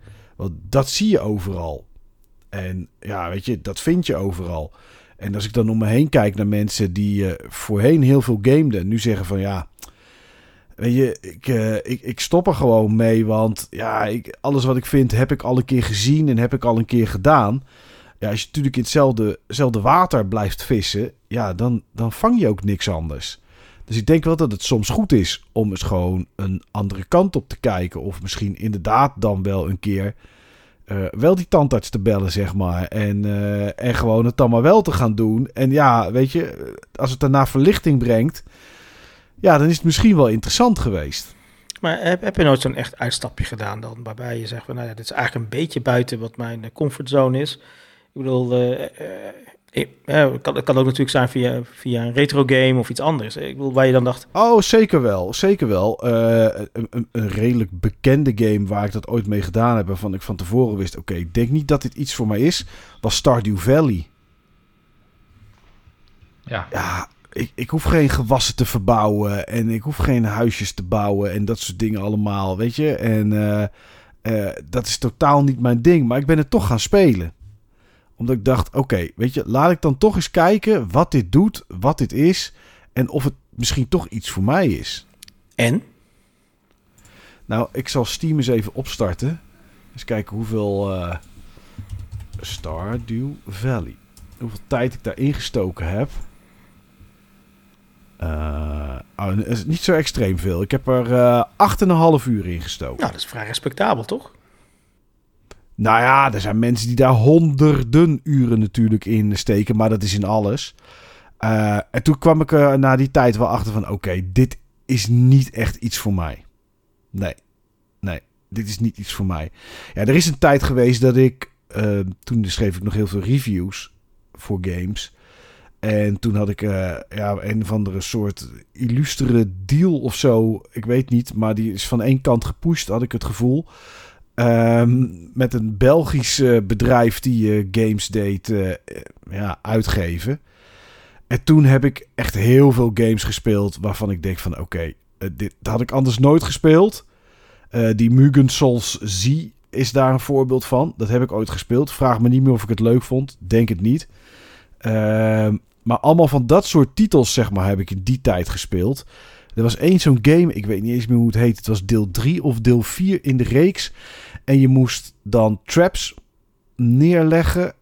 En er liepen poppetjes dan rond tegenstanders. En die moest je dan afmaken op de meest bijzondere manieren. Door allerlei traps te bouwen. En uh, nou, ik weet niet eens meer hoe het heet. En uiteindelijk vond ik het niet zo'n hele goede game. Omdat het vooral technisch heel erg beroerd in elkaar stak. Mhm. Maar ik heb, er, ik heb wel mee vermaakt. Ik vond het wel leuk om te spelen. Dus ja, weet je, op die manier leer je natuurlijk wel. Uh, je leert wel nieuwe games kennen. Dat wel. Wat ik wel interessant vind aan uh, wat ik dus de laatste tijd aan het doen ben, dat, dat ik iets aan het opschrijven ben van een game die ik aan het spelen ben. Dus ongeacht of ik de game goed of fout vind, ik schrijf iets positiefs op over een aspect van mijn beleving van die dag. En dat is dat ik de game, um, dat ik zeggen dat ik minder snel iets als Stardew Valley zou spelen. Stel, ik vind dat niet leuk. Dat wil het niet zeggen dat ik dan niet een Rune Factory of een Harvest Moon of zo zou gaan spelen. Want wat ik dan meeneem zijn meer die positieve aspecten. En ik kijk van zijn er andere spellen die meer laden op die positieve dingen, zeg maar, die ik meemaak in deze spellen. Um, en dan, dan ga ik misschien die proberen. Omdat ik denk van ja, ik heb in ieder geval hier alvast een soort van ease in. Richting deze andere, dit andere type spel. Ik heb bijvoorbeeld Stardew Valley dan niet gespeeld, maar wel. Um, daar begon ik dit jaar aan en daar ben ik mee gestopt. Um, er was zo'n uh, Harvest Moon uh, Friends of Mineral Town. Zo'n remake van Game Boy Advance game volgens mij. En ik dacht, oh ja, ik... Um, ik heb Rune Factory 4 ooit gespeeld op de 3DS. Dat vond ik eigenlijk best wel gaaf. Dat is eigenlijk een, uh, een farming game. Maar de farming is meer een soort van engine die je nodig hebt om een economie op te bouwen. Waarmee je wapens kan kopen, waarmee je volgens weer kan dungeon crawlen. Dus dungeon crawling is eigenlijk een belangrijker aspect zeg maar, dan, uh, dan farming. Dus ik dacht, oké, dan ik heb in ieder geval een ervaring met farming, zodat het niet, zodat ik daar voorbij kan kijken, zeg maar, dat dat niet me tegen het hoofd gaat stoten. Um, en laat ik dan Friends of Mineral Town spelen, die volgens veel Harvest Moon-kenners dan een van de beste zou moeten zijn in de serie. Maar waar ik daar weer tegenaan liep, is dat um, Harvest Moon heeft allerlei onzichtbare progressie. Dus um, eigenlijk, hoe langer je de game speelt, hoe meer events zich ontvouwen waarmee je iets kan gaan doen. Winkels gaan open die eerst niet open waren. Komt een nieuw soort crop of zo ter beschikking. Of je kan een nieuw instrument bouwen, zeg maar, wat je niet had, waardoor je nu dingen efficiënter kan doen. Maar je kan die dingen niet rushen. Um, dus uh, het is in het begin voor mij super frustrerend, want ik denk, oh, ik wil iets, maar dat kan niet. Want het spel wil jou dat pas toelaten over twee uur gameplay of zo. Um, maar wat wel is, is dat soms dan heb je dus meer events die um, jou introduceren tot een nieuwe NPC. En dat kon ik zeg maar makkelijker verteren, omdat ik niet uh, direct een nut had bij die NPC. Dus als dat gebeurde, vond ik het minder erg. Dat heeft er wel toe gezorgd dat ik eigenlijk uh, ook een spel die ik dit jaar heb gespeeld, maar Persona 4, dat ik daar de social links beter kon verteren. Dat het ook iets was wat ik, waar, ja, waar ik helemaal geen frictie mee had, zeg maar. Waar ik dat jaren hiervoor wel had. Ik vond de dungeon crawling leuk, maar ik vond al die sociale dingen niks. Maar door Harvest Moon, Friends of Mineral Town, doordat ik daar bepaalde aspecten van heb begrepen, zeg maar, kon ik veel makkelijker ook in persona dat verteren. En nu zou het iets zijn waar ik bij de volgende persona misschien juist naar uitkijk. Ik heb een game gekocht dit jaar, die wordt best wel afgekraakt. Uh, dat heet Loop 8. Ik weet niet of dat uh, Karel die kent. Hij schudt nee. Nee. En Loop 8 werd gepresenteerd ook als een soort roleplaying game met van die sociale mechanics, maar het blijkt eigenlijk geen roleplaying game per se te zijn, maar meer een soort van live sim. Een live sim zou ik absoluut niet hebben gespeeld, maar uh, ook begin dit jaar, dit jaar heb ik veel gespeeld, kom ik achter, uh, speelde ik Star Citizen. En dat is een game waarin je elke dag keuzes moet maken over hoe je je dag doorbrengt. En omdat ik nu die bagage van Star Citizen met me meeneem, denk ik Loop 8 beter te kunnen verteren dan de meeste reviewers kunnen. Nou, en zo maak ik dus eigenlijk. Ik gebruik soms gameervaringen als stepping stones om andere gameervaringen uh, voor mij toegankelijker te maken. En Karel zit te knikken. Nou ja, ik, ik, ja, ik, snap, ik wel wat je zegt. Je, je, daarmee kom je dus door dus dat, dat, die breedte op te gaan zoeken, uh, kun je, leer je dus eigenlijk ook dingen te, dingen te, dat, mechanics te accepteren of eigenlijk daar, daar iets in te kunnen zien, terwijl dat in andere games op de wijze waarop ze dat dan introduceren of zo, dat, dat je daar dus voorheen geen toegang tot had. Ja, ja dat, dat, dat klinkt eigenlijk wel logisch.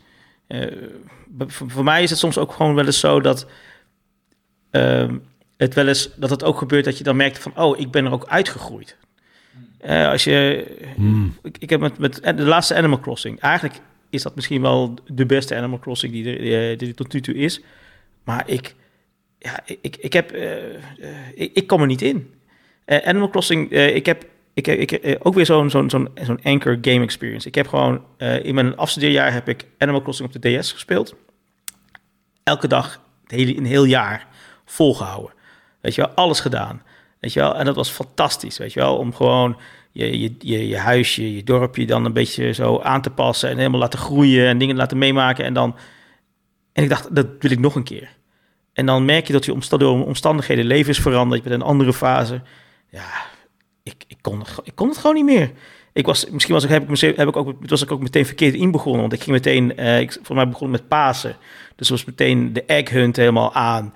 Nou, ik heb mezelf helemaal kapot, helemaal opgebrand. Ik heb gewoon, ik, heb, ik ben als een malle eieren gaan zoeken. Al die dingen gedaan. En dan krijg ik allemaal, ja, heb ik nu heel veel paasei gerelateerde items gekregen. En het was een vervulling. Ik denk, shit, dit is niet, dit is niet, dit is, dit is het niet. Ik ben daar helemaal, daardoor helemaal uitgevallen. En, maar was die eerste keer Animal Crossing dan misschien zo, zo goed bevallen dat, er gewoon, dat het nooit meer beter kan worden eigenlijk?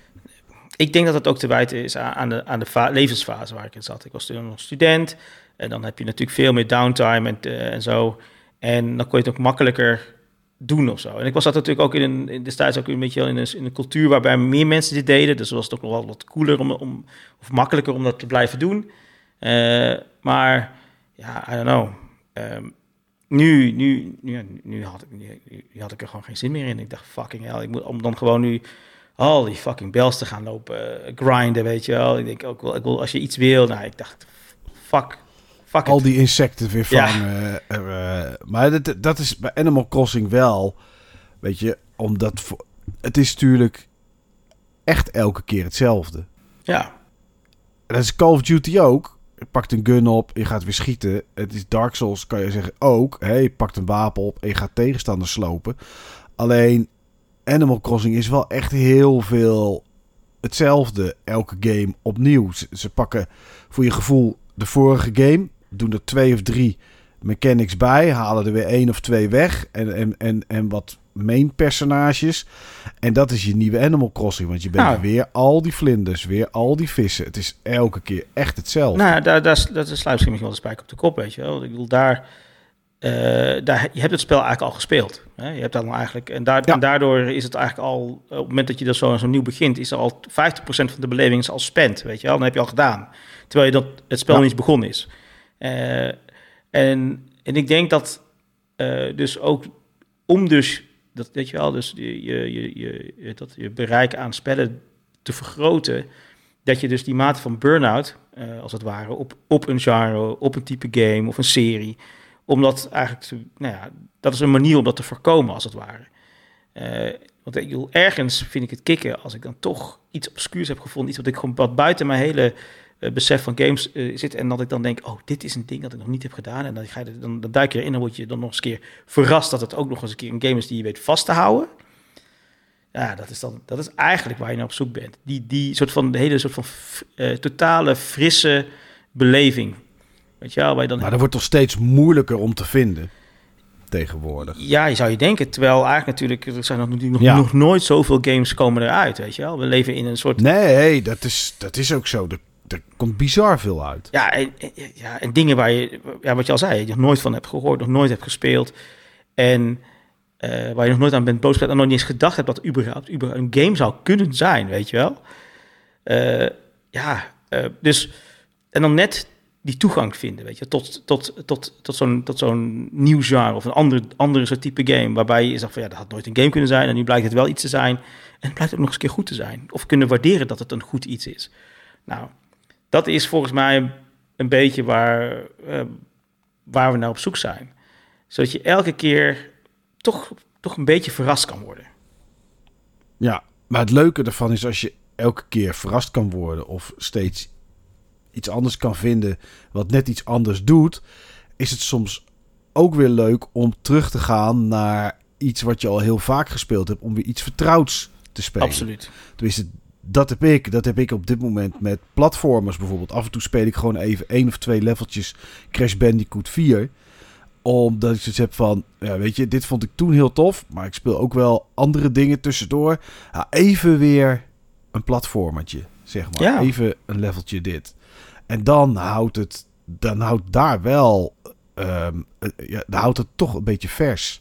Als je het op die manier kan doen. Ja, het is, ik, denk dat je, ik denk dat je daar ook wel uh, iets goed zegt. Hè. Het is ook een beetje een soort, soort, een soort golfbeweging als het ware. Hè. Iets, soms heb je gewoon je comfortfood nodig om weer eventjes weer te ja. voelen van, oh ja, dit is wat uh, een basisding. Hè. En daarom, daarom vind ik dat uh, retro games spelen en zo, dat is echt vormt daar voor mij een hele grote basis. Omdat gewoon weer dan kan terugvallen op de dingen die ik... Oh ja, dit is waar ik sterke gevoelens bij heb. Hoor, om even dat weer even terug te pakken en snel op, op, op ik kunnen intappen. Zonder dat je daar dan een grote investering hoeft te doen.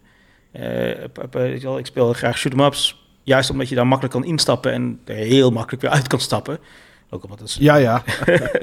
het spel Wat misschien af en toe nog wel lekkerder voelt dan het instappen. Ja, ja, ja. Absoluut. dat je dan gewoon dat, uh, dat je al je fucking controle weer uh, door de camera te smijten bent, omdat het spel gewoon te moeilijk is. Ja. Maar, dan, uh, maar dat je dan dus weer, weer eventjes weer in kan haken op, de, op iets wat gewoon zo prettig is om, om even weer te voelen. Um, dus ik, ja, ik herken dat heel erg. En dat is ook wel iets wat dan, als je het even niet meer weet, dan, dan, doe, ik dat heel, dan doe ik dat heel graag. En dan, dan start ik weer een MSX game op. En dan ga ik weer Salamander spelen of zo, om dat weer even te ervaren. Uh, ja, ja, ja. Ja, is herkenbaar hoor. Ik heb dat met Hero bijvoorbeeld op de, op de Commodore 64. Oh, of of Rick Dangerous op de Amiga. Dat zijn dan uh, van die go-to games inderdaad, waar je dat, uh, waar je dat blijft, bij blijft doen. Nou, wat ik, wat ik zelf altijd mezelf op betrap, is dat ik probeer dan ook te zoeken dan binnen, binnen, binnen die, die, die, ja, die, laten we zeggen, die hele bekende, dat je dan op zoek bent naar, uh, wat ik dan heel tof vind, is naar de, dat je daar dieper in gaat duiken. Dus ik ben dan, wil dan ook weten, weet je wel, wie heeft het gemaakt? Welke tijd, weet je wel, wat, hoe zat het, welke tijd zat het eigenlijk? Waar komt het allemaal vandaan? wat voor versies zijn er? dus ik Weet je wel, om dan vervolgens dan helemaal een nieuwe rabbit hole te duiken. Om dan toch weer net iets van hetgene wat je zo goed kent. Proberen daar toch weer weer iets, iets nieuws in te willen, te, iets van het nieuwste van te willen leren. Weet je wel? En, um, en, dat, en, dat, en, en, denk ik, ik denk dat het daar dan eigenlijk misschien nog wel het is meest satisfying om dan, dan, een soort rare factoid te weten over, de, over het achtergrondverhaal van Konami in die tijd. Uh, waar dat dan, uh, en dat die game die jij dan zo tof vindt, dat dat dan een soort raar uitstapje was. Uh, nou, en, ja, en dat... En, en, omdat dan toch weer net een, weer een stukje, een soort van... Het, dat, hoe noem je dat? Die beleving weer een klein stukje groter te maken. Met een soort nieuwe, nieuwe waardering voor datgene wat je dan tof vindt. Ja, ja, ja. dat is wel herkenbaar hoor. Bedoel, uh, op een gegeven moment heb ik dat bij Rick Dangerous. Dat is wel echt een game die ik echt heel tof vind. Heb ik dat gedaan. Dan ben ik eens gaan kijken waarom. Weet je, hij is op de Commodore 64 is hij er. Op de Amiga. Commodore 64 zijn de levels korter. Uh, wat was er dan eerder? Uh, waar werd dan gekozen voor wanneer waar gaan we dan in knippen? Wat doen we er wel in? Wat doen we er niet in? Ja, dan krijg je toch, als je het dan weer speelt. Want dat heb je bij dit soort games. Dat je ze toch weer vaker oppakt ja, heb je toch. De, oh ja, even zo'n oh ja momentje, zeg maar. En dan heb je er toch iets meer beleving weer bij. Ja. Dus ik, dat herken ik wel hoor. Ja, ja maar kijk, en dat is, dat is misschien dan wel. Denk ik wat de hobby dan tof maakt, weet je wel. Uh, uh, waarbij je eigenlijk, ik bedoel, gamen doen, hè, dat, dat, hoe, lang, hoe lang, hoe, wat is wat, wat, wat is je totale game-historie ondertussen? Um, ik, 86 kreeg ik mijn Commodore 100 28. Maar. maar. daarvoor zat ik wel met één of twee Pong-machines. En ja, hoe oud was ik in 86? In 86 was ik 10. Ik denk dat ik een jaar of 5, 6 was dat ik bij een oom begon op de Atari 2600 met de geweldige poort van Pac-Man. uh, wat dan natuurlijk mooi is in die tijd en als je zo jong bent. Je hebt nul vergelijkingsmateriaal, dus het is gewoon een goede game. Absoluut. Zo simpel, zo simpel is het. Dus ja, ik, uh, ik, ik denk dat dat zo 82, eh, 83 of zo geweest is. Maar dan kun je je eens voorstellen dan, wat, wat dan eigenlijk, hoeveel games je ondertussen niet hebt gespeeld en dingen hebt gezien in allemaal verschillende momenten in de tijd. En ja. dat je dan eigenlijk zoveel verschillende fases, laten we zeggen, in ontwikkeling van, van games hebt meegemaakt. Hmm. Um, en dat het dus altijd een soort toch wel een, ja, in ieder geval voor mij is het zeker zo, een, een, hele sterke rode draad is geweest in mijn leven. Waarbij dus ook heel veel dingen aan, aan gamen is opgehangen. En uh, nou ja, goed, uh, ik wil, we praten hier over was ik meer dan 30 jaar gameervaring. Hè?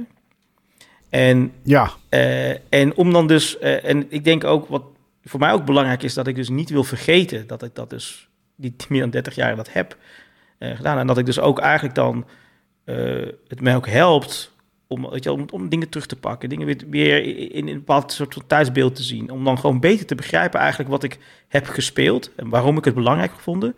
Wat voor mensen daar dan uh, aan hebben gewerkt en weet je, waarom zij dat hebben gedaan. Om, ja, weet je uh, daar beter in, in, in contact te komen met, laten we zeggen, de geschiedenis van games, maar ook met mijn eigen geschiedenis. Nou, dat laatste vooral, wat bij heel veel dingen, zeg maar, zitten mooie en leuke herinneringen ook vaak. Of mensen die uit zo'n die in dat tijdsbeeld daarbij hoorden. Of periodes. Uh, ja, weet je, ik kan me nog goed herinneren dat ik weet niet hoe oud ik was. Ik denk dat ik een jaar of 11, 12 was of zo dat ik bij een, een, een semi-oom en tante, zeg maar. Dat was niet mijn oom en tante, maar het was iets van mijn ouders. Het was in ieder geval wel familie. Dat die een MSX hadden, die ergens op een kamertje stond. En dat ik daar een cassettebandje in ging doen. En dat ik uh, Space Quest ging spelen.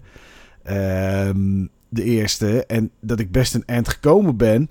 Misschien wel met een, met een guide of met een walkthrough uit een dot matrix printertje of zo die erbij lag. Dat weet ik niet meer. Maar ik, ik zie me daar nog zitten en ik zie me daar nog met een, met een, met een glaasje Sinas, zie ik daar nog op het toetsenbordje tikken om die game proberen uit te spelen. Ja, dat zijn toch herinneringen die aan games dan hangen. En dat heb ik niet met uh, dat ik ook met die mensen ergens op een boot of zo ging, want dat interesseert me niet zoveel. Ja, ja precies, precies. Maar ja, het, het, het geeft je toegang, hè? Het geeft je toegang tot die tijd ook. Ja. En uh, nou ja, goed, en ik merk gewoon van ja, uh,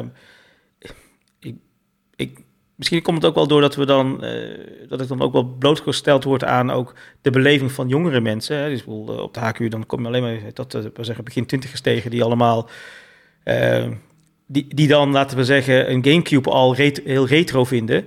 En dan denk, dan ja. denk ik, game, oh, toen studeerde ik, ja. ja, ja GameCube, ja, die kon ik gewoon makkelijk kopen, omdat ik gewoon al een koophuis had. nou ja, daar ga, daar ga je al, weet je wel. Ja, een koophuis en een auto. En ik was al getrouwd en weet ik wat allemaal. Ja, natuurlijk kon ik dat ding makkelijk kopen toen. Wat had ik nou laatst? Dat een, uh, was een student die was aan het, iets aan het presenteren. En die zei toen, ja, de, de eerste, mijn eerste console was de Wii. Oh, wauw. Jeetje, 2006 was dat toch, Ja. de Wii? Oh my god. Uit mijn hoofd. Toen had, toen had ik er dus al eh, in ieder geval 20 jaar, meer dan 20 jaar gameervaring op zitten. Ja, ja. En dat was diens eerste, dat was letterlijk diens eerste stap, zeg maar, in ehm, niet per se gaming, denk ik, want hij had wel eens op een tablet iets gespeeld. Maar ik vind het dan wel interessant dat ehm, wat, wat die mensen meebrengen, want het worden dus de makers van de volgende generaties games als het ware. En dat zijn mensen, en Ja. deze had het dus letterlijk over ehm, een van de mooiste gameervaringen was eigenlijk uit, uit ehm, eh, Pikmin 2 of zo, wat hij dan via backwards compatibility had gespeeld op de Wii. Of een Wii-poort Oh, ja. van een of andere Pikmin. Ik weet eigenlijk niet precies wat het was. Ja, volgens mij was het een poort of zo. Ehm, en, maar dat is dus zo'n krachtige ervaring. Dat, bij mij komt het helemaal terug naar Dune 2. Daar begon bij een soort van RTS. En dat, Nintendo heeft in mijn ogen een soort van reset naar wat is nou eigenlijk de essentie van wat een RTS is eh, gemaakt. Dat is dan Pikmin geworden. Nog steeds ben je units aan het aansturen. Je kan units bouwen als het ware, maar dat is allemaal wat, ehm, wat, wat versimpeld. En het gaat veel meer om de moment-to-moment actie, actie in plaats van eh, eh, hoe bouw je nou die basis zo snel mogelijk op. Alleen dit is dus iemand bij wiens eh, oorsprong van eh, real-time strategy dus begint bij Pikmin. Eh, en dan ben ik gewoon benieuwd, waar, waar gaat die dus aan werken? Want dit is iemand... Oh ja, nu weet ik weer wat de context was. Dit is iemand die dus wil afstuderen. En die wil dus een strategy game bouwen. Maar diens referentiekader is Pikmin. Niet Command Conquer. Ja, dat is, dat, is, dat is bijzonder als je erover nadenkt. Ja, En dat, Ja, dat is heel apart. Want hoe zou die reageren op Warcraft 2, Orcs and Humans? ja, bijvoorbeeld. Wat voor mij een beetje eh, het begin van, de, van mijn RTS-leven was, zeg maar. Ja, dat is een hele goede vraag. Eh, ja, dat, dat- kijk, het, het grappige is, dus kijk, we hebben nu, we hadden het over, kijk, ehm, games worden, zijn nog, eh, weet je, wij, weet je, wij zitten nog in die, in die doelgroep nog. Hè? Er zijn heel, heel veel media en dus ook games die voor ons bedoeld, bedoeld is, hè? Dat waar wij ook op kunnen aanhaken. Maar daar komt waarschijnlijk wel een tijd, afhankelijk van hoe serieus je natuurlijk deze hobby neemt, maar er komt gewoon een tijd waarbij we Mhm. gewoon niet meer kunnen aanhaken. Waarbij het duidelijk is dat, het, dat, dat, Nee. dat, dan een, eh, weet je wel, de Gen Z'ers eh, worden aangesproken.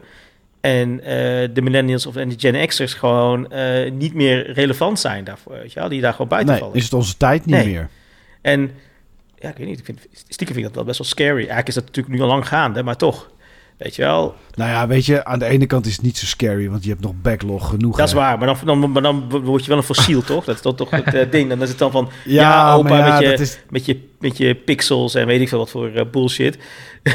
ja, ja, ga- ja, ja, ja, dat krijg je dan dat mijn kleinkinderen zeggen eh, over, over, over 20 jaar. Ja, ja, ga jij nou maar Hogwarts Legacy spelen? Hè? Ja. Zo, dat is ook hilarisch eigenlijk als je erover nadenkt. Ja, is het ook. Maar eh, weet je, er was iets, dat haakt niet zo heel erg hierop aan, maar een beetje wel. Er was sowieso, hè, hoe de jeugd, zeg maar, naar gamen gaat kijken straks. Of hoe wij straks in één keer fossiel daarin zijn. Ehm, ik ging Lords of the Fallen ging ik, ging natuurlijk spelen. En dat performt echt voor geen meter op Xbox Series X. Op PC is het ook niet te doen. PS5 is het redelijk, maar het is, ja, het is echt niet goed. Het is echt niet goed. Eh, boss battles waarin je eh, gewoon slowdowns hebt of gewoon eh, frame drops. Dat je in één keer zwaard is omhoog, in één keer is naar beneden. Ja, kan je niet op reageren, niks. En ehm, de 14-jarige hier in huis, die zat bij mij mee te kijken. En ik zeg van, ja, ik zeg, dit is gewoon niet goed. Ja, wat dan? Ik zeg, ja, hier moet je kijken. En toen zei hij, ja, hallo, die game is net uit. Ja, En ik kijk, hem- ik kijk hem zo punt, aan. Ik zeg, ja, ja nee, hij, liegt, hij liegt niks op dat vlak. Ik zeg, ja, dus? Ja, dan moet je gewoon even kijken over een paar maanden hoe die game dan... eh, Dan zal het allemaal wel opgelost zijn. Ik zeg, maar daar koop ik toch geen game voor? Ik zeg, ik leg nu toch 70 euro neer. Ik zeg, dan mag ik toch verwachten dat iets gewoon goed werkt. Uh, dat, dat, nee, dat vinden zij van niet. Ja. En toen had ik ook het gevoel, ik word echt oud. Ik zeg, ik zeg, dan moet je kijken naar 20 jaar geleden. Ik zeg, toen konden ze geen game updaten. Als dit zo uitgekomen was, dan was het dat. Niks van moet je kijken over een jaar. Ik zeg, dat is toch onzin? Ja, nee, ja. Komt toch wel updates voor en dan is het straks is het, uh, is het opgelost. Ik zeg, dus moet ik gewoon maar laten liggen. Nee, ja, je kan toch spelen? Nou ja, Die kijken daar zo anders naar. Ja, ja, zeker, zeker. En ze zijn dus ook gewend dat dus eigenlijk ook een game, dus ook een, meer een, dat het niet een, een, een afding is, hè, een product, maar eigenlijk ook nog eens een keer Nee. een soort, is dat erg een soort ontwikkelen, ontwikkelend eh, ding is. En het is dus Ja. meer fluïde ook. En dat ze dan ook accepteren dat het dan dus ook nou ja, beter performt en misschien zelfs ook gewoon verandert. Ik bedoel, eh, No Man's Sky die dan eigenlijk echt mega is getransformeerd, weet je wel. Ja. Naar een totaal andere game toen, toen, ik hem, toen ik hem in het begin had aangekocht. Het is gewoon niet, niet, meer, eens, Ja. niet meer eens te herkennen, weet je wel. Nee. Eh, kijk naar Cyberpunk. Die heb ik, eh, heb ik, weet ik veel, jaar geleden of twee jaar geleden een keer gekocht voor, voor 5 of 10 euro of zo. Omdat ze er vanaf moesten. Ja, nu is update 2.0 uit. Ik denk dat ik hem, eh, inmiddels ook 2.1 volgens mij. Ik denk dat ik hem binnenkort maar eens een keertje ga spelen. Want nu schijnt het wel echt goed te zijn. Ja, dat is ook interessant Ja. eigenlijk als je erover nadenkt. Hè? Dus dit is ook weer zo'n typisch zo'n ding wat, dus, wat dat, dat wij dus niet kennen. Maar hier, wat je ziet, het verschil tussen Nee. 1.0 en 2.0 is gigantisch. Weet je wel, Eh, Hmm. de game is meer zichzelf worden of misschien zelfs zich- zeg maar, de basis ontstegen tot een bepaalde hoogte. Eh, Ja. en, en dat je dus, het kan gewoon zijn dat de game die je op, 1. punt- die je dan op het moment dat je hebt gespeeld, niet meer de game is die je dan eh, als je een jaar later zou spelen. Ik bedoel, met Baldur's Gate 3 gebeurt het nu ook al. Hè? Dus er komen er, worden er ook gewoon nieuwe features aan toegevoegd. Dingen worden weer, een nieuw, nieuw stukje content wordt eraan toegevoegd. Waarbij eh, dingen heel erg gaan veranderen. Dus, Ja. dus dat, is, dat, is, dat is ook nog een hele dimensie waar je gewoon niet eens over hebt nagedacht. Van, oh ja, de, de game, ik bedoel, wij, je doet dezelfde titel, maar dat is absoluut niet dezelfde game die je hebt gespeeld. Nee, kijk, met zoiets als Fortnite snap ik het, hè. Dan heb je seizoenen, het verandert, de nieuwe wapens, nieuwe map. De basis blijft hetzelfde, maar daar komen dingen bij en weet ik wat allemaal. Dat snap ik, dat is gewoon een, een, een live service game. Maar zoiets als Cyberpunk is gewoon een, een offline RPG. Gewoon verhaal spelen, niks competitief. En dan nog verandert dat gewoon gigantisch naar iets wat nu wel goed is... En dat gewoon anderhalf jaar lang of zo, of twee jaar of drie jaar, weet ik veel hoe lang het geleden is. Een niet was dus blijkbaar. En ja, daardoor zegt dus de jeugd van, ja hallo, game is net uit. Ja, wat? Ja, ja super interessant toch eigenlijk om... een- om, om, Zeker. Eh, en, en dus ook het, he, ons hele ideeën over van wat is goed, wat is slecht.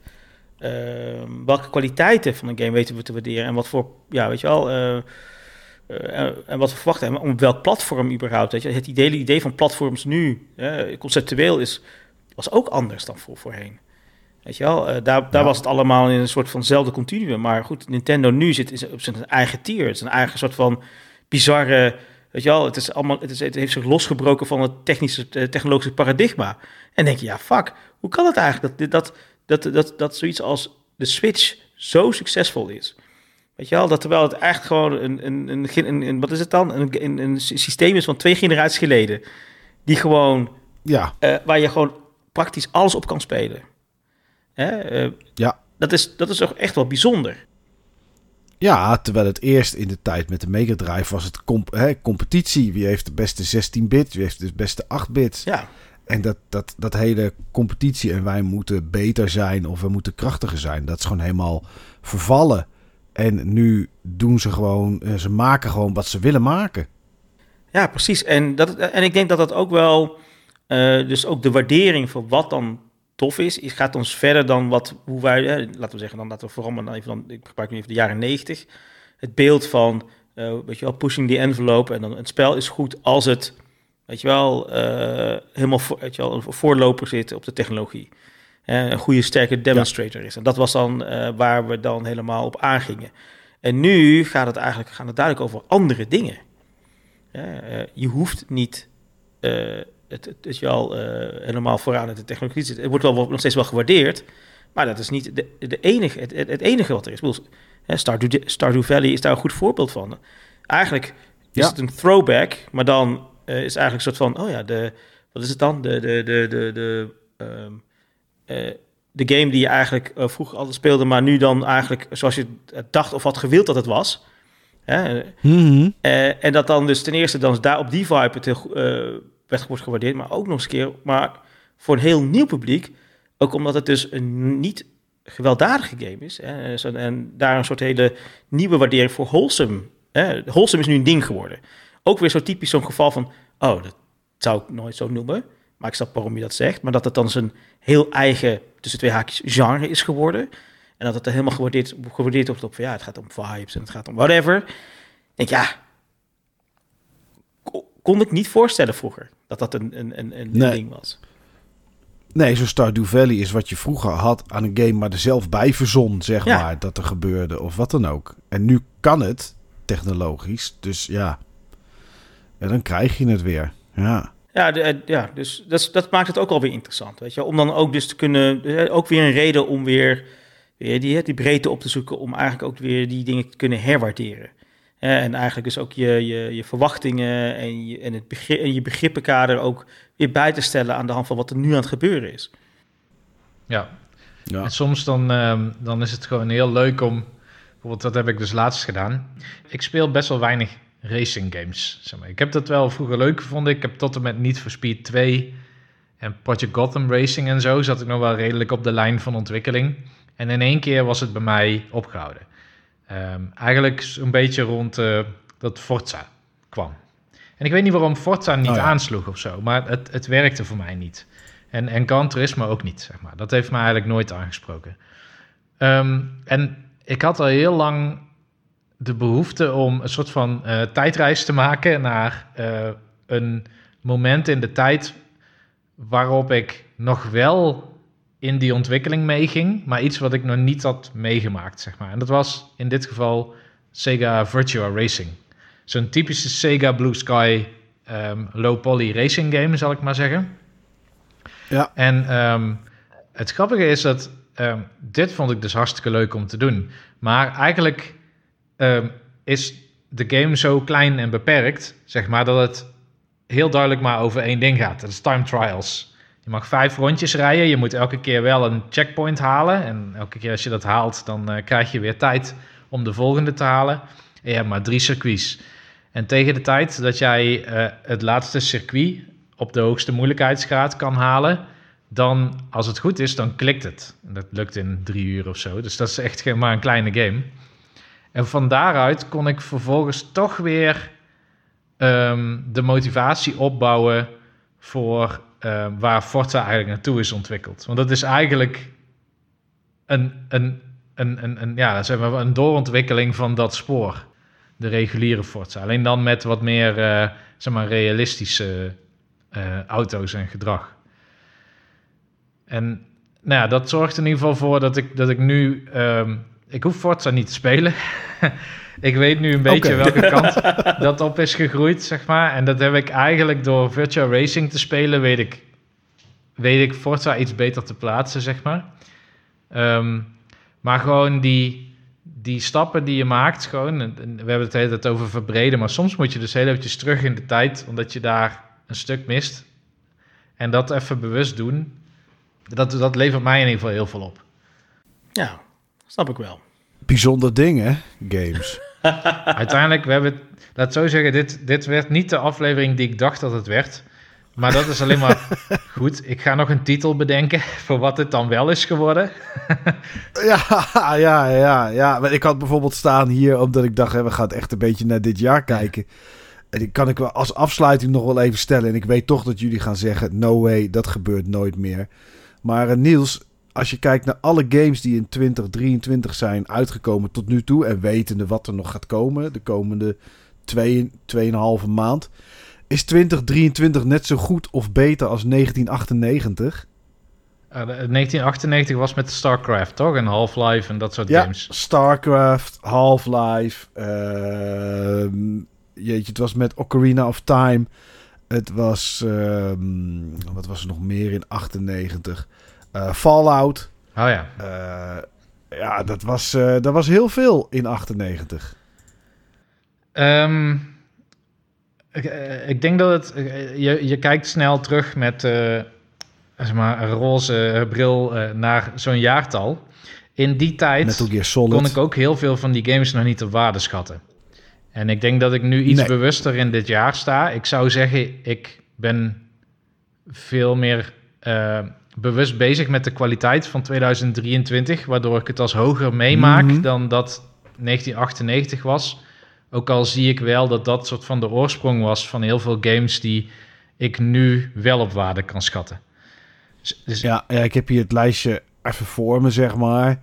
Ah, F-Zero X, Ocarina of Time, Metal Gear Solid, Resident Evil 2, Sonic Adventure, Fallout 2, Tomb Raider 3, Banjo-Kazooie, Gex, Half-Life, Medieval, Parasite Eve, Spyro, StarCraft, Xenogears. Ja, er zitten nog wel een paar, Ja, goeie, st- paar echt wel zwaargewichten in. ja, ja. Ja, kijk, het grappige ja. is, is dat het... Ik heb een beetje hetzelfde last als wat, wat, eh, wat Niels net ook zei. Heel veel van die games, ik denk dat, dat, er maar, dat het Fallout en... Ik heb Metal Gear Solid heb ik een soort van meegemaakt, maar die vond ik eigenlijk toen al stom. Ehm, ja, hot take, ja, ik weet het. Maar dat is misschien een, mooie onderwerp voor een andere keer. Maar, ehm, dus voor mij staat er zijn vooral de... Waarom ik zat- is, waarom is Metal Gear Solid stom? Ja, Dat is ja, een ja, ja, precies. Voor een volgende keer. Eh, ja, ja, goed. Ehm, eh, die, eh, ik was, zat, zat meer in, in PC-gaming. Dus heel veel van de dingen titels die je noemt waren allemaal op consoles. En daar had ik helemaal niks mee. Ja. En dus als ik dat dus nu vergelijk met dit jaar... want Ik, ik, ik heb toegang tot praktisch alle consoles. Eh, al, alle, alle systemen. Ja. Dus eh, ja, kijk, voor mij kan... Ja, wat we wat misschien wel kunnen vaststellen... het is weet je, een weelde aan toffe titels. Eh, weet je, komt niks tekort wat dat betreft. Eh, Zeker niet. en eigenlijk is eh, waar we het over, eh, over hebben gehad, gaat het over het feit dat we gewoon last hebben van een soort luxe probleem, weet je al. We hoeven niet, eh, we, hebben, we hebben, dan zeggen, zelfs eh, nu we in deze levensfase eh, zitten, hebben we, is, gaat het, het gaat voorbij aan geld. We hebben niet de tijd om gewoon alle toffe dingen te kunnen doen. Weet je wel? Nee, is ook zo. Ik bedoel, eh, in, in, in nou ja, 1998 was misschien oké. als ik iets verder terugkrijg, had ik niet gezegd... ik vind het oké als ik één avondje Hogwarts Legacy speel. en dat kan ik nu wel zeggen. ja, en dat, weet je, en dat, dat kon je toen niet. Dat kon je toen niet nee, zeggen. zeker niet. Wilde je ook niet, hè? Laten we dat bedoel, ze- Nee, nee, nee. Over 20 jaar hebben we ook het overzicht van 2023, wat we nu nog niet hebben. Dus misschien blijkt Eens. Operation Raincoat wel ehm, de start van een, van een franchise die fantastisch is. Nu kunnen we dat niet op waarde schatten, zoals ik destijds Fallout nog niet op waarde kon schatten. Toen die uitkwam, toen vond ik het helemaal niks. Ehm, later ben ik het soort van gaan waarderen wat het, wat het wel is. Maar ja, ik denk dat als we dan kijken naar wat 2023 is, dan is dat misschien nog wel met een positievere of met een, met een rozere bril dan 1998. Maar ik denk dat je dat pas echt ver in de toekomst goed kan zien. Ja, ja. ja, je kan nu hier alleen van zien wat er over is gebleven. Hè? Een Half-Life. Nou ja, we weten natuurlijk wat daar eh, voor, eh, voor mystiek om een Half-Life 3 en zo en dat soort dingen heen zou hangen als dat zou komen. En een Spyro, hè, dat was toen eenmalig een game met een roze draakje, of paars bedoel ik. Ja, nu weten we inmiddels wat er allemaal mee gebeurd is. Dus dat is ook wel zo. Dat kan je nu van Hogwarts Legacy bijvoorbeeld, om maar die maar weer even aan te halen, kan je dat niet zeggen. nee, Dat gaat ook inderdaad niet. klopt. Ja, dan zijn we er denk ik, jongens, of niet? La- ik lijkt me goed. Karel kijkt op zijn Starfield horloge. Ja, Ja, ja, ik moet ook we, vooral zo meteen in het popoen. knetterhard naar de wc ook. Snel Dus, afsluiten eh, dan. Nee, dan gaan, dan gaan we het afsluiten. Ja, ehm, en zo komen we dan aan het einde van, ik klik even, van bijna vier uur praten over games. Zonder ook maar enige vorm van richting, Niels. Ik denk dat we het zo wel eh, kunnen, Ja. kunnen stellen. Ja, inderdaad. Maar de prompt was misschien goed. Nou ja, dat, we- dat, dat, is ook, dat is denk ik ook wel het belangrijkste. Als de start goed is, dan rolt daarna het gesprek vanzelf wel. En eh, ja, zijn we eigenlijk overal wel een beetje langsgekomen dan, eh, dan waar we moeten zijn. En als mensen denken, ja, deze podcast, ik vond hem niet zo goed, kan ik alleen maar zeggen, ja hallo, podcast is net uit hè. dus dus uh, misschien verandert er in de toekomst nog wel iets aan en uh, wordt hij dan nog wel een stukje beter. Goed. Uh, Karel, hartelijk bedankt voor je Graag tijd. gedaan. Vond het weer, vond het weer erg leuk. Ik ook, ik ook. Uh, en Niels, uh, wij spreken elkaar uh, snel bij een, een, nieuwe podcast, gok ik zomaar. en ja, jou als luisteraar, bedankt voor het luisteren en tot de volgende keer.